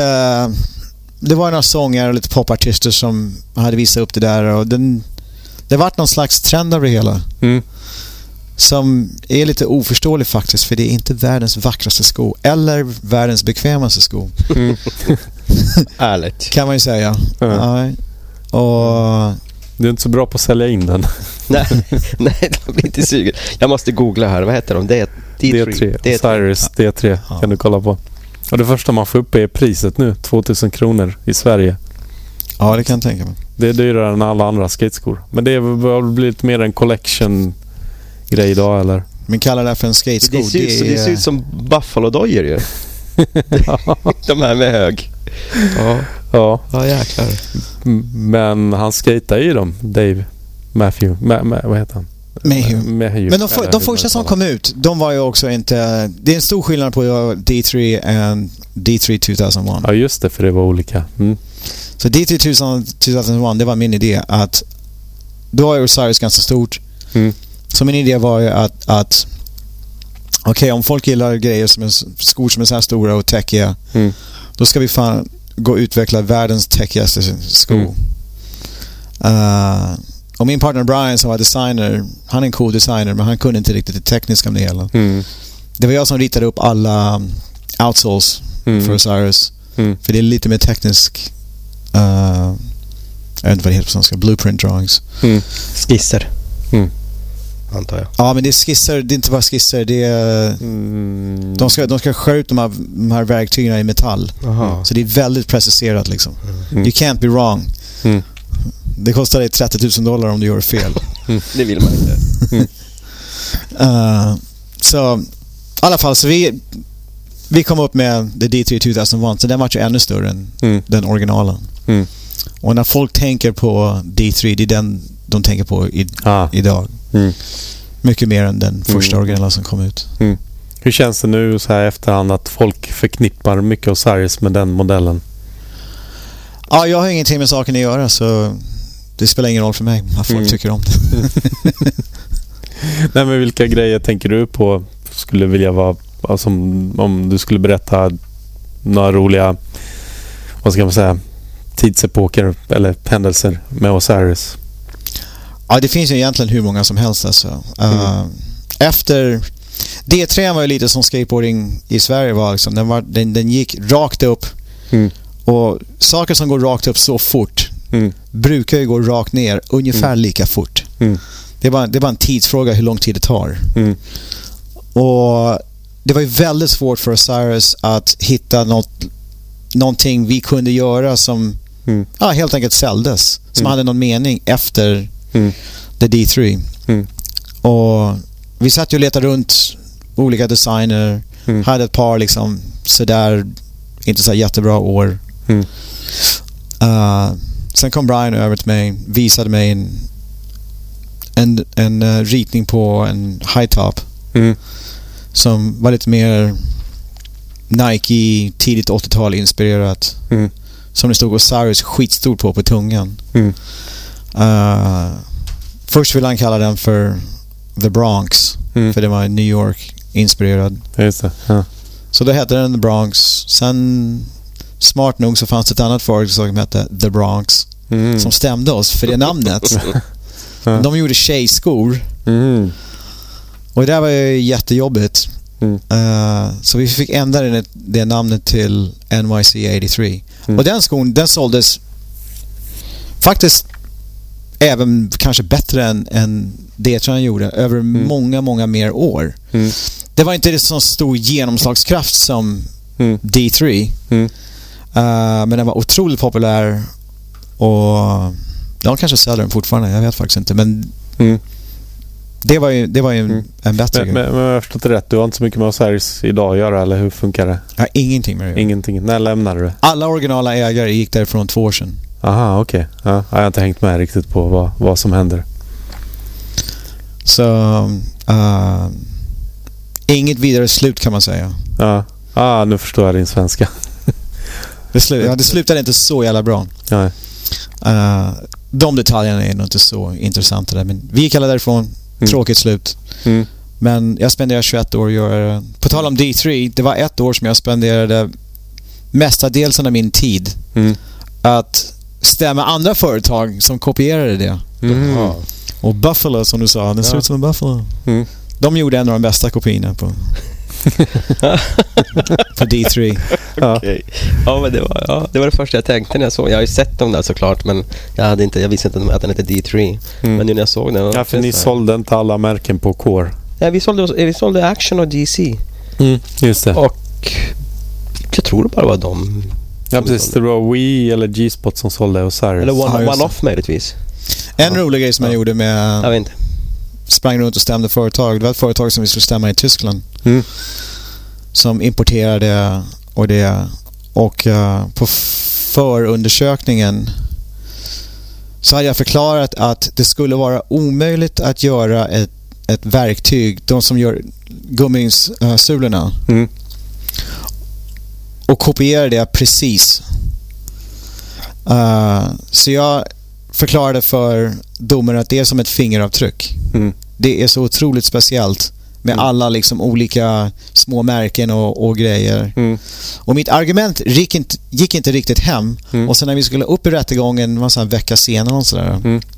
Så då hoppade jag på ett plan med Brian. Mm. Vi flög first class till Korea. Mm. Hämtade ett sånt här verktyg. Mm. Drog tillbaka det till Tyskland. Mm. Och när vi kom in på rättegången så slängde jag upp den mitt framför domaren mm. och visade han mm. liksom, så här ser de här ut. Det ska vara omöjligt att kopiera varenda jävla detalj på det här verktyget. Så med andra ord, det här är inga riktiga vad sa skor. Mm. Så vi vann med det fallet. Det var ganska roligt. ja. Förlorar man så är det jättedyrt, eller hur? Ja. Om man förlorar så är det jätte, jättedyrt. Om man håller på Ja, för, ja, ja, allt det här kostar ju så otroligt mycket pengar alltså. Mm. Men eh, vi vann många av de här, de flesta av de här. eh, vi förlorade mot Buffalo. Mm. Ja, Mhm. de gjorde ett Mm. väldigt bra jobb att kopiera den. Mm. Men de skrev Buffalo överallt på den. Mm. Mm. Ehm, Ja. och jag, jag ska nog säga att det, det är nog mycket möjligt att det är mer Osiris D3 kopior som har sålts i världen Mm. än riktiga skor. Mm. Det är möjligt. Mm. Man har ju sett många, många kopior ute. Ja. Ja. Vad jag tänkte på. Men, men du var ju ändå med det här fenomenet när Nike, inte så mycket Adidas, känns som Nike gjorde om skobranschen i skateboard. Ja, helt. Hur- Ja, men det var deras fjärde försök kanske. mm. Tredje, fjärde försök. Så ja, de gjorde om det. Mm. Hur jobbigt var det? Var det någonting ni visste att skulle ske förr eller senare när skateboard var så stort? Eller du, om man säger så. Ja, jag vet inte om vi visste hur att det skulle fungera. Eftersom de hade misslyckats ett par, två, tre gånger Mm. så var nog uppfattningen med de flesta i den branschen att, att de inte kommer att kunna göra det. Mm.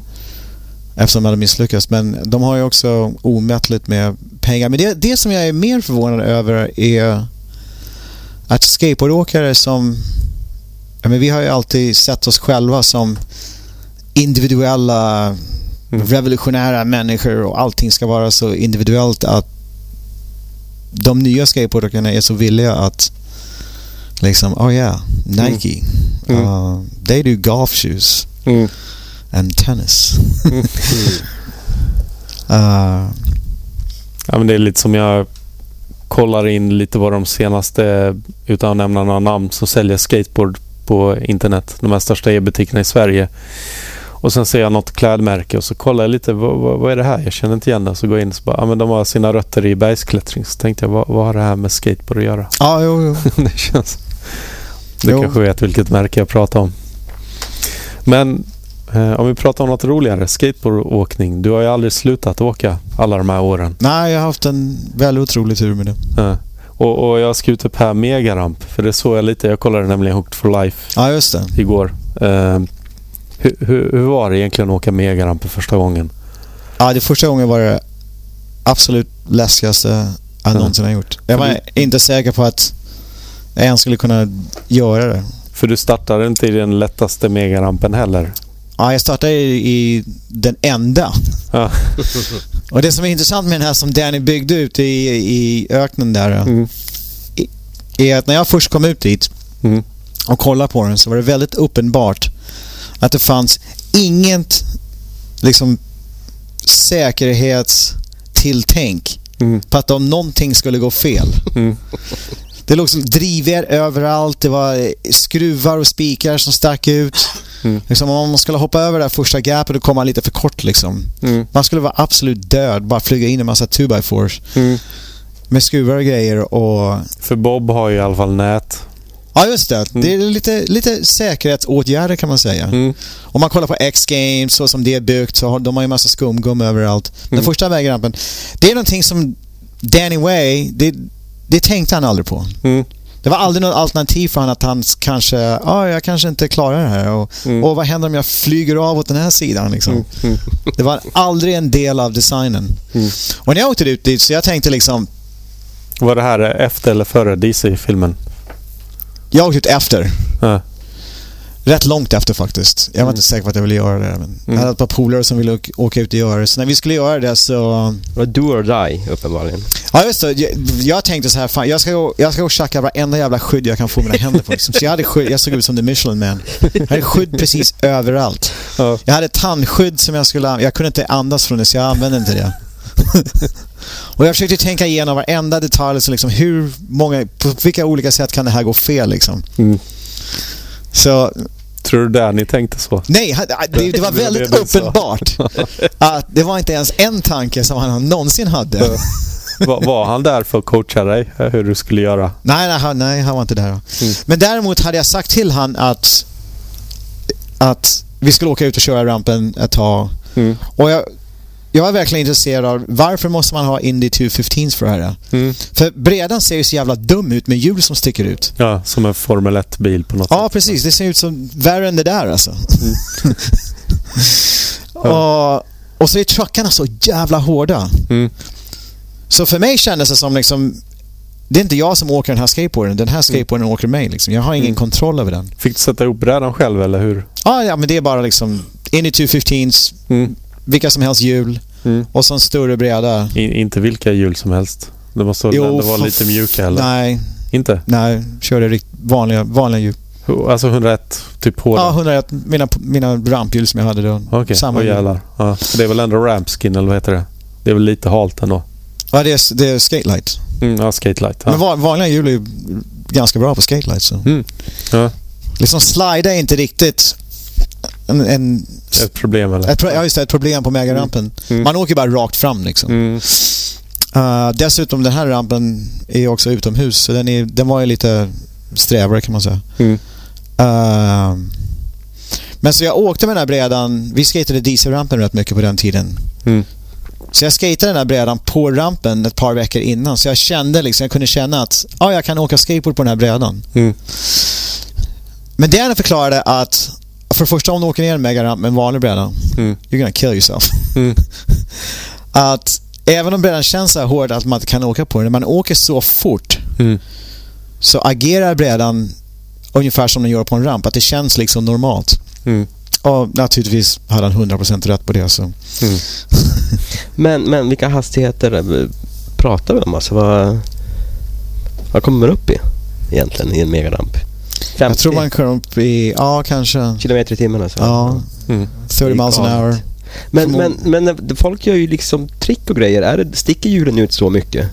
När folk gör alla sina, liksom, ja. de här mega-airsen som de gör. De åker på en Formel 1-bräda liksom. Ja. Ja, det är, ja, det är helt. Så vitt jag vet gör de det ja. fortfarande. Jag, nu har inte ja. hållit på med den här megarampen på, mm. på ett par år, men så vitt jag vet så... Så en 360-flipp är med sådana truckar. ja. Men det är så mycket större så allting blir så mycket långsammare liksom. Mm.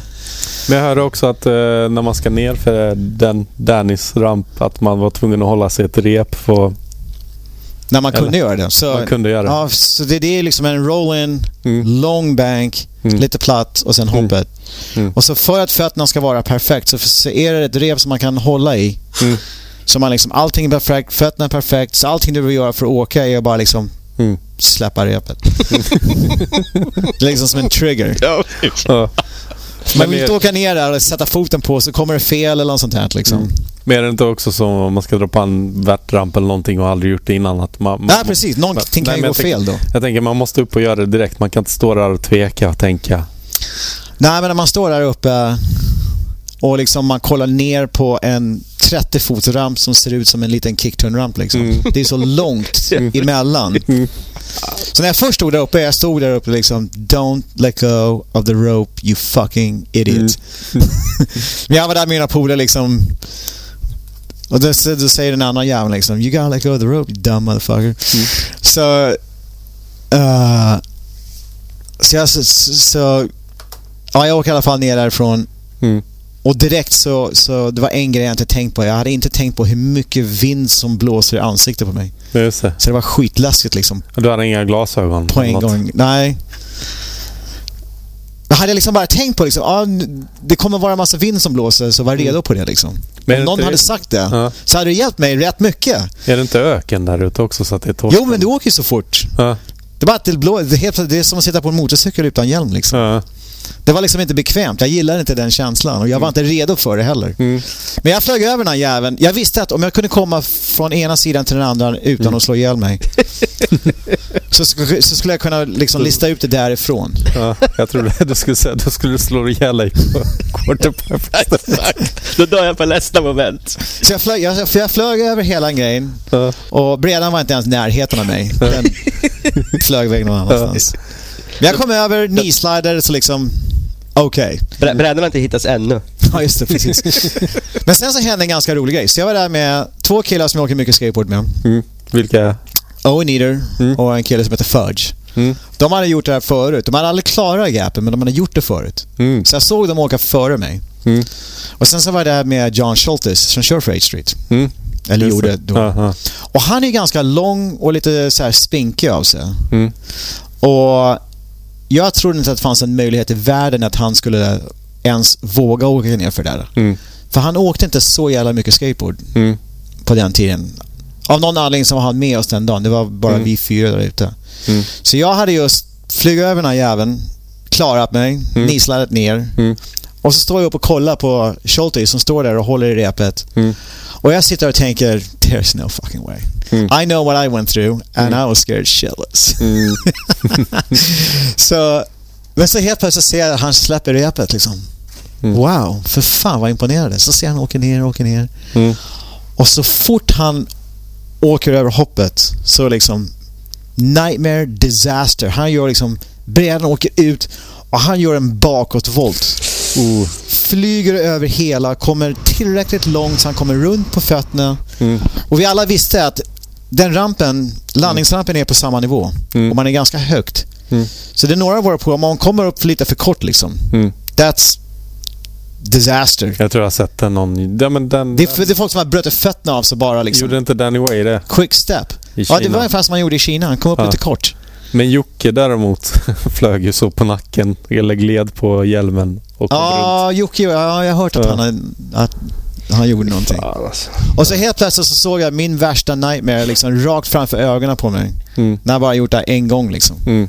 Så min första tanke var, jag måste springa upp där och göra, en, göra det en gång till förrän mm. vi ens pratar om vad som just hände. Mm. Jag vill bara glömma vad som hände. så jag springer upp dit och ska göra det igen och så kommer alla upp och, och så pratar de liksom can you guys just shut up? Let me go one more time before we even talk about this. Mm. Och de like, oh yeah, Mag's crazy. He, mm. he didn't want to talk about it. You see what happened?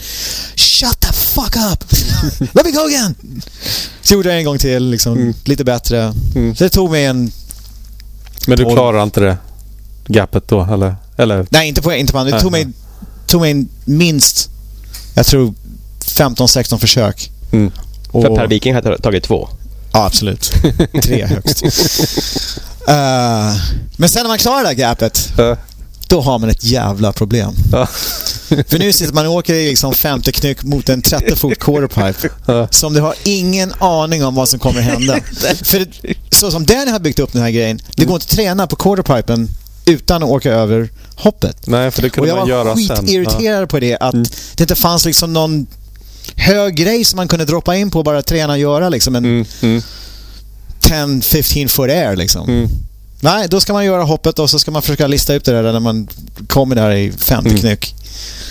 Och det har ju hänt massa konstiga grejer för folk där också. Jag tror Pat Duffy är väl den kändaste slammen tror jag. Vad, vad gjorde han? Ja, just det. det han, han sköt sig ur... Nej, eller vad säger Jake Brown också, får vi inte glömma. Ja, men, men, jag tänkte just som första gången på quarterpipen och inte veta... Vad hände där för då? Nej, men han kom ju ut och... Ja, just det. det han kom, han bröt kom benet. ut. Oh, shit. Ja. Så jag försökte göra en frontside Det var inga problem. Det var rätt bra. Jag klarade... Frontside här? Ja, jag gjorde... Ja. Du tänkte att du skulle göra frontside istället för backside Jo, det fanns en anledning till det. för, för en riktigt bra anledning. För vi hoppade in på en korta scen. Den var till höger. Jag är regular footed. Så för mig att åka, liksom, göra backside där, det var inte så mycket rum på den Nej, sidan. Okay. Så det kändes som att man liksom skulle flyga av hela... Men du kunde gjort en alley-oop. Ja, jo, ja, det var lite... Det var too big of an ask. Så det kändes lite lättare för mig liksom, att gå åt den hållet. Det var mer ramp på den sidan. Uh, mindre död och mer ramp. Ja. Uh. Sen tog det mig ytterligare en tio försök, klarade mm. gap och göra en frontside air på den där. Uh. Men du överlevde megarampen alla gånger? Ja, jo. Jag har slagit mig ett par gånger ganska bra på den. Alltså. Mm. Men det är inget, du, du vågar inte köra mer, eller hur? Ja, vågar. Det... Våga, våga, men det, det du låter bli eller? Jag har inte gjort det på ett par år. Ja, vad är anledningen? Aj, det är inte så jävla roligt. Liksom, det är inte riktigt... Jag ska inte säga att det inte är skateboarding, men det... Mm. Det är inte riktigt lika... Vad, vad heter det? Det? Det är en speciell grej i skateboarding, men det är helt, mm. det är helt otroligt. Jag är heller inte så jävla intresserad av, av The Gap. Mm. Om, jag, om jag hade en ramp, en 30-fots quarterpipe som jag skulle kunna köra när jag ville och hade liksom mm. good sessions on it. Mm. Uh, med hur mycket fart som helst utan mm. att behöva hoppa över ett hopp. Så mm. det skulle jag vara rätt intresserad av. Hade inte de det så i, nu är den borta, den här rampen i YMCA. Uh, eh, jag kommer inte ihåg vilken av dem. Men de hade ju megaramp. Som man kunde skippa gapet och bara rulla över. Nej, inte vad jag vet. Jag är rätt säker på det. Och då slapp vilken man det här momentet. V vad sa du? Vilken, vilken ramp? YMCA? Jag är osäker på vilken YMCA det är men det har väl bara funnits en som uh -huh. haft en megaramp. Uh. Jag skulle vara mycket mer intresserad av att göra det. Mm. Om, om det var grejen alltså. Ja.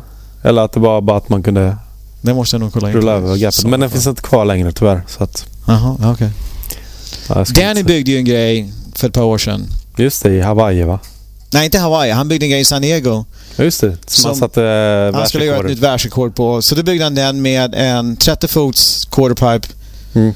som man gjorde en take-off från. Så gjorde han, byggde han liksom en landningsram som hade en ännu större transition. Ja, just det. Så ja. den var 40 fot hög. Ja. Plus att han hade en skiva på den så att man kunde landa på den högre. Mm. Uh, och det var skitbra. Så jag var ute och åkte den mm. med han och uh, ett par killar ett par olika gånger. Mm. Men han, sen gjorde han sig väldigt illa på den där. Mm. Och jag kunde inte få några av mina polare att åka ut och åka den här rampen. Mm. Så den stod där i fem månader medan jag hade hoppats på att Danny skulle bli bättre, att vi skulle gå tillbaka ut och åka den mer. Mm. För jag vill ju försöka göra liksom största backsidern som jag skulle kunna göra på den. Uh, men uh, jag hade inte till, vi fick inte, jag fick inte tillräckligt med tid på den. Mm. Jag, jag, kunde inte åka ut och åka den själv, det skulle vara mm. livsfarligt. Mm. Så då skulle det vara liksom ta med min fru ut dit liksom. Mm. och det är också ett problem med de här megaramperna att det mm. finns ju så få... Det är väldigt få som håller på med det här. Mm. Så det är liksom inte riktigt en pure skate session. Det var det ord jag letar efter. Mm. Det är som poolåkning och även rampåkning. Det är lite mer pure. Att man åker skateboard, inte bara liksom mm. hoppar över ett hopp eller gör ett trick. Liksom. Mm. Men man är livrädd hela tiden eller? Du, du, man, man det låter som det. Nej, jag var faktiskt ganska van vid det hela. Mm. Jag menar, jag tror inte jag skulle vara livrädd om jag gjorde det nu heller. Mm. Så, det, det, så det är bara en grej som man måste utarbeta mm. på ett sätt så att, så att man har en, mm. En bekvämlighetsgrad. Mm. Jag känner inte att det är ett riktigt måste för mig. Eller vad säger du känner, Mattias? Känner du inte sugen? Nej, jo lite. Freestyle-brädor har ju tajta truckar och det, vi har liksom hälften Ja, vi, vi, har ju Bushingens i alla fall. Ja, exakt. Vad fan släpp repen nu Dennis. Jag brukar åka megarampen på X-Games. De lät mig, Chris Miller och ett par killar mm. åka den där ända upp till tävlingen började. Mm. Det gjorde jag i flera år liksom. Mm. Du, du måste ju haft ett personbästa på backside där. Eh, som du slog ganska snabbt i en megaramp misstänker jag. Jo, naturligtvis. Mm. Uh, men göra en backside på en megaramp mm. är helt annorlunda än göra det på en ramp som även har en stor rollen. Mm. För, för om vi kollar på alla så här high air contests som hände på 80-talet. Mm. Det största problemet med att göra en 10 foot, 11, 12 foot air. Mm. Det är inte att göra den, det är att få farten från den andra sidan. Mm. Uh, så det, det elementet går ju liksom bort på en megaramp. Mm. Och även en ramperna som hade sådana här stora Rollins. Mm. Uh, att uh, du får farten gratis helt enkelt. Mm. Så det måste kännas mer som att du håller på att åka framåt mot något jämfört med att du håller på att försöka pumpa Ja, men om, du ska, om du ska få farten från den andra sidan vägg som inte är högre än den du ska göra en big backside ja. för. Ja. Det, det, är den svårare delen mm. än att göra backsideren själv. Mm. Så, och här har du bara att du har farten. Ja, här får, du får ja. farten gratis och så hur, hur, hur stor air kan du göra? Så, vad, vad är ditt rekord? Mitt rekord på megarampen är 18 fot. Det är, eh, vad säger matteläraren? Delat i tre ungefär. Ja, delat i tre. 2,54 va? 18 fot. 18 delat i tre är det 2,54. Vi, vi, vi, får skriva det på Instagram. Ja, vi säger 15 delat på, uh, på 3. Ja, just det. det du har ju en sån miniräknare. så det är mer än 5 meter? 18, 18 feet meters. Just det, Google. 5.4864 ja, meters. Mm. Så fem och en halv meter. Ja, det är jäkla... Och sen har du ju inte... Det är inte bara att det är fem och en halv meter från kopingen. För vi snackar om kopingen upp till fem och en halv meter. Ja, just det. det är sen, sen, är det ju ner också. Ja, det är 30 meter ner. Så det är 10 meter. Så det är... Uh, du menar 15... 30 feet, inte meter? Ja, just det. Rampen är, den är 30 fot, så 10 meter. Ja, ja. Och plus så det är lite mer än 15 meter upp i luften. Ja. Hur känns det där? Men man tänker inte riktigt Nej så... Ja, du har inte tid att tänka på den grejen. Nej, det kan man inte tänka på när man är uppe heller. Nej, det går åt helvete. Gud vad det går åt helvete. Vi kan inte låta bli att fråga nu när vi ändå har någon som ja, har varit där uppe och, ja, ja, och nosat i de höjderna. Stratosfären. Ja. Men, men vad jag har hört så känns ju rampen ganska liten när man är där uppe. Alltså att den ser liten ut, eller hur? Nej, det, skulle, det är inte min känsla att den... Man tittar inte på hur den ser ut. Man är i involverad i att överleva. hålla sig vid livet och överleva. Gör en bra trick helt enkelt. Mm. Och... ja, jäklar. Ja, nej, jag, jag, jag tror jag tar det i nästa liv. Ja, just det. nej, jag ska också ta en funderare innan. Fast, jag... fast man hade ju velat rulla i själva quarterpipen liksom och kunna ta det steg för steg upp för banken. Och... Jag skulle bara vilja se den. Alltså, det är lite som att titta mm. på Eiffeltornet eller Colosseum när man står så här. Fan vad det alltså, här var. Jag, jag, har ju sett, jag, har ju, jag har varit hemma hos Bob och sett den ja, och det, det känns okay. bara... Pff, man bara tittar Man upp. tittar på den så det ser inte ut som en människa skulle kunna åka på en liten breda med fyra hjul Nej. nerför ja. den där jäkeln. Flyga över på andra sidan och liksom... Ja. Det ser inte riktigt ut. Ja. Och sen så mitt hjärta höll ju på att stanna när, nu kommer jag inte ihåg vilken åkare det var, men det var X-Games, nu ska vi se, 2010. Någon rullar ner, men där hade kommit in så här Doug, det var när det var inne på den här OS-arenan mm -hmm. i LA. Vad heter den? Staples Center. Ja, precis. Och där har kommit in, vad heter det, dagg eller vad heter det? Fukt från havet. Så att hela rampen var ju bara fuktig. Och den ah, personen som, den personen som roll, rullar ner halkare när han kom ner precis när det går till flat bottom. Och gled sen och gled över kort, eller vad heter det, själva flyouten. Och lyckades på något sätt ändå överleva. Jag vet inte, det såg skitläskigt ut. Sen står Danny Way där nere och bara visar sådana här tecken alltså, under halsen. Bara, ni kommer dö om ni åker ner här. Ja, ja. Men folk gjorde det ändå. Så man bara... Det, men då, då satt man där och tyckte det var jobbigt att kolla på det. Ah, och de försökte liksom ja, torka rampen och allting men det var bara pff, ångest att se folk köra. Såg du Mitchell Briscoe senaste? Ja, du menar 1260? 1260. Ja, jag tänkte lite på det innan när vi snackade om 540. 540 var grejen alla var tvungna att lära sig. Nu, nu kommer 1260. Var, hur, hur går... Eh... Hur går det för dig med 1260?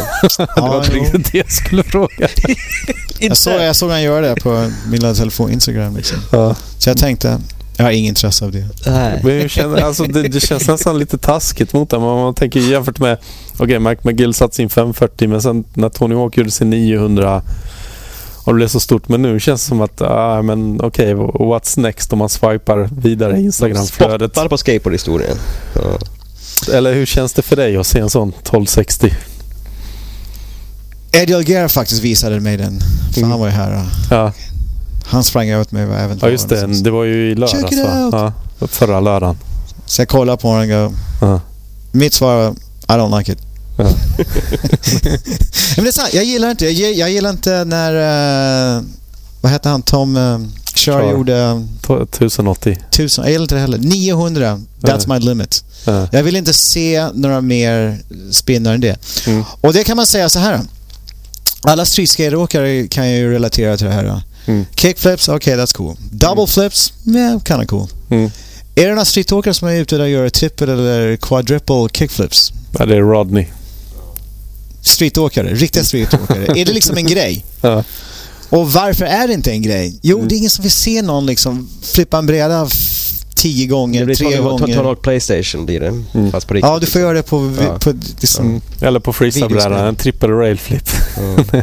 Ja, men det är freestyle i alla fall. Ja, precis. Ja, men det blir freestyle. Men så kan jag kolla på Mitchell Bruscona senare. Jag kollar på det ett par gånger. En mm. grej som man måste säga om det att han, han gjorde det ju liksom så jävla clean. Han mm. landade på det som det var mm. ingenting. Mm. Och jag gillade verkligen vad han gjorde efter det liksom. Han stod inte och hoppade upp och ner och kastade brädan överallt liksom. Han var liksom, mm. yeah I did it. Mm. Men han såg chockad ut. Ja, han kan, ja. Kanske det. Han kanske var chockad, det var det som... Men blir det inte lite som när inlinesåkare börjar köra värt och man ser när de snurrar runt och då... Ja, jo, absolut. Jag vill inte se, jag vill, det blir lite jag vill inte se så många varv. Men det är stilen som, som försvinner. Och han, det blir för mycket i samma som Martin Karlsson skulle säga, det blir Raptor. Men det, det, det roliga är att han vann ju inte heller. Nej, men det är därför att de... Så som jag hade en diskussion med... Mm. Jag vet inte vem jag förklarar det här för. Uh, så som jag dömde ju X-Games ett par gånger mm. i Megaramp. Mm. Och Danny, det, det, här är ju hans tävling. Han har utvecklat konceptet och tävlingen och mm. allting. Så om de gör som de gjorde då uh, så döms det så här att uh, The Gap har mellan 1 och 50 poäng. Mm. Och The Quarterpipe har mellan 1 och 50 poäng. Mm. Och eftersom han inte gjorde någonting speciellt över The Gap mm. Vad gjorde han? Jag tror han gjorde en Switch 180 eller en half 180. Ja, Switch ja, 180 va? Det var inget speciellt. Och han gjorde det från, han gjorde det från den korta distansen. Ja, så enligt Danny, jag, jag, hade en, jag hade en diskussion med Danny där jag, jag höll inte med honom överhuvudtaget. Mm. Att hans... Vad sa du med Danny? Med Danny. Ja. Det här var många, många år sedan. Mm. Så han förklarade... Jag, jag hade frågat han mm. What happens if someone goes from, from the shorter distance and does a technical trick? Mm. Och hans uppfattning var uh, you can't go from the short distance in the contest. It mm. just doesn't count for nothing. Mm. I'm like, really? What if someone does like whatever? Mm. Uh, hans mening var att, att i tävlingen så måste du göra från 70-fotsgapet, inte 50. Mm. Det spelar ingen roll hur bra tekniskt det var från 50-fotsgapet. Mm. Är det stor skillnad mellan... Du har kört båda antar jag? Nej, jag har bara kört en kortare. Ah, okay.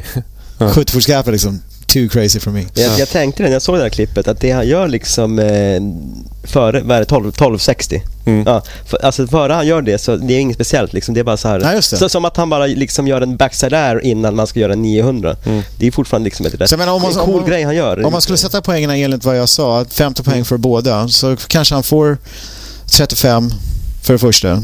Mm. Kanske bara 30. Och så får han 50 för en 1260. Så det är, det är 80 poäng. Och så kollar på Elliot. Mm. Som gör... Uh, Var det Tailgrab 900 han gjorde? Ja, det är Tailgrab 900 men uh. det är 720 över the gap. Uh. men då kan du också säga så här, han kan ju få lite kritik. Han har gjort det åket i hur många år som helst. Mm. Jag tror han har redan vunnit X-Games med jag tror, vann det åket. förra året med det. Ja, med det åket. Det är det åket han gör. Mm. 720 Tailgrab 900. Det är helt mm. otroligt. Mm. Så, men om du ska ge en rätt poäng så är det kanske 45-45, så det, mm. det är 90. Mm. Och Mitchie får 80 för hans grej. Mm. Nu tror jag de bara var ett par poäng ifrån varandra. Mm. Men konceptet är det att han maxar ut quarterpipen mm. men kan aldrig få tillräckligt med poäng med mm. en Switch 180 från det korta gapet. Jag tänkte på... Uh, men det är lite sjukt att tro att han inte vinner The Mega Ramp Mm. Men den första som någonsin gjort en ja, 1260. Ja, ja. Tänk hur svårt det skulle vara liksom. Ja. Jag tänker lite på, eh, kommer till det här också efter att Michi Brusco gjorde 1080 i tävling och vann något år i bara quarterpipen och gjorde ingenting. Det var samma år som Jocke var med. Ja, jag vet inte. Det kommer inte jag ihåg. Mm, för jag tror det ändrades därefter. Ja, det, det är möjligt det också. Ja. Att, att det blev för mycket fokus på själva quarterpipen. Ja, så mycket inte så gap. Ja. Men eh, vi pratade lite om din egen åkning, megaramp. Men eh, du, du åker ju annat också. Vad är det som har gjort att du kan fortsätta åka på en bra nivå? Jag, jag har hört andra säga att du alltid hållit på och stretchat. Ja, men det är inget märkvärdigt. Det är många som gör det också. Liksom. Men kan det också vara att du ändå varit, levt ett ganska hälsosamt liv som jag förstått? Jo, jag har levt ett hälsosamt liv. Jag menar, jag har haft min del av, av uh, injuries. Mm. Jag har haft fem, sex olika operationer. Mm. Men jag, jag, tror faktiskt att det viktigaste av det hela är att det finns en vilja. Jag är faktiskt mer förvånad Folk säger liksom ah, men du är 56, hur kan du göra alla de här grejerna? Liksom, ah, jag är mm. ganska förvånad att jag kan det. Mm. Sa de inte det när du var 21 också? Jo, no, det var någon idiot som sa det. uh, men jag är mer förvånad att det är intressant att jag vill göra det. Mm. Uh, vi körde den här värtrampen i Borlänge häromdagen. Mm. Lite mindre ramp. Det var ganska kul. Mm. Och så var det några killar som textade mig i morse liksom. Ah, ja, Fryshuset, tisdag kväll klockan mm. fem liksom. Yeah, nice, I'll be there. Så, så det blir skitkul att köra i frysen. Mm. Uh, och det är bara vi som åker där. Det är inte någon uppvisning eller någonting. Liksom. Mm. Bara, ja, podden kommer ju inte ut innan dess så att det kommer inte vara tusen personer som står där och kollar ah, just det. Okej, okay, ja, det, så kanske det Skrikande folk utanför som försöker tränga sig in. Ja, så intressant är det nog inte. Men uh, just, just det att det här är fortfarande intressant för mig och kul att göra liksom. Jag är mer förvånad över att det känns så för mig. Mm. Uh, att du liksom aldrig börjar göra något annat, köra lite cross det, eller någonting. Ja, det, det kul spela golf eller utan du, du har fortsatt. För det, det har inte varit något annat intresse som har kommit och tagit mer tid av dig eller hur? Nej, jag menar jag åkte snowboard i flera år när vi höll på med det där. Mm. Jag har inte gjort det på ganska länge. Mm. Uh, men snowboard är liksom, det är bara en mm. del. Men jag menar, det har inte blivit någon sån här golf eller någonting Nej. annat? Tror jag. kan spela golf men jag gör inte speciellt ofta. Mm. Det har varit konstant skateboard. Men, men ja. jag, jag hörde förra skateboard. året så skadade du dig ganska rejält. Ja, ja det där har varit lite överspelat på eftersom alla sitter på sina telefoner. Det var någon som sa att Ja. Jag dog nästan och så var det världens grej av det. Ah, okay. Jag slog i huvudet ganska hårt. Jag var ute, mm. jag var medvetslös i över en minut. Mm. Jag hade lite blödning på hjärnan. Det. Hjärnskakning. Ja. Men min hjälm gick alldeles sönder och jag var på sjukhuset två dagar. Ja. Sen så krävde jag att de checkade ut mig. Mm. Nej, vi måste passa dig. Mm. När jag scannade min hjärna två gånger, allt när jag mm. hittade lite hjärnblödning. Mm. Jag bor fem minuter härifrån, så nu går jag hem. Det var ja. världens jävla grej där alltså. Ja, folk, folk var ju lite oroliga här i Sverige. Jo, jo jag vet. Men lite sådär, det var lite överspelat. Ja, ja. Kanske. Däremot hörde jag att din pappa var inte så glad att du fortsatte åka skate på Hervey nu.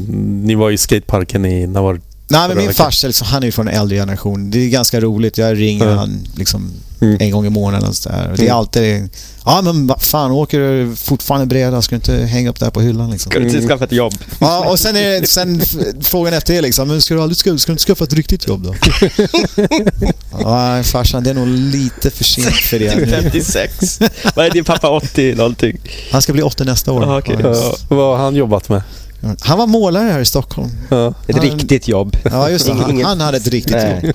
Han byggde sitt eget hus när jag var 13-14 i Tyresö, mm. där jag bor nu. Ja. Och var väldigt irriterad på att inte jag hjälpte till tillräckligt. Ja. Men det var just när jag hade börjat åka skateboard liksom. Så ja. hängde vi på Newsport House hela dagarna. Mm. Uh, och han bor där fortfarande. Mm. Hur är mamma? Är hon kvar i livet? Eller? Ja. ja. Uh, hon bor inte här. Hon bor någon annanstans. Okej. Okay. Jag minns när jag träffade dig i USA 2007 uh, så berättade du att du, jag frågade tror jag, om du saknade Sverige, någonting. Och jag för mig att du berättade att Vad du... Sa jag då? då? Uh, du ringde hem till mamma mitt i natten och frågade mamma hur, hur gör man pannkakor? Ja, det var en gång. Jag skulle imponera på en tjej. Liksom. Ja, ah, men Sverige, svenska pannkakor. De är så mycket bättre än de här amerikanska pannkakorna. så hade jag ringt hem till morsan liksom. Hur fan gör man pannkakor? Mitt i natten. jo, det är klart. Fick du receptet och gick det bra med tjejen? Ja, jo, det gick, det gick väldigt bra. Ja. alltså med pannkakorna eller vad? Ja, båda två. Ja, båda två. Det, det ja. hänger ihop. Jaha. Hade han fuckat upp pannkakorna så hade det inte gått så bra. ja, roligt. Uh, vad har jag mer skrivit här? Jo, vi pratade lite om um, skor för tjejer. Uh, skulle jag glida över till... Du, jag hör att du hjälpte Leticia Buffon. Jag är så dålig på att uttala. Ja, hon, hon var ju sponsrad av Osiris. Det var, jag känner en tjej... Um, av de brasilianska åkare som mm. har kommit över. Det är ett gäng. Mm. Och... Um, uh, det var en tjej som höll på med en tjejtidning och ja, liksom fanns omkring skateboardindustrin. Ringde upp mig en dag och sa liksom, ah, jag har en, en ung tjej från, mm. som kommer just från Brasilien. Du måste se henne skata, du måste sponsra henne, hon är jättebra. Mm. Mm. Så jag träffade Letitia när hon var 12 eller något sånt där. Mm. Pratade inte ett ord engelska. Mm. Och, Hur var din portugisiska? Ja, jo, det är ungefär samma. Inte ett ord. Mm. Mm. Så... Ginala, eller vad säger man? Den här tjejen Lisa, hon hjälpte mm. naturligtvis till och översatte och vi åkte skateboard med henne och sa ja, she's really good. Mm. Vi sponsrar henne gärna. Så. Mm. Uh, hon körde för Cyrus på, i flera år. Mm. Ja, hon tackade dig tror jag i senaste Nine Club. Där jo, jag, jag, jag hörde det. Jag ska faktiskt posta någonting om det någon gång. Men ja. inte gjort det ja. Men jag för mig också i Hooked for Life så är det någon annan yngre tjej som är, vad är hon, åtta eller tio år som du också lyfter fram och säger att vilken talang hon är. Som åker, jag har glömt hennes namn nu tyvärr. Alicia. Ja.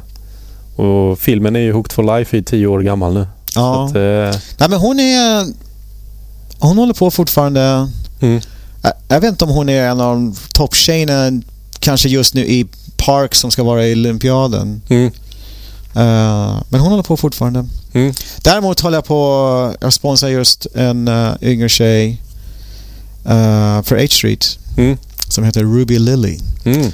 Och hon är väldigt imponerande 12-årig mm. tjej. Mm. Hon var lite irriterad av att hon inte varit inbjuden till deltävlingen i Long Beach för att vara med i Olympien. Mm. Och hennes mamma var lite irriterad. Jag förklarade för dem liksom, mm, ja, ni kommer inte komma med mm. USA-laget ändå. Det är begränsat till tre per land, mm. som jag förstår det. Mm. Men jag föreslog till henne att om de är intresserade av att göra tävlingar på den nivån så um, jag har en tävlingsfilosofi som ni kanske är intresserade av, mm. Mike Turnensky. Mm, mm. Och uh, skateboarding kommer vara i nästa Olympien också, Paris 2024. Mm, det visste jag inte. Så jag föreslog till henne om ni är intresserad att uh, tävla på den nivån mm. och om hon är intresserad att vinna Olympiaden, inte bara vara med, mm. vinna. Mm. Tänk på det, kom tillbaka och prata med mig om en vecka. Mm. Om ni är intresserad så jag kan gärna ställa upp och hjälpa till lite med det. Så hon kom tillbaka till mig efter en vecka och sa Mm. Yeah, I wanna win. Coolt. Okej, okay. let's do it. Ja. Så vi får se. Ja. Jag tänker lite på, du har alltid varit med och stöttat tjej, tjejskate-scenen eller vad, vad ska man säga? Carabet Burnside körde väl? Ja, vi sponsrade hos Carabet. Ja. Och det var väl ganska mm. unikt på den tiden? Ja, och... jo. Men hon var ju lite speciell också. Mm. Hon är en väldigt bra skateboardåkare. Ja. Uh, och jag, jag sponsrar tjejer olika tider liksom. Mm. När kanske inte andra gjorde det? Nå, jag. Kan, jag vet inte. Kanske, kanske det. Jag har alltid trott att någon gång kommer tjejer vara intresserade av skateboarding. Mm. Och det verkar som den tiden har kommit. Det verkar som mm. det är väldigt mycket intresse. Att det är många tjejer som åker. Inte bara i USA men mm. i andra länder. När jag var i, uh, i Brasilien med Elgara mm. mm. och Salba så vi såg rätt många tjejer som åkte. Åkte bra. Mm. Ja, vad heter hon nya unga som vann Street League? Jag glömde bort vad ja, jag, jag, jag, vet inte vad hon heter, jag såg inte henne där. Men ja, jag har sett henne åka. Menar. Jag vet precis vad du menar. Ja. Och hon är skitbra. Om hon, jag har trott... Jag har haft Letitia som favorit att vinna mm. Olympien nästa mm. år. Mm. Jag hade tänkt att den tjejen är nog för ung för att ens få vara med. Mm. Jag vet inte om någon kommer ändra de där olympiska reglerna. Att... Det är, vad är det, 15 eller vad ah, det, det verkar som det varit att man måste vara åtminstone en 15 bast. Kineserna har ju alltid haft yngre tjejer i gymnastik och liksom... Ja, de fuskar med det och det har varit världens rabalder om att ja. hon inte riktigt var... Så kommer 15 eller kommer 10-11-åringar kunna vara med i skateboarding? Mm. Jag vet inte hur det är, men om den tjejen är med mm. Så då tror jag nog Letitia får åtminstone ganska bra competition. Mm.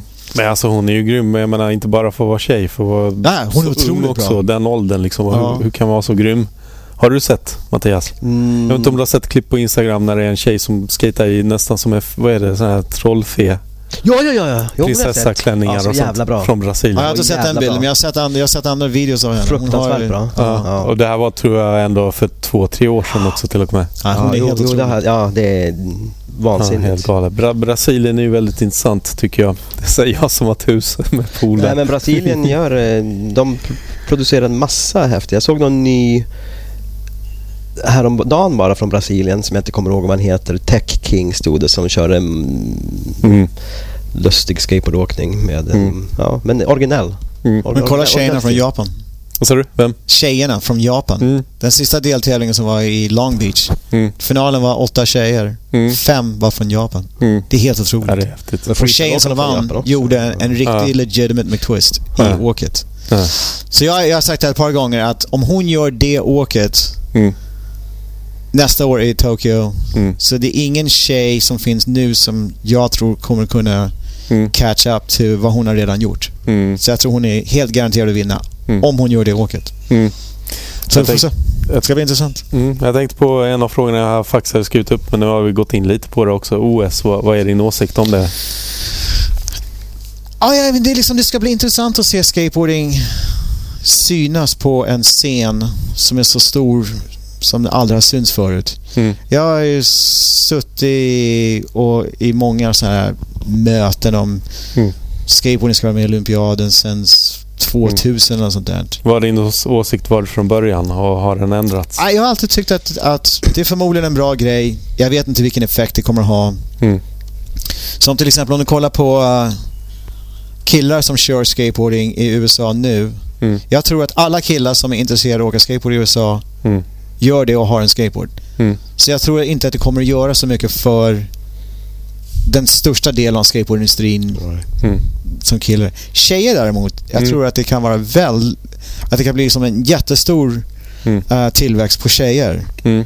i USA och andra länder. Sen tror jag det är andra länder där skateboarding inte är så stort. Mm. Så helt plötsligt är det Olympien liksom. Mm. Det verkar ju ha hänt i Japan nu med alla de tjejerna. Mm.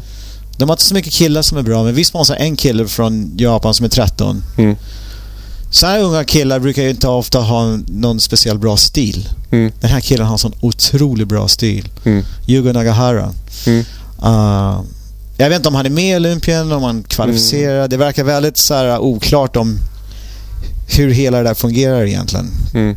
Ja, det här Bo Bowlstock nu som var förra lördagen, det var ju OS-kval där. Och det ja, vad betyder det då? Liksom? Det var helt oklart liksom. Vad, vad... Jag tittar på det där och så liksom... Vadå, tog de en Olympian-logo och bara slängde upp den och säger att ah, det här är... Ja, och, och, jag satt där och tänkte ja, jag spelar ju musik här och viss musik skulle OS-kommittén tillåta ja, de här texterna. De kanske inte skulle tycka det var så jävla roligt. Ja, det, hur ser det ut med tiden? Är det... Det börjar se knaggligt ut för mig i alla fall. Ja, jag tänker bara... Jag har gått igenom de flesta frågorna. Känner du att det är någonting vi har missat som du skulle vilja prata om? Något ämne eller? Uh, ja, vi kan ju sitta och dividera hur länge som helst här. Mm. Uh, det som jag jobbar med de senaste par, tre, fyra åren är att sätta mm. ut uh, nya H-Street Graphics eller göra om alla de här gamla mm. H-Street Graphics. jag har ritat ritat om allting. Mm. Så jag har spenderat en otrolig massa tid på att mm. leta och hitta gamla A-sheet-grejer och få dem i tillräckligt bra skick där jag kan rita om dem. Mm. För allting var ju... Det fanns inga datorer på den tiden. Mm. Och dessutom var ju allting så här... Uh, um, Eller det fanns ju datorer men jag förstår vad du menar. Ja, men det, liksom var inte, ingenting var gjort digitalt på det sättet.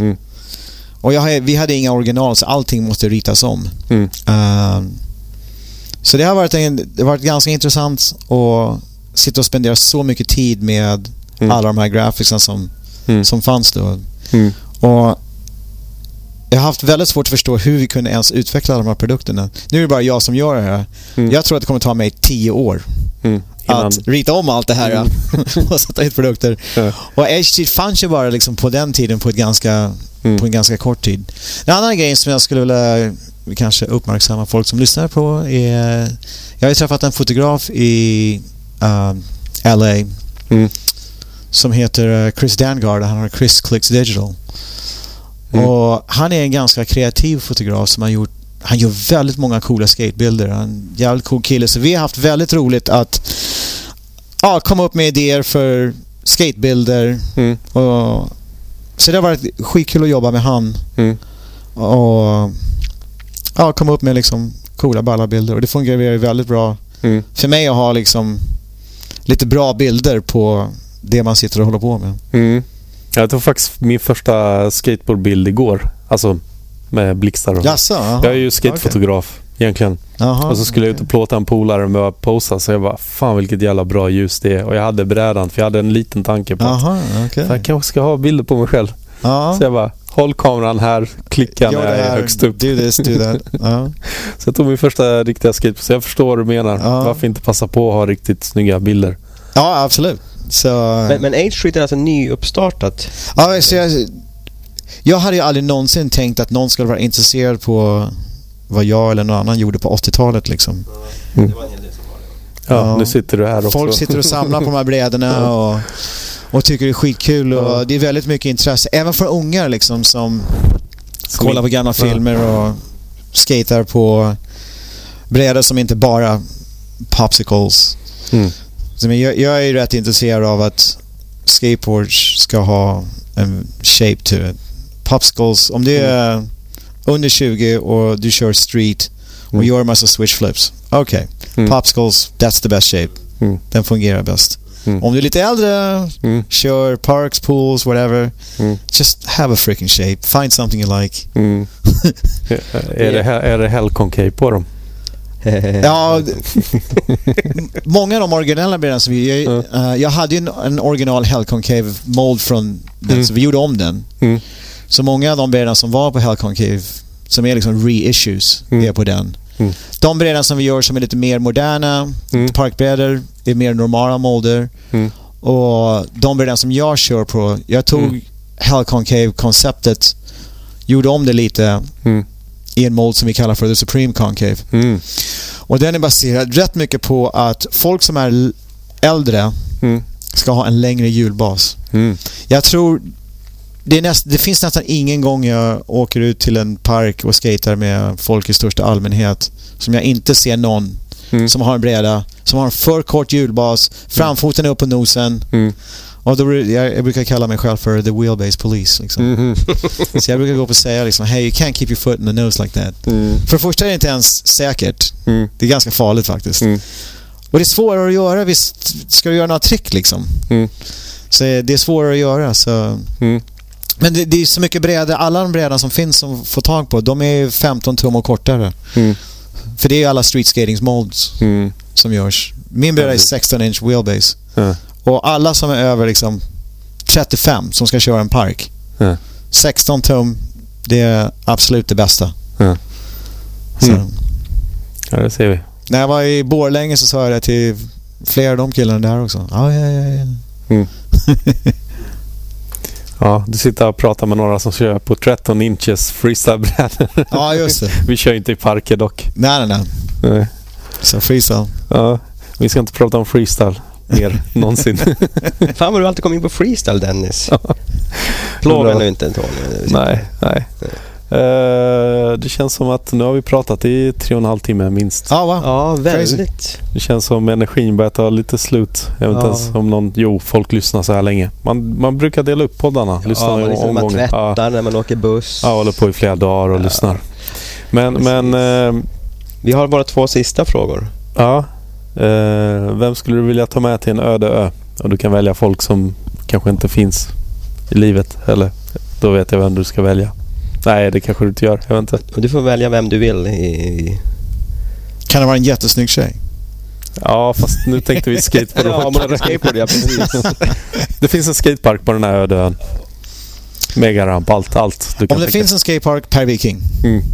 För då skulle jag åka skateboard med honom. Mm. Om det inte finns en skatepark, Mike Ternansky. För mm. att... All obvious reasons. Ja. Så ganska enkelt svar ja. på den frågan. Nästan ganska väntade svar efter den här intervjun. Ja, precis. Jag la upp dem Ja. vem skulle du vilja se, som Dennis säger, eh, vem skulle du vilja se i podden? Som ska se, vara med i den här podden? Ja, höra ska det vara egentligen. Som inte redan har varit med? Ja. Ja, nu vet inte jag alla som har varit med i den här podden redan. Mm, du kan ju uh, fråga oss. Men släng ut något namn. Ja, släng ut så, så, säger vi. Säger vi. Mm. Gör ni bara svenska åkare? Nej. Nej, vi tar gärna vem som helst som vill vara med. Mm. Måste de bo i Sverige? Nej, men det underlättar om vi ska göra podden. men det, vem vet, vi kanske drar till USA när folk swishar pengar 0735 10 28 10. Ja, just det. Gör det. Nu vet inte jag riktigt vad det är, men swisha lite pengar. Ja, det låter som en bra idé. Mm. Men Pat Duffy, han, bor inte han i Finland nu? Jo då, Pat Duffy har vi redan varit på tråden med. Mm. Och sen så bara klippte han den tråden. Nej, nej. Det han klippte med dig Mattias. Jaha, vadå? Så, så du har kontakt med honom eller? Nej, men eh, om vi säger så här. Han, han, brukar vara i Stockholm ibland så vi vill intervjua honom. Ja, det vore ju skitcoolt. Det var alltså, bara segt att få ihop det. Men det ska vi försöka få ihop. Jaha. Jo, för han har varit på... Ja, Pat Duffy skulle vara skitintressant att höra. Ja. Han brukar skata i Humlan ibland. Asså? Ja, med Johan Granli, en svensk skatare. Aha. Och hur de har hittat varandra är lite roligt för de jobbar med ost. Inom ostbranschen båda två på något sätt. Jaså? Ja. uh, jag är ganska stor fan av svensk ost. Det här mm. kanske jag måste... Det blir, en tråd som jag måste följa upp. Ja, det blir ett jävla poddavsnitt för dig att lyssna på. Diskutera lite ost alltså. Ja, nej, vi ska försöka få till Pat Duffy. Eller så får vi dra, dra Finlandsfärjan över Mattias. Ja, varför inte? Mm. Varför inte? Ja, det kan inte vara så svårt att åka till Finland. Nej, nej det är nästgårds. Ja. Uh, ja. Oh, nej, det är klart vi gör det. Ja. Kanske inte uh, någon på Finlandsfärjan. Uh. Ja, ja. Finns det något mer att tillägga efter tre och en halv timme? Nej, det låter nog ganska bra det va? Ja. Finns det någon du skulle vilja tacka? Ja, den listan är alldeles för lång. Jag menar, jag, jag har mött så otroligt många människor. När jag var mm. i Brasilien förra månaden så vi mötte, jag och Eddie Alguera, vi mötte ju folk som var på en uppvisning som vi gjorde där på slutet av 80-talet. Just det, jag tror det finns något på YouTube. Ja, jo. Jag ska, jag ska, jag ska faktiskt klippa ihop någonting om mm. den grejen. För när vi var... När, jag, när jag mött folk, som brasilianer som har kommit till Kalifornien efter det. Mm. Nästan alla brasilianer som jag någonsin har mött var antingen där, mm. har sett bilder från det, vill veta någonting om det. Mm. Det var tusentals människor på den här uppvisningen. Mm. Och jag har inte varit tillbaks till Brasilien sen dess. Mm, förrän i år. Förrän i år. Ja. jag fick en möjlighet att åka så jag tänkte fan jag måste, jag måste göra mm. det igen för jag blir för mm. gammal för att kunna göra det. Mm. Och jag träffade så många coola skateboardåkare som var där på den uppvisningen. Mm. Fortfarande åkte skateboard. De hade ju en mm. tävling där som vi var där på. Och det var en sån otrolig känsla av att det var omöjligt för mig att tänka att det här var 30 år sedan. Det kändes som det var förra året. Mm. Uh, så vi hade en sån jävla cool time i, i Brasilien. Mm. Och mm. Det hade egentligen ingenting att göra med att de hade coola bowler och att det var ett ballt land och så vidare. Det mm. var de brasilianska skateboardåkare som vi var där med. De var så mm. jävla coola. Det var mm. helt... Vad var det i Brasilien var det? Först var vi i uh, Belo Horizonte.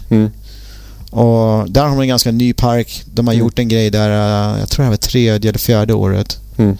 Men där så stod det en pool som de har haft sedan 80-talet. De byggde den tidigt 81 eller något sånt där. Mm.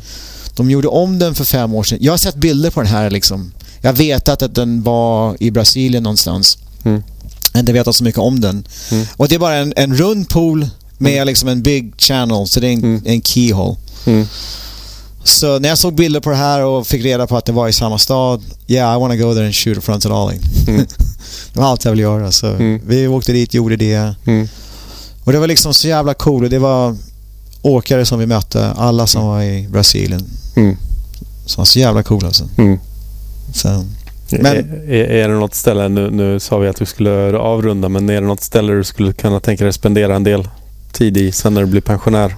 Ja, jag skulle gärna åka tillbaka och skata den poolen mer. Men om jag blir äldre och spenderar tid, uh, vad jag verkligen skulle göra är att kunna fixa ihop ett, ett liv som går ut på att bo i Stockholm i två månader per år när mm. vädret är bra. Mm.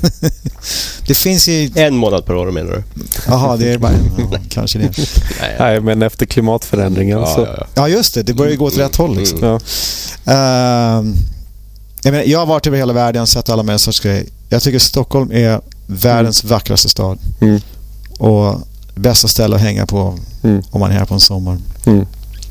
Så kanske lite svårt att arrangera när man håller på och åker skateboard och, mm. och sånt. Men mm. jag älskar Stockholm. Ja. Ja, vi får tacka dig så mycket för att du kom till Stockholm enbart för att spela in podden med oss. Ja, ja visst. Tack. När går flyget tillbaka till San Diego nu ikväll? Ja, det är senare ikväll. Jag hinner precis till flygplatsen. Hoppa på flygbussen till Arlanda. Ja, nej, men verkligen. tusen tack. Ja, tusen tack. Det har varit supertrevligt. Ja, mycket. Mm.